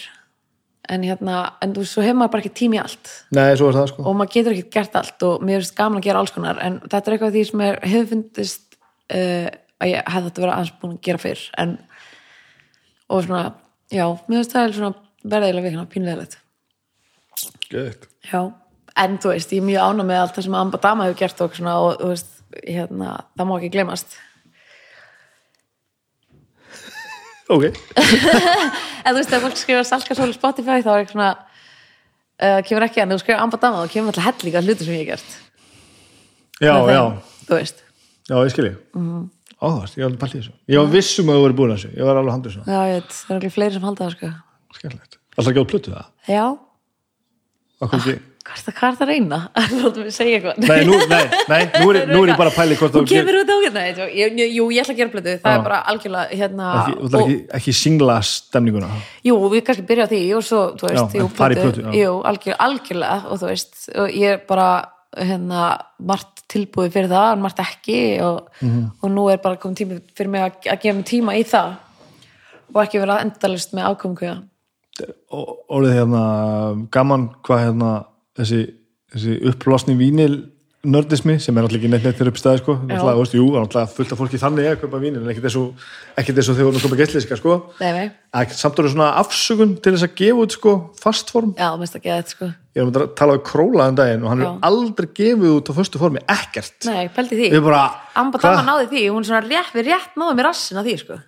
En það var örugglega síðasta sem kom út hjá Record Við erum Það að það, skálmöld gefur alltaf út sko. Já, þannig að er öðruvísi í þungarangsheiminum þar sem allir kaupa allt. Já, það sem allir vilja physical stöf Já, já, já. en eins og með ljóta hálfvitana það er svona pínu skutti sko. við Já. höfum bara gefið út gildiska og bara, hvað var það að gefa út geisladisk? Já, skálmöld gafið með þú DFD um daginn. Það er fólk að ekki eins og geisla drif í dag. er bara tónleika tónleika DFD, ég hef ekki séð þessa tónleika. Hvar, hvar er ég að horfa á? Nei, það er þetta er að er þetta orðið bara, fyrir mér er þetta ennþá svona heilagt bara, að þú veist, eins og þú ert að spila hérna bítlana og svona Já, í þættinu með þér voru- vorum þetta í þessar bítlaðumlaðan daginn að framan að voru bítlaðir í þessar stemningu þú veist það sem að plötunar voru bara plötur að þegar búið samna saman lögum já, og svo fóruð þeir að gera plötur setna sko. veist það sem að platan var plata sko. já, og manni líður eins og það sé hinn eini sannleikur þegar, þegar að, veist, þetta byrjaði alltaf bara sem eitthvað svona singlastöf sko. Mann líka bílarnir voru svona með þeim fyrst til að gefa út myndband. Og allir eitthvað, hmm, skrítið gefa út myndband með lagi. Já, og þá saði Paul eitthvað svona þetta er framtíðin, eða eitthvað. Hann hafði rétt fyrir sér. Það og þú veist á tímbili þegar að, þú veist eins og þegar Úlfur Úlfur og Amba Dameru þú veist þá gafst ekki út lag nema að gefa út myndband. Nei. Það varð að vera sam, samhlega hans náði engu flugi lagi engu flugi sko. Nei. og hérna og þú veist það var YouTube, þá hlustaði maður eiginlega það var það aðal tónlistavitar mann sem var bara YouTube að gera playlista og, já, og var að horfa á myndbönd sko. En núna er ekkert alltaf gert myndband bara, þú veist, sjálfnar heldur en hitt sko, akkur allir það er breyst? Ég held bara með tilkomi Spotify sko, já, bara að þú hefur annan, annan kanal til að koma já, þessu áfram. ég held það sko. Já, já. en hérna en ég mynd á tímbilega var alltaf risastórt hvað, þú veist, var myndband ársins á Já, alveg en svo er það ekkert endilega núna sko. Nei, nei, nei þannig að þessi, þessi heimur er náttúrulega alltaf að breytast og þróast og, og þannig, yes. geðvegt já. Erum við ekki búin að, ég er hann svo svöng. Ég held að sé komið hjá sko. ég er bara, við erum að gefa eitthvað ekki að borða borða á, á mótnana og svo bara, já, hvað er að spila lengi? þetta leytir vera tveir og hálf tími eða eitthvað. Vá, þetta er ekki búið að liða svo tveir og halv tími. Herru, þetta var geðvegt Vá, takk fyrir að fá mig. Takk fyrir að tala við mig. við, við fórum í viða völl. Bara geggja frábært, takk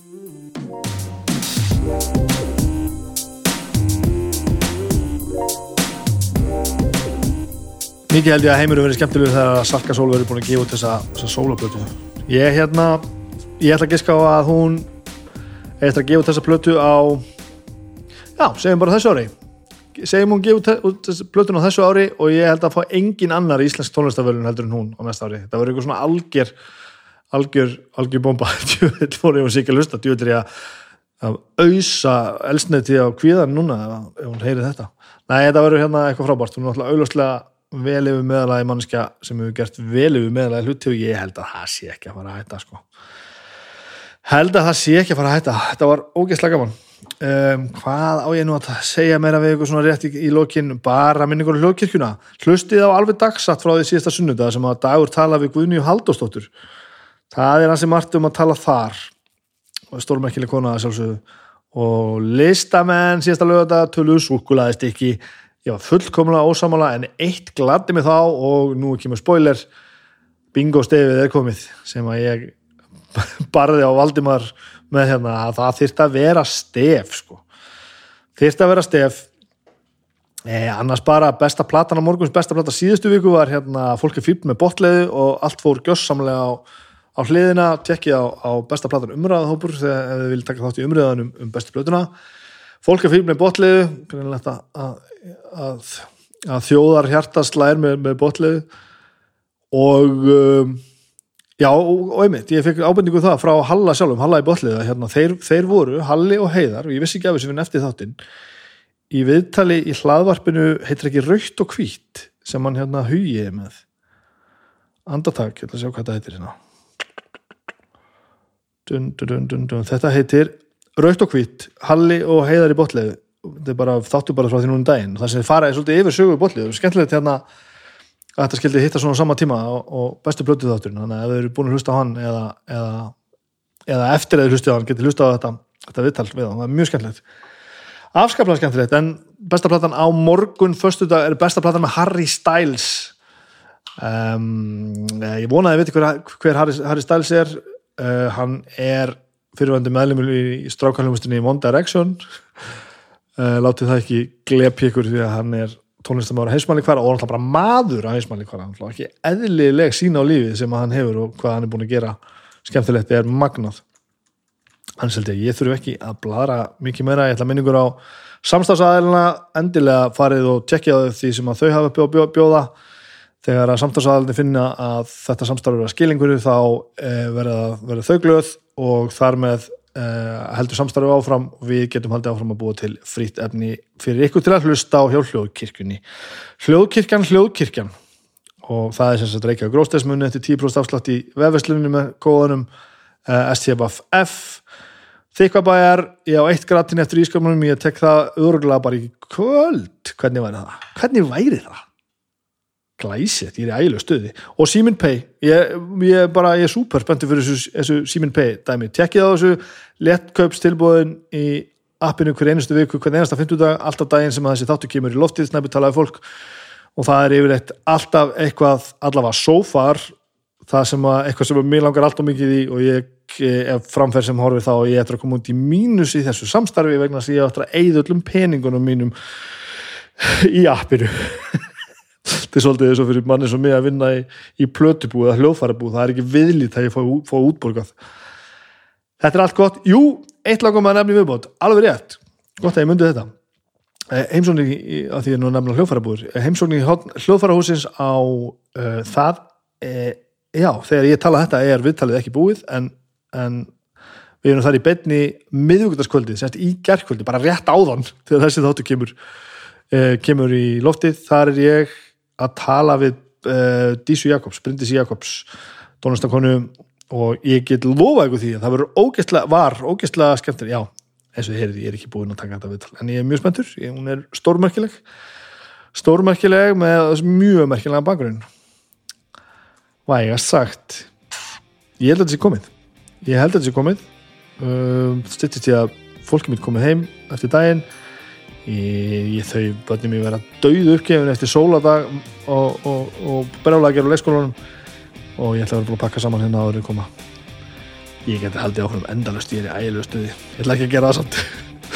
Takk fyrir að hlusta. Þetta var þáttunum með 50 djúvill er þetta magna heyrjus næst, bye